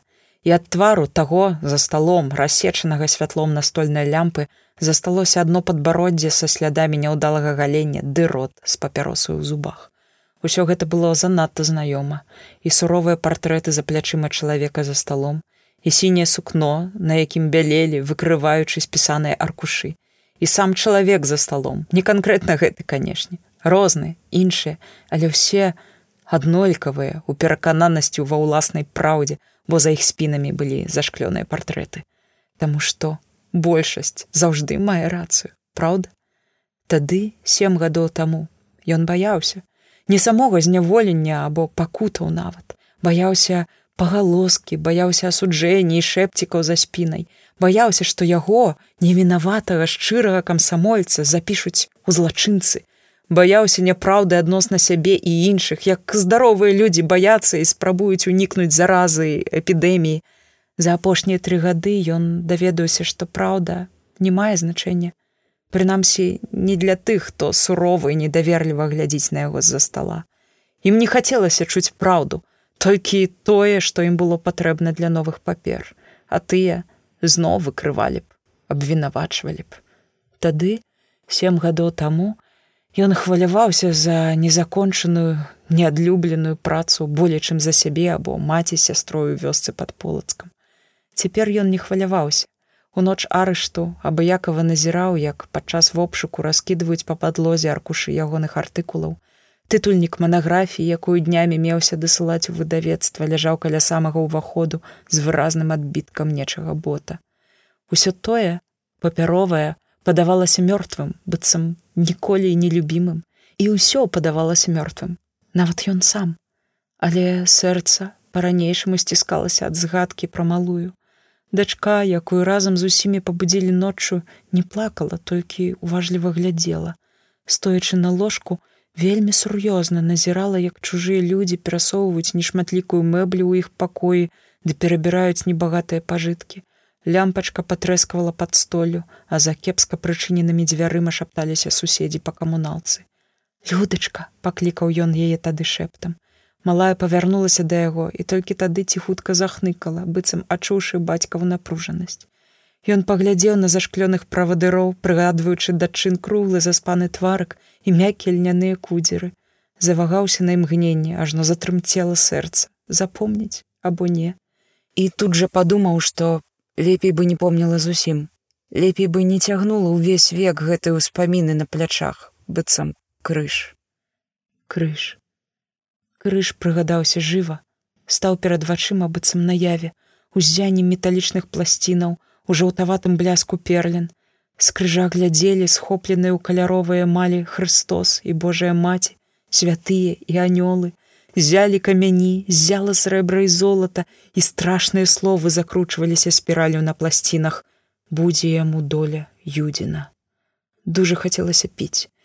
Ён прачысціў горла кашлем, аблізнуў пасмяглыя вусны, марна спрабуючы падмануць смагу. Ён добра ведаў, што будзе далей. Той за сталом запалі чарговую папяросу і, кідаючы касыя пагляды на паперы перад сабою, пачне пытацца ўсё тое самае, адно і тое ж, адно і тое ж. Усе пытанні заўжды круцяцца вакол аднаго імені Вацлаў Ластоўскі. У якіх стасунках былі, над чым працавалі разам, раскажыце больш падрабязна пра полацкую экспедыцыю Бел АН, што вы адшукалі ў сховішчах мясцовага фінаддзела, што надалей сталася з артефактамі, Тым за сталом неабходна ведаць усё ў падрабязнасцях, канешне, дзеля справы, а справа няпростая, справа можна сказаць міжнароднага значэння, важная для ўсяго народа справа, якая менавіта справа? Яны ніколі не ўдакладнялі. Можа, таму што гэта павінна быць зразумела апрыёры, можа і самі не ведалі, а можа, за гучнымі словамі насамрэч нічога не стаяла, Таму што іх вялікая няпростая справа была фікцыяй, хітрыкам, пасткай, ваўчынай ямай, у якую яго неўпрыкмет заганялі, загналі. Той за сталом, ахутаны папяросным дымам нарэшце загаварыў, чытаючы ў голас з аднаго з аркушаў. Андрей Павлович Венецкий, 1910 года рождения, происхождение крестьянское. Ён слухаў безуважна, тупо гледзячы сабе пад ногі. Ён так часта пісаў гэта ў шматлікіх анкетах, што словы пачыналі страчваць сэнс. Нават уласнае імя станавілася найперш літарамі на паперы і толькі пасля ягоным найменем. В каких отношениях вы былі з гражданінам ластовскім? У працоўных стасунках, рабочых, у якіх жа яшчэ. Ён паўтараў гэтыя словы як закляцце. Ён проста працаваў асістэнтам у экспедыцыі, займаўся дакументацыяй не болей і не меней, Я нічога не ведаю, нічого не знаю. Ён паўтараў гэта зацята, адчуваючы гаркоту на вуснах, бо было ў гэтым евангельскае: Кажу табе, не прапяе яшчэ певень сёння, а ты тройчы вырачашся мяне. Хаця гэта святы Пётр выракся тройчы. Ён жа выракаўся сотню, тысячу разоў, паўтараючы адно і тое ж, адно і тое ж. Але яму не верылі, ніколі не верылі касательно так называемого креста Ефросіні, што можете сказаць. У іх былі пералікі каштоўнасцяў, перапісаныя ягоным почеркам, ягоны пераклад надпісу на крыжы, ягоны ўласнаручны подпіс на паперах Белаэн побач з пячаткамі і подпісам Вацлава Юстыновича і само сабою пратаколы допытаў першага арышту. Не знаю, не ведаю, што ён павінен быў сказаць, што ён увогуле мог сказаць. Але ён ведаў дакладна, што пасля аднаго з не ведаю ўсё адно якога насамрэч цярплівасцю таго за сталом закончыцца. Будзе глухі удар кулаком па сінім сукне і рыб не ад'язджаючы назад крэсла, а пасля удараць яго кулаком, прыкладам, няважна. Чакаючы удару, ён уцягне галаву ў плечы, але удараць усё адно нечакана і пакой кульнецца да гары нагамі і падлога падсцелецца пад змучанае скалечанае цела. Контра проклятая, чтоб тебя на кожнае слово па ўдары пад рэбры. Той з-за стола будзе цяжка аддыхвацца і на барвовым твары расою выступіць блішчасты пот. Біць людзей як ніяк, работа нялёгкая. На шчасце для тых, каго б'юць, бо катам таксама трэба адпачываць. І пакуль адпачываюць, яго кінуць назад у халоднае сутарэнне з плямінамі вільгаці на сценах. Там можна будзе спакойна ляжаць, не думаючы ні пра што, не падбіраючы правільныя словы, не выракаючыся бясконца мёртвага чалавека і жывой краіны, ляжаць, выцягнуўшыся так, каб сырая цэгла халадзіла разбіты лоб і слухаць, слухаць, засынаць, правальваючыся ў бездань. На дварэ сыплецца дробная імжачка верасня, жоўтая поўня, рассечаная кратамі, зазіраю камеру дапытлівым вокам. Глядзіць, як неспакойна спіць чалавек, што выцягнуўся на бруднай падлозе. Яго завуць Андрэй і вянецкі, яму амаль 29 і сны ён сніць неспакойныя, цяжкія. Сны пра цёмныя лабірынты пад былым кадэцкім корпусам, праз якія давялося прайсці далёка ўніз, пакідаючы паметы на паперы і пазнакі на старой цэгле. Бо некалі, аднойчы, тое, што хавае мудрасць, можна будзе вярнуць людзям. Трэба будзе вярнуць людзям. Плятуцца калідоры, блытаюцца быццам старое карэнне ў зямлі, крыжы над праходамі, шасціканцовы крыж над непрыкметным лазам, спуска глыбей у старыя лёхі, немаведама кім тут пабудаваныя. Даўным-даўно, глыбока глыбока. Дзесьці ўнізе струменіць вада і караскаецца па камянях зеляніна, і стары белавалосы і белабароды у доўгай шэрай свіцы з крывым кіем у руках крочыць па ціхім падзем'і і вусны старога варушацца мы спрадвечныя мы кроў ад крыві гэтай зямлі і плоть ад плоці яе. Плятуцца калідоры звіваюцца быццам змяіныя целы завязваюцца ў вузел пад стромым пагоркам над ракой і вузел пульсуе як жывое сэрца. Той вераснёвую ноччу Андрэй вянецкі бачыў дзіўны сон. Стромы бераг белыя вежы а ў сінім небе над вежамі белыя крылы чаек і белыя аблокі. А сам ён лёгкі здаровы ішоў па зялёным беразе да белага храма і смяялася рака уся быццам з расплаўленага металу і дрыжала бярозавыя лісце под ветрам. І паўсюль гучалі галасы дзіўныя незлічоныя напеўныя гаварылі і спявалі смяяліся і плакалі по-беларуску Ён прачнуўся ад грукату жалезных дзвярэй заміргаў аслеплены палоску святла усё яшчэ напоўнены тымі цудоўнымі галасамі, тым далёкім поклічам белага храма над ракой. Павекі набрынялі слязьмі, і ён хутка абцёр вочы тыльным бокам далоні. І венецкі на выхад, сказалі яму сурова. І другі голас дадаў кпліва: « Сабірайся інтэлігенцыя, На прагулку поедем. За город.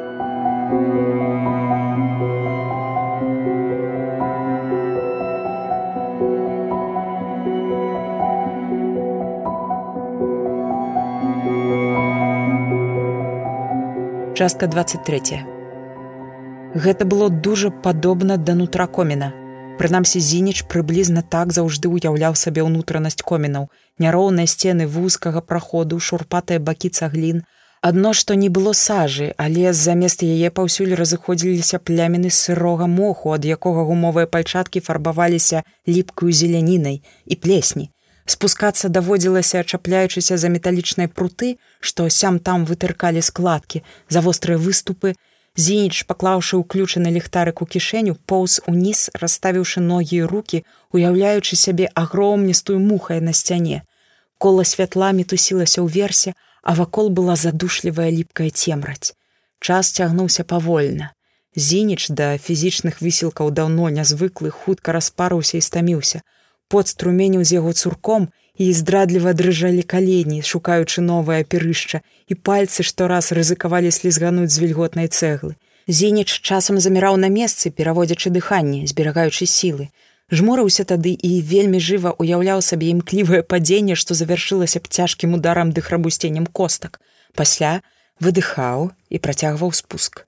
Нешта ўнутры упарта штурхала яго наперад штурхала нягледзячы на боязь болю пабітым замучаным целе знясіленасць ды нават прыродную гідлівасць якая звычайна пераважвала ў зінічы ўсё астатняе. То была можа зацятасць даследчыка а можа звычайная чалавечая цікаўнасць. А можа і нешта яшчэ незразумелае няўцямнае што ўскіпала ў жылах радаснымі бурбалкамі п'яніла і туманіла галаву Даўняя таямніца апынулася зусім побач, так што можна было дакрануцца. Даўніна вабіла, як мусіць матылёў вабіць поламя, і проста немагчыма было спыніцца. У нейкі момант зінічу падалося, болей не вытрымае. Ён перарывіста ўздыхнуў, з жахам адчуваючы, як праходзіць дрыготка па зняможаным целе. Зноў яскрава ў непрыемных падрабязнасцях уявілася, як ён падае, абдзіраючы калені локці аб выступы, як яго засыпае вострым каменнем, як ляжыць зламаная, ненатуральна вывернутая лялька ў цемры падзем'я. Зініча пацягнула на ваніты, але тут ён адчуў пад сабою пустку. Левая нага ў чарговы раз не знайшла на вобмаца капірышча, а павісла ў паветры. Зініч, сціснуўшы зубы, прыпаў да сырой кладкі жыватом і адной рукой, ледзьве паварочваючыся ў вузкім праходзе, выцягнуў з кішэні ліхтарык, святло ударыла ў твар, разанула па вачах, праміргаўшыся зініч змог разгледзець перад сабою цёмныя цагліны, апушаныя плесняй і мохам. Ліхтарык пужліва заміргаў і давялося злёгку трасянуць яго, каб свяціў роўна. Зараза, дадаў зініч здушана і, упёршыся локцем у вільготную сцяну лаза, выпусціў ліхтарык з пальцаў. Святло мерганула, амаль адразу пачуўся глухі стук. Зініч, пакрэхтваючы, вывернуўся і зірнуў долу. На каменных плітах мірна расцякалася пляміна жоўтага святла. Зініч змрочны засоб на ўскідку ацэньваючы адлегласць да падлогі. Было, мабыць, метры два, не болей, не так страшна, як яму падавалася спачатку. Ён зноў зажмурыўся і прыціснуўся ўсім целам, пэцкаючыся ў зеляніне да сырой цэглы павіс стрымліваючы дрыготку ў стомленых руках і раптам адчуў скрозь старую кладку скрозь нутро старога лаза як праходзіцца па падзем'і ледзь заўважны але пэўны гуд як яно трымціць скаланаецца раз за разам раз за разам быццам цячэ ў каменных жылах жывая кроў быццам б'ецца дзесь побач жывое сэрца.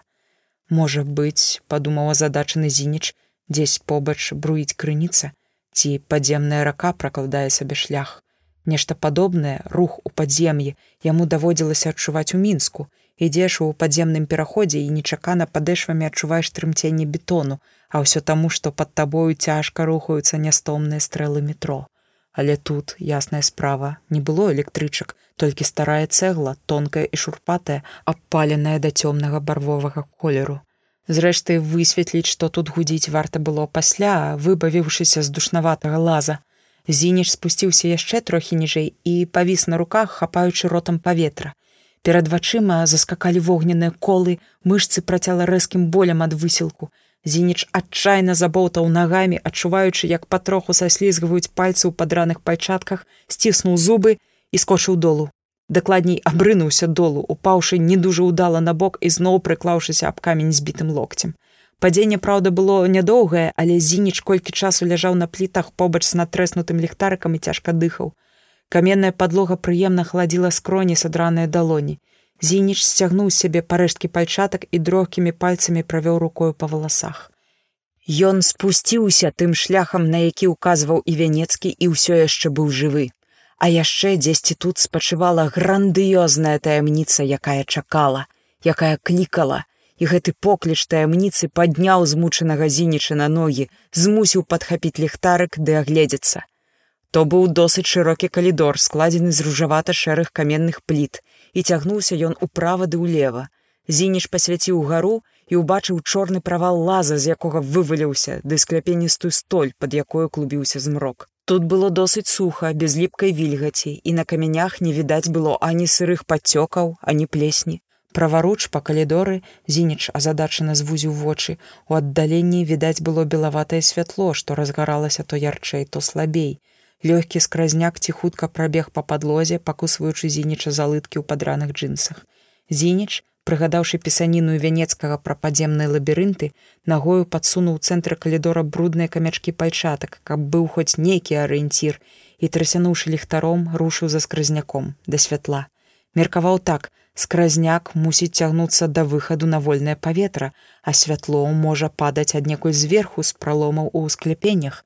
Тым шляхам ішлі некалі беланаўцы або не а ўсё такі некепска было б адшукаць выхад Паветра тут ставала, столь была высокая, але сама думка пра зямлю і каменне над галавою непрыемна ціснула на зінічава ўяўленне. Калідор цягнуўся роўна з ледзь заўважным нахілам. Праз колькі часу зініч быў упэўнены, што спускаецца, а не падымаецца, і ад гэтага зрабілася трохі мулкавата, дарма што разумеў, загадку беланаўцы хавалі б у глыбіні, а не блізка паверхні. Ён прайшоў па каменных сходах, што давалі нырца пад нізкаватую арку, адолеў яшчэ колькі метраў і замёр на месцы агаломшаны. бо сцены вакол пярэсцілі неабачанымі вастраносамі знакамі, падобнымі да клінапісу, завіткамі ды спіралямі. Тут жа ўкліньваліся ў надпісы грубаватыя малюнкі, і зініч, не верачы ўласным вачам, пабачыў намаляваных вохраю мамантаў, аточаных фігуркамі людзей са зброяй, і беглі ваўкі, і несліся алені і ляцелі за імі апераныя белымі і чырвонымі пёркамі стрэлы. Ліхтарык зноў мергануў і згас. Зініч патрос яго вылаяўся, калі зразумеў, што ўсё марна і ён застанецца ў цемры. Але цемры насуперак ягоным чаканням не было.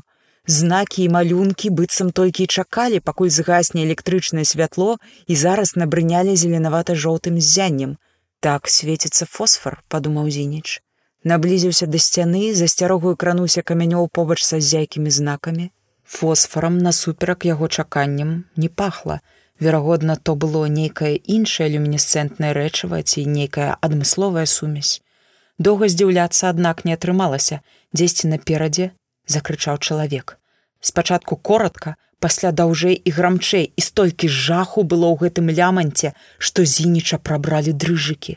Ён, прыпадаючы на адну нагу рушыў далей па калідоры, туды, дзе нехта заходзіўся крыкам і дзе радасна пазвоньвала вада і ўбачыў, неякавеючы, У падлогу калідора, асветленага ззяннем знакаў, былі ўмураваныя заіржаўленыя краты, а пад імі у круглым калодзежы, дарэмна цягнучыся ўгару да недасяжных кратаў стаяў Андрей Васильевич.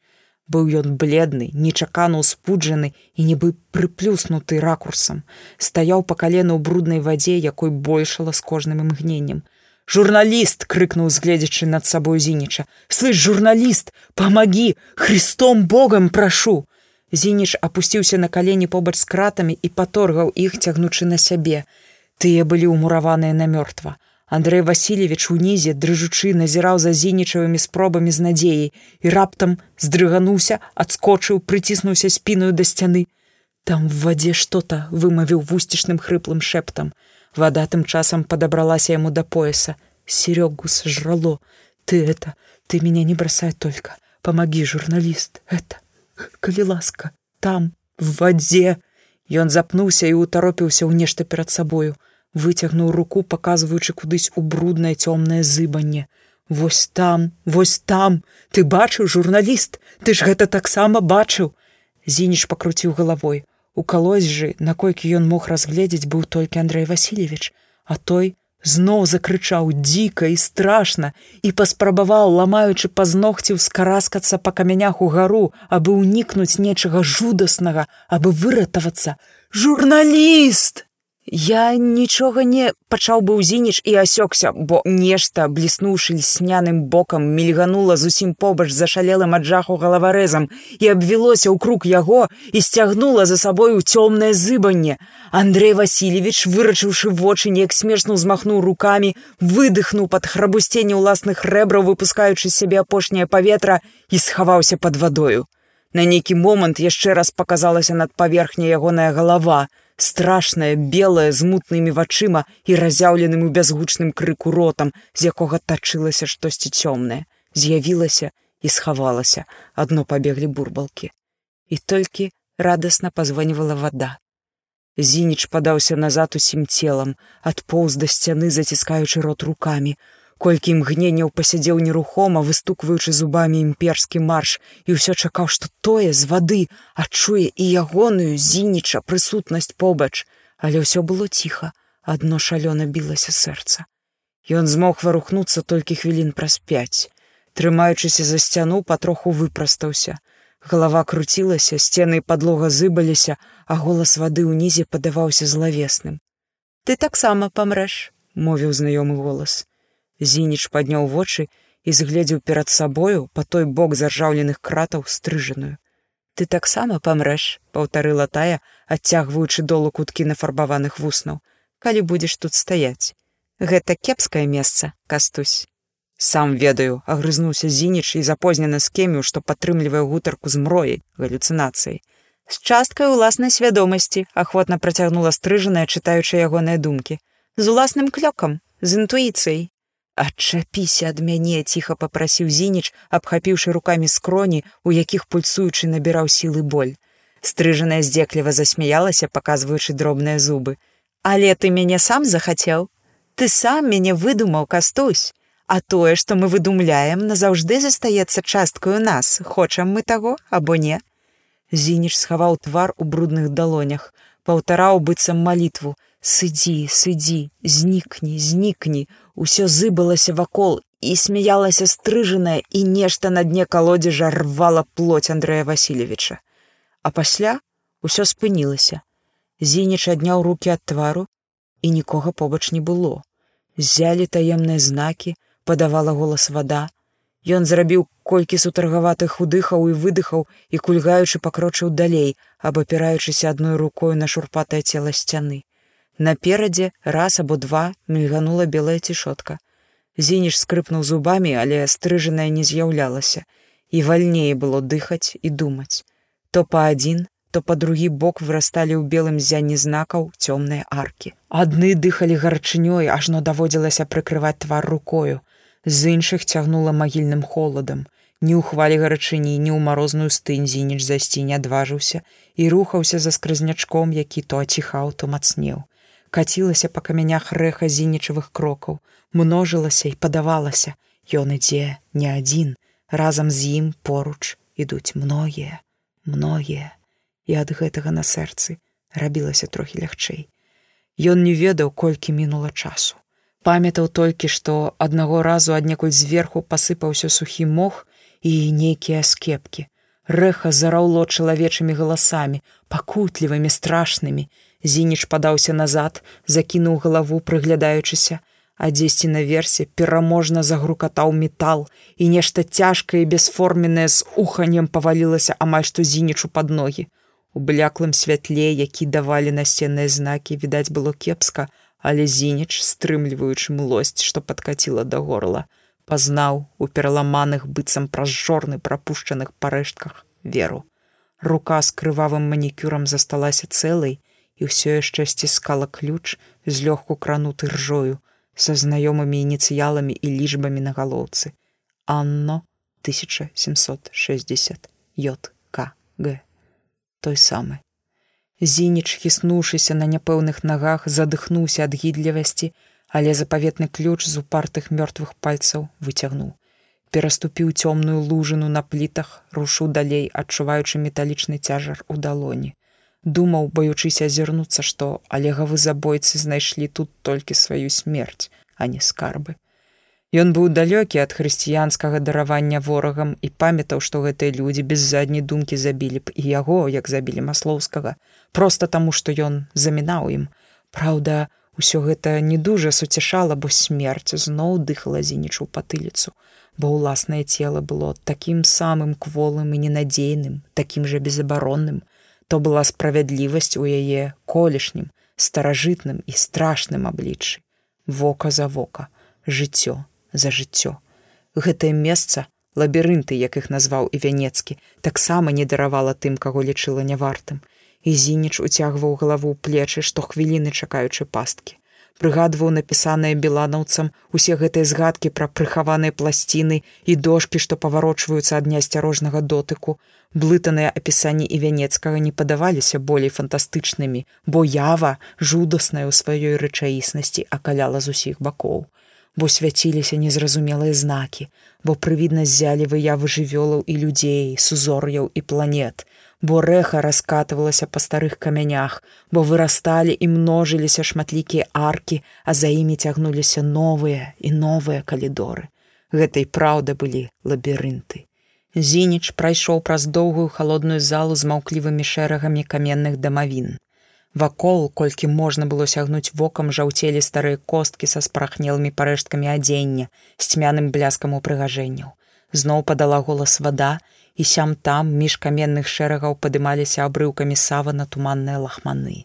Краем вока зініч бачыў, як вырастаюць з тых лахманоў паўпразрыстыя фігуры, як цягнуцца кашчавыя руки, каб ухапіць, затрымаць. Падаецца, паўтараў сам сябе зініч, просто падаецца, у цябе расхісталіся нервы, табе падаецца толькі ўсяго. Але нават паўтараючы сабе гэта, ён лічыў за лепшае не азірацца. Цямнелі на камянях рэзы, падобныя да клінапісу на сценах, а высока на скляпеннях зялі, то гаснучы, то разгараючыся, намаляваныя нечай умелай рукою сузор'і.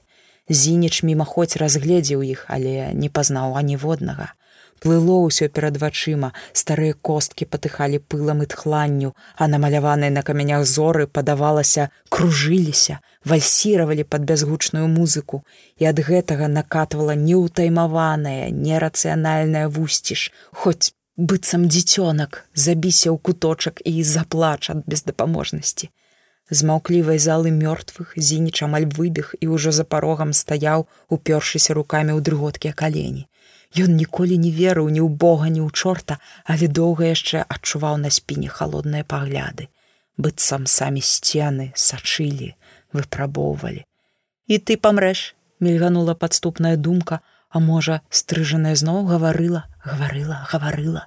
Зініч заціскаў вушы рукамі і ішоў наперад, выбіваючыся з сіл, дранцвеючы не столькі ад фізічнага, колькі ад душэўнага напружання. Раз або два на плітах падлогі з'яўляліся пазнакі крэйдай, мабыць, даўнія. Шасціканцовы крыжык і стрэлка наперад. Гэта падбадзёрвала і падганяла, і зініч, як не спрабаваў асцярожнічаць, усё ж міжвольна прыспешваўся. Адна з пліт павольна паплыла ўніз пад ягонай нагой, і ён адскочыў як апечаны, чакаючы чаго заўгодна, чакаючы небяспекі адусюль.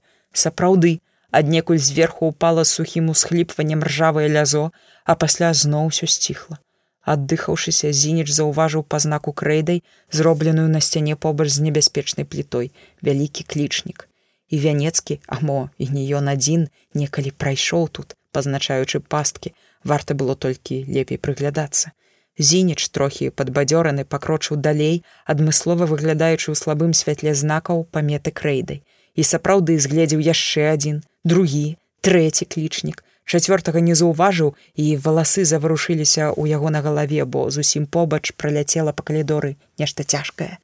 Зініш прыціснуўся да сцяны, нібы абдымаючы вастраносыя знакі, а тое нешта з грукатам увабралася ў столь над ім і прыціхла да пары. Зініч удыхнуў і выдыхнуў увесь абліты халодным потам, знясілены і ледзь адліп ад сцяны, бо ногі не трымалі, узважыў на руцэ цяжкі ключ ад таямніцы. У калідоры наперадзе мільганула белая, і зініч унутрана сціснуўся, чакаючы новага з'яўлення стрыжанай. Але то быў высокі, барадаты стары у доўгім светлым адзенні. Ішоў, абапіраючыся на кій, не зважаючы ні на што, быццам яшчэ адна здань.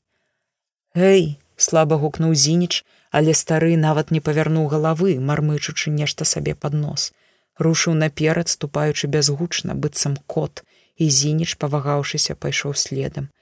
Яны мінулі одну арку з-пад якой ззяла пералівістае святло і гучала вода зініч мімаходзь згледзеў каменны мост над плынню і звівы зеляніны на сценах але прыпыніцца не было як. Стары нястомны ішоў наперад як заведзены. Зініч гукаў яго яшчэ пару разоў але той толькі прыстукваў кіем і працягваў свой шлях усё паўтараючы нешта пад нос. І калідоры плылі вакол іх і плылі вогненыя знакі і множыліся крокі быццам ішлі не двое а безліч. Той хто ідзе да галгофы мудрасці нараспеў гаварыў стары каго хады прапусцілі мусіць кіравацца гэтым шляхам. Такая была дамоўленасць з ключнікам. Такая была ягоная воля хто вы такі выціснуў зініч калі стары паўтараючы адно і тое ж прыпыніўся такі ля вузкіх прыступак. Тыя караскаліся ў гару сыходзячы ў цемраць і цемраць дыхала рачную свежасцю. Стары павярнуўся павольна сціскаючы кіз бляклым агенчыкам бліскучая каменя на навершы. Уважліва ўтаропіўся зінічу твар зацягнутымі бельмамі сляпымі вачыма быццам мог імі нешта бачыць трасянуў галавой На жоўклай кашулі на запалых грудях варухнуўся шнурок з круглай бліскучай манеткай, быццам дзіцячы талісман. Хто вы?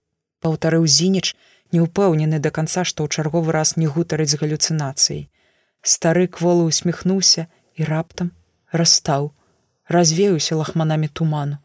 Па калідоры за спінай пахладзелага зініча прабеглі звонкія дзіцячыя крокі, і ўсё сціхла. Зініш правёў рукой па твары, збіраючыся з думкамі. На сцяне побач з прыступкамі тая ж рука ўжо знаёмая рука кучаравіста напісала крэйдаю: Руш на галгофу мудрасці. За вячэрай сядзелі 13. Колькі з іх панеслі слова надалей. То быў не адказ, але новая загадка ад беланаўцаў. Зініч сутаргавата павёў плячыма. Галгофа мудрасці паўтараў сам сабе, варочаючы словы на ўсе лады, разам і паасобку. Крыж і галгофа. Шлях на галгофу гэта шлях да крыжа, відавочна, што тычыцца мудрасці, тут зініч не быў упэўнены. Прыступкі ўздымаліся крута, ажно займала дыханне, і столь была нізкая, так што высокаму зінічу даводзілася прыгінацца. На шчасце пад'ём досыць хутка скончыўся, і ўпрост над дзінічам выраз цемры пакрэслены святлом прастакутнік. Зініч з надзеяй штурхануў, але той не паддаўся, і тады давялося прыналегчы, сабраўшы ўсе сілы, што засталіся. Ух! Дзесь шумна пасыпалася драбяза, з драўляным грукатам штосьці звалілася, Зініш, не ўтрымаўшы раўнавагу, кулём выкаціўся наперад, паваліўшыся на нешта, што з перапуду падалося яму застылым трупам. Калыхалася зялёная фіранка, пахла музейным пылам, старым дрэвам і вапнай. Вакол у паўзмроку грувасцілася нейкая пыльная ламача, а труп пад зінічам аказаўся драўлянай фігурай, кранутай шашалем, з рэшткамі крыжа за плячыма. Зініч павольна падняўся на ногі і ледзь не прыклаўся макаўкай аб нізкую столь. Прайшоў, згінаючыся, рэзка адшоргнуў фіранку, што боталася на металічным карнізе, зажмурыўся аслеплены электрычным святлом і ледзьве не паваліўся зноў за агароджу з пазнакай службовыя памяшканні. Ён, акрываўлены і брудны, вельмі недарэчны тут, апынуўся побач з акуратнымі зашклёнымі вітрынамі, уладкаванымі побач са старажытнай кладкай. Нізкую столь падтрымлівалі драўляныя слупы, а на сцяне насупраць былі развешаныя выявы сабораў з розных гарадоў кіеўскай русі. Сафія, хрыпла сказаў Зініч.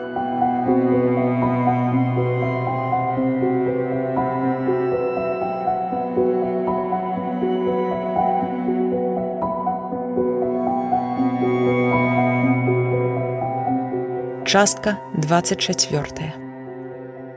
Золата на баку пярэднім, апроч двух крыжыкаў з таго ж металу 12, на адваротным баку 11 частак.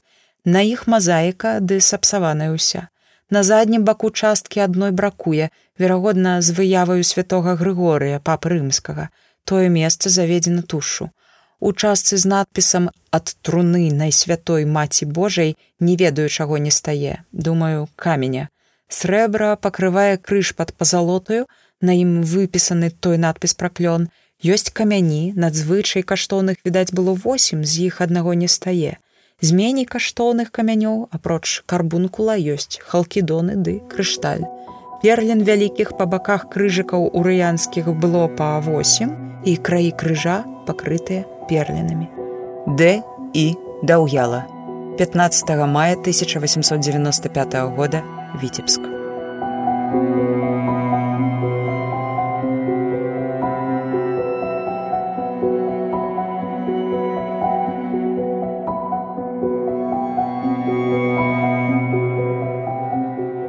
Частка 25. Мудрасць пісалі яны. Зразумець загадку беланаўцаў хаця б на палову было па вялікім рахунку не так складана.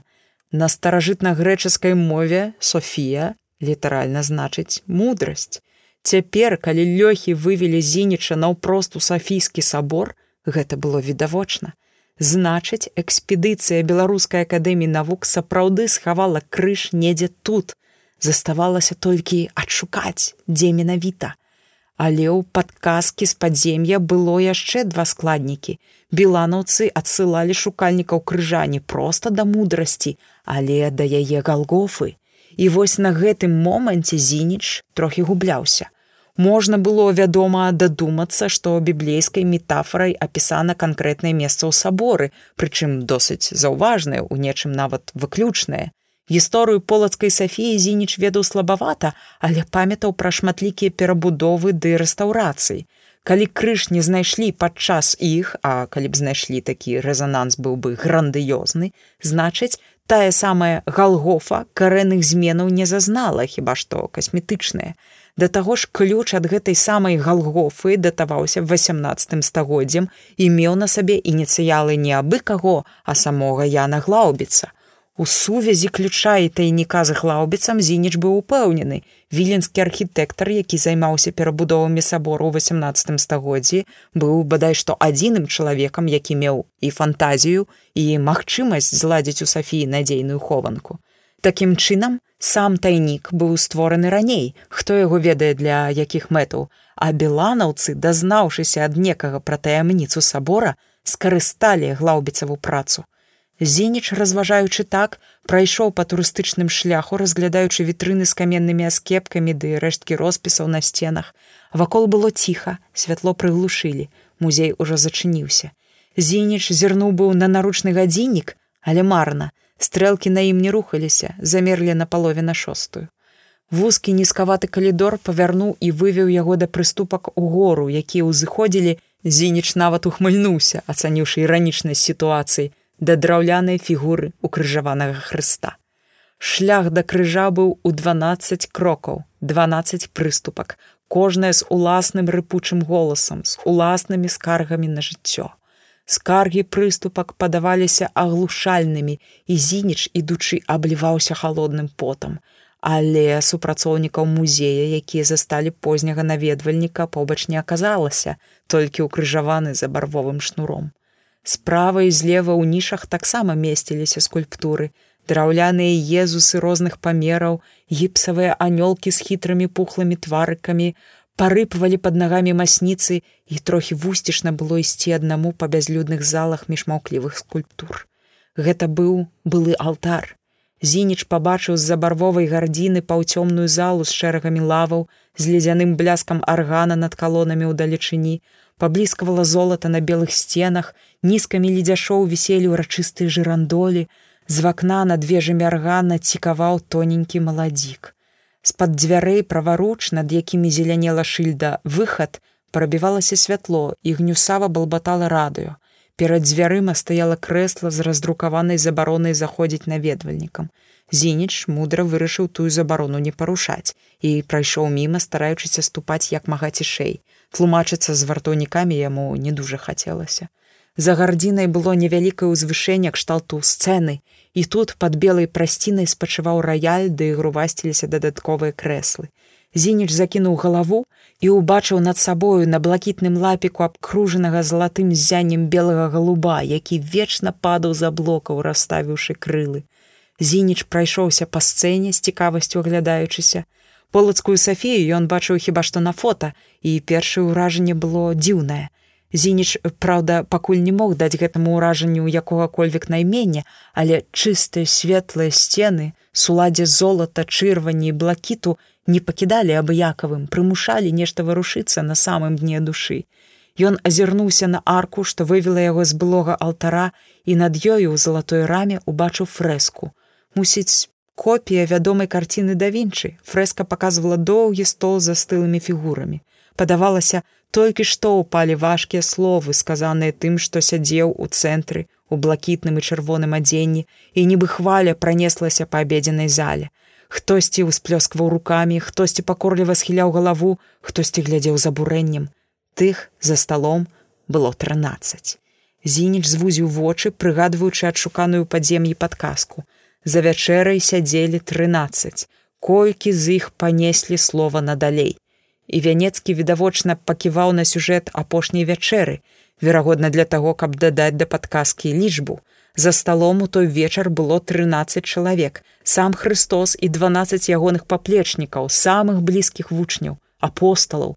Слова веры надалей яны распаўсюджвалі сярод люду ці паводле вянецкага неслі надалей усе апосталы, што былі на апошняй вячэры, апроч аднаго іуды і скарыёта, які, калі верыць бібліі, павесіўся, не вытрымаўшы цяжару віны. Гэтыя няхітрыя разлікі давалі ў выніку лічбу 11. Зініч азадачана пацёр лоб. У задачцы вянецкага незразумелым заставаўся адно элемент з галгофай. Ён прайшоў паўз шэрагі складзеных крэслаў і ацалелую палову фрэскі з укрыжаваннем хрыста на сцяне справа. У нішы пад акном святы юры ў шаломе з плюмажам забіваў цмока, а той касіўся на зініча пакутлівымі вачыма. Побач вырастала з падлогі магутная калона, абкружаная шэрагам драбнейшых, што падтрымлівалі блакітны шыт з залатым вензелем. Зініч абышоў яе кругам, нават асцярожна пастукаў па белым баку калоны касцяжкамі пальцаў, незадаволена пахітаў галавой. Хованка магла быць дзе заўгодна, зусім блізка ад яго, але незаўважная па-ранейшаму недасяжная. І гэтай недасяжнасць знясілівала болей за шлях пад зямлёю, бо зініч надзвычай моцна адчуў уласную бездапаможнасць. Яму заўжды верылася ў пераможнасць чалавечага розуму, у прыватнасці свайго ўласнага розуму. Тым больш балюча было адчуць зараз недахоп уласных ведаў і кемлівасці. Злуючыся на сябе, зініч пакружляў па зале яшчэ раз, з канца ў канец і яшчэ раз спыніўся на нейкі час побач з рэканструкцыяй старажытнай падлогі, аддзеленай драўлянымі парэнчамі. Турысты паспелі накідаць на жоўтыя і зялёныя пліткі грошай з большага расійскіх рублёў. Зініч мутна паглядзеў на патрэсканыя квадрацікі сучаснай кафлі, на захаваныя за шклом даўнія пліткі, сеў на край бліжняй лавы змрочна аглядаючы музейную залу з макетам колішняй сафіі з экспазіцыяй старадаўніх упрыгажэнняў з акуратнымі шыльдачкамі перад экспанатамі. Усё гэта нагадывала, што з часоў экспедыцыі Белаэн прайшло незваротна шмат часу, амаль сто гадоў. Сабор з той пары змяніўся досыць істотна, і беланаўцы, калі ўтваралі сваю хованку ды укладалі свае падказкі, бачылі зусім іншую сафію. Зініч выцягваў ногі, якія ажно гулі ад стомы. Хацелася піць, нылі пабітыя локаці спіна, пахруствала нешта ў калене, хіліла ў сон, само цела бунтавала і вымагала адпачынку, але зініч яшчэ ўпарціўся, не дазваляючы сабе расслабіцца, з зацятасцю перабіраючы вядомыя факты. Металічны цяжар ключа ў руцэ дадаваў упэўненасці і трохі падбадзёрваў, але роспач падкатывала бліжэй і бліжэй і ўсё мацней хацелася кінуць усё гэта ды выправіцца дамоў. Думка была спакуслівая і радасная ў лёгкасці вырашэння. Сапраўды, як проста кінуць усю гэтую лухту, усе гэтыя рошчукі, лабірынты, якія вядуць у нікуды, кінуць і забыць. Але муляла адно, Олег бы не здаўся вось так проста. Олег бы што-небудзь абавязкова прыдумаў, бо гэта ж ён, маслоўскі, скеміў, што беланавец паківае на звеставанне. Маслоўскі ніколі не быў разумнейшым, прынамсі, не меў такой эрудыцыі або логікі, як зініч. У партасці ім абодвум было не займаць. Аднак маслоўскі валодаў іншай асаблівасцю, не менш важнай для таленавітага даследчыка. Натхненнем. Выснова была нечаканая і горкая. Зініч, раздражнёна торгаючы краем рота, падняўся на ногі, захадзіў побач з парэнчамі, тры крокі туды, тры назад, чаго-чаго натхнення яму не ставала асабліва цяпер. Трэба разважаць найперш лагічна, меркаваў зініч, спрабуючы супакоіцца. Беланаўцы не былі ідыётамі і хавалі сапраўдны крыж з такім разлікам, каб аднойчы можна было яго адшукаць. Значыць, павінны былі разумець, што будынкі, як і людзі змяняюцца з часам. Значыць, адмыслова выбіралі б такую хованку і такі арыенцір, якія з часам засталіся б нязменнымі якія кідаліся б у вочы, але пры ўсім тым выбітны арыенцір беланаўцаў асабліва не чапалі б пры перабудовах.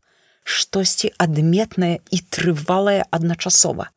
Зініч спыніўся, раздумваючы, рассеяна паціраючы бруднай рукою падбароддзе. Старажытныя сцены падмуркі ўнізе, напэўна ж мусілі уважліва пераглядаць падчас кансервацыі для таго, каб пракласці там ацяпленне, ды да турыстычны шлях з вітрынамі і падсветкай, звонку хаваць нешта таксама не мела сэнсу, ды да і было небяспечна як для захаванасці крыжа, так і для саміх беланаўцаў, нехта абавязкова заўважыў іх побач. У алтары змясціць тайнік няма дзе, а размешчаныя там скульптуры былі прынесеныя для экспанавання значна пазней, значыць, заставалася цяперашняя музейная зала. Калоны, магчыма, ці, которая знішаў, вагаючыся, Зініч мутна зірнуў перад сабою на прыступкі амбону з шыльдай, якая рашуча забараняла ўваход. Механічна па даўняй звычцы пералічыў прыступкі. Адна, дзве, тры, адзінаццаць з драўлянымі накрыўкамі сцертымі часам і дзве зверху каменныя, як і падлога. Трынаццаць. Лічба агніста ўспыхнула перад унутраным зрокам і заінтрыгаваны зініч ускінуў бровы. Наблізіўся да вузкага праходу, пералічыў яшчэ раз, неякавеючы, баючыся памыліцца. Трынаццаць. Зініч прысвіснуў, прыгадаў па старажытна-грэчаску амбон, узвышэнне, Галгофа, на якой Христос быў крыжаваны, таксама ўзвышэнне. Сімвалічна было б схаваць крыж у хованцы на амбоне, сапраўднай галгофе мудрасці, узвышэнні ўнутры Сафіі, шлях на галгофу, таксама шлях да крыжа. Пальцы пахаладзелі ад хвалявання і зініч пацёр руки, пахукаў на далоні, падняўся, акуратна пераступіўшы раздрукаваную забарону на амбон. Тут На маленькім дашку у лацы блакіту таксама завіс голуб, як увасабленне святого духа, што сыходзіў на святароў падчас казаняў. Зініч агледзеў замбона паўасветленую залу і павярнуўся да сходаў. Калі ён правільна зразумеў падказку і вянецкага, тайнік месціўся ў адзінаццатай прыступцы, апошняй з тых, што былі паўзверх каменя, укрытыя пацямнелымі дошкамі. Зініч, пакрэхтываючы, прысеў на перадапошняй прыступцы, амаль ласкава правёў пальцамі па гладкай дошцы знізу. Ніякай зачэпкі, ніводнай адтуліны, ніводнага паза. Ён спусціўся ніжэй, прысеў бокам, старанна прастукаў дошку, прыклаўшы да яе вуха. Насуперак ягоным чаканням гулкая пустка ўнутры не адгукнулася, і зініч адваліўся назад расчараваны. Зачапіў локцем пабеленую сцяну побач з прыступкай, вылаяўся, абтрасаючы з дранага рукава лускавінкі сухой пабелкі, адчуванне было такое, быццам раскусіў пусты гарэх. Лускавінкі пабелкі чапляліся да шведра, сыпаліся на паліраванае дрэва. На тынку зініч уважліва прыгледзеўся, забыўшыся на рукаў, былі надрапаныя тры літары лацінкі: Йод, К, Г. Зініч выдыхнуў у момант забыўшыся на смагу стому і боль, Абціраючы ініцыялы глаўбіцца на сцяне рукавом, ён выпадкова абапёрся на самы край прыступкі рукою, перанёсшы на яе ўвесь свой цяжар. І раптам радасна задрыжаў. На дошцы выступілі неглыбокія лініі пазоў, а з глыбіні амбона ціха, але яўна пачуўся пстрык. Быццам павярнулася, устаючы на належнае месца шасцярэнька. Прыкусіўшы вусны, Зініч зноў правёў рукой па цёмнай паверхні прыступкі і зноў не адшукаў адтуліну для ключа. Зініч, нахмурыўшыся, абмацаў край прыступкі там, дзе старое дрэва судакраналася з каменем. Сэрца ў яго адразу ж прапусціла ўдар, бо акурат пасярэдзіне стаў дубка прастакутны кавалак драўніны, а за ім пахаладзіў пальцы метал пласціны з замочнай шчылінай. Зініч дрохкай рукой паднёс да яе ключ. На імгненне зажмурыўся, бо закруцілася галава, і Сафія ўся ў залатым бляску ў чырвані і блакіце, у гіпсавых ружах ды лісці паплыла перад ім. Але зініч амаль адразу з млосцю справіўся і ўставіў ключ глаўбіца і павярнуў тройчы супраць сонца, адчуваючы, як павольна рухаюцца металічныя зубцы, як неахвотна паварочваецца заспаны за гады механізм. Паліраваная дошка распалася напалам уздоўж, і верхняя палова, вохнуўшы, паднялася, быццам вечка куферка. Зініч, баючыся нават уздыхнуць, зазірнуў тайнік. У прыглушаным святле зачыненага музея на золаце і срэбры радасна бліснулі жаўтаватыя перліны.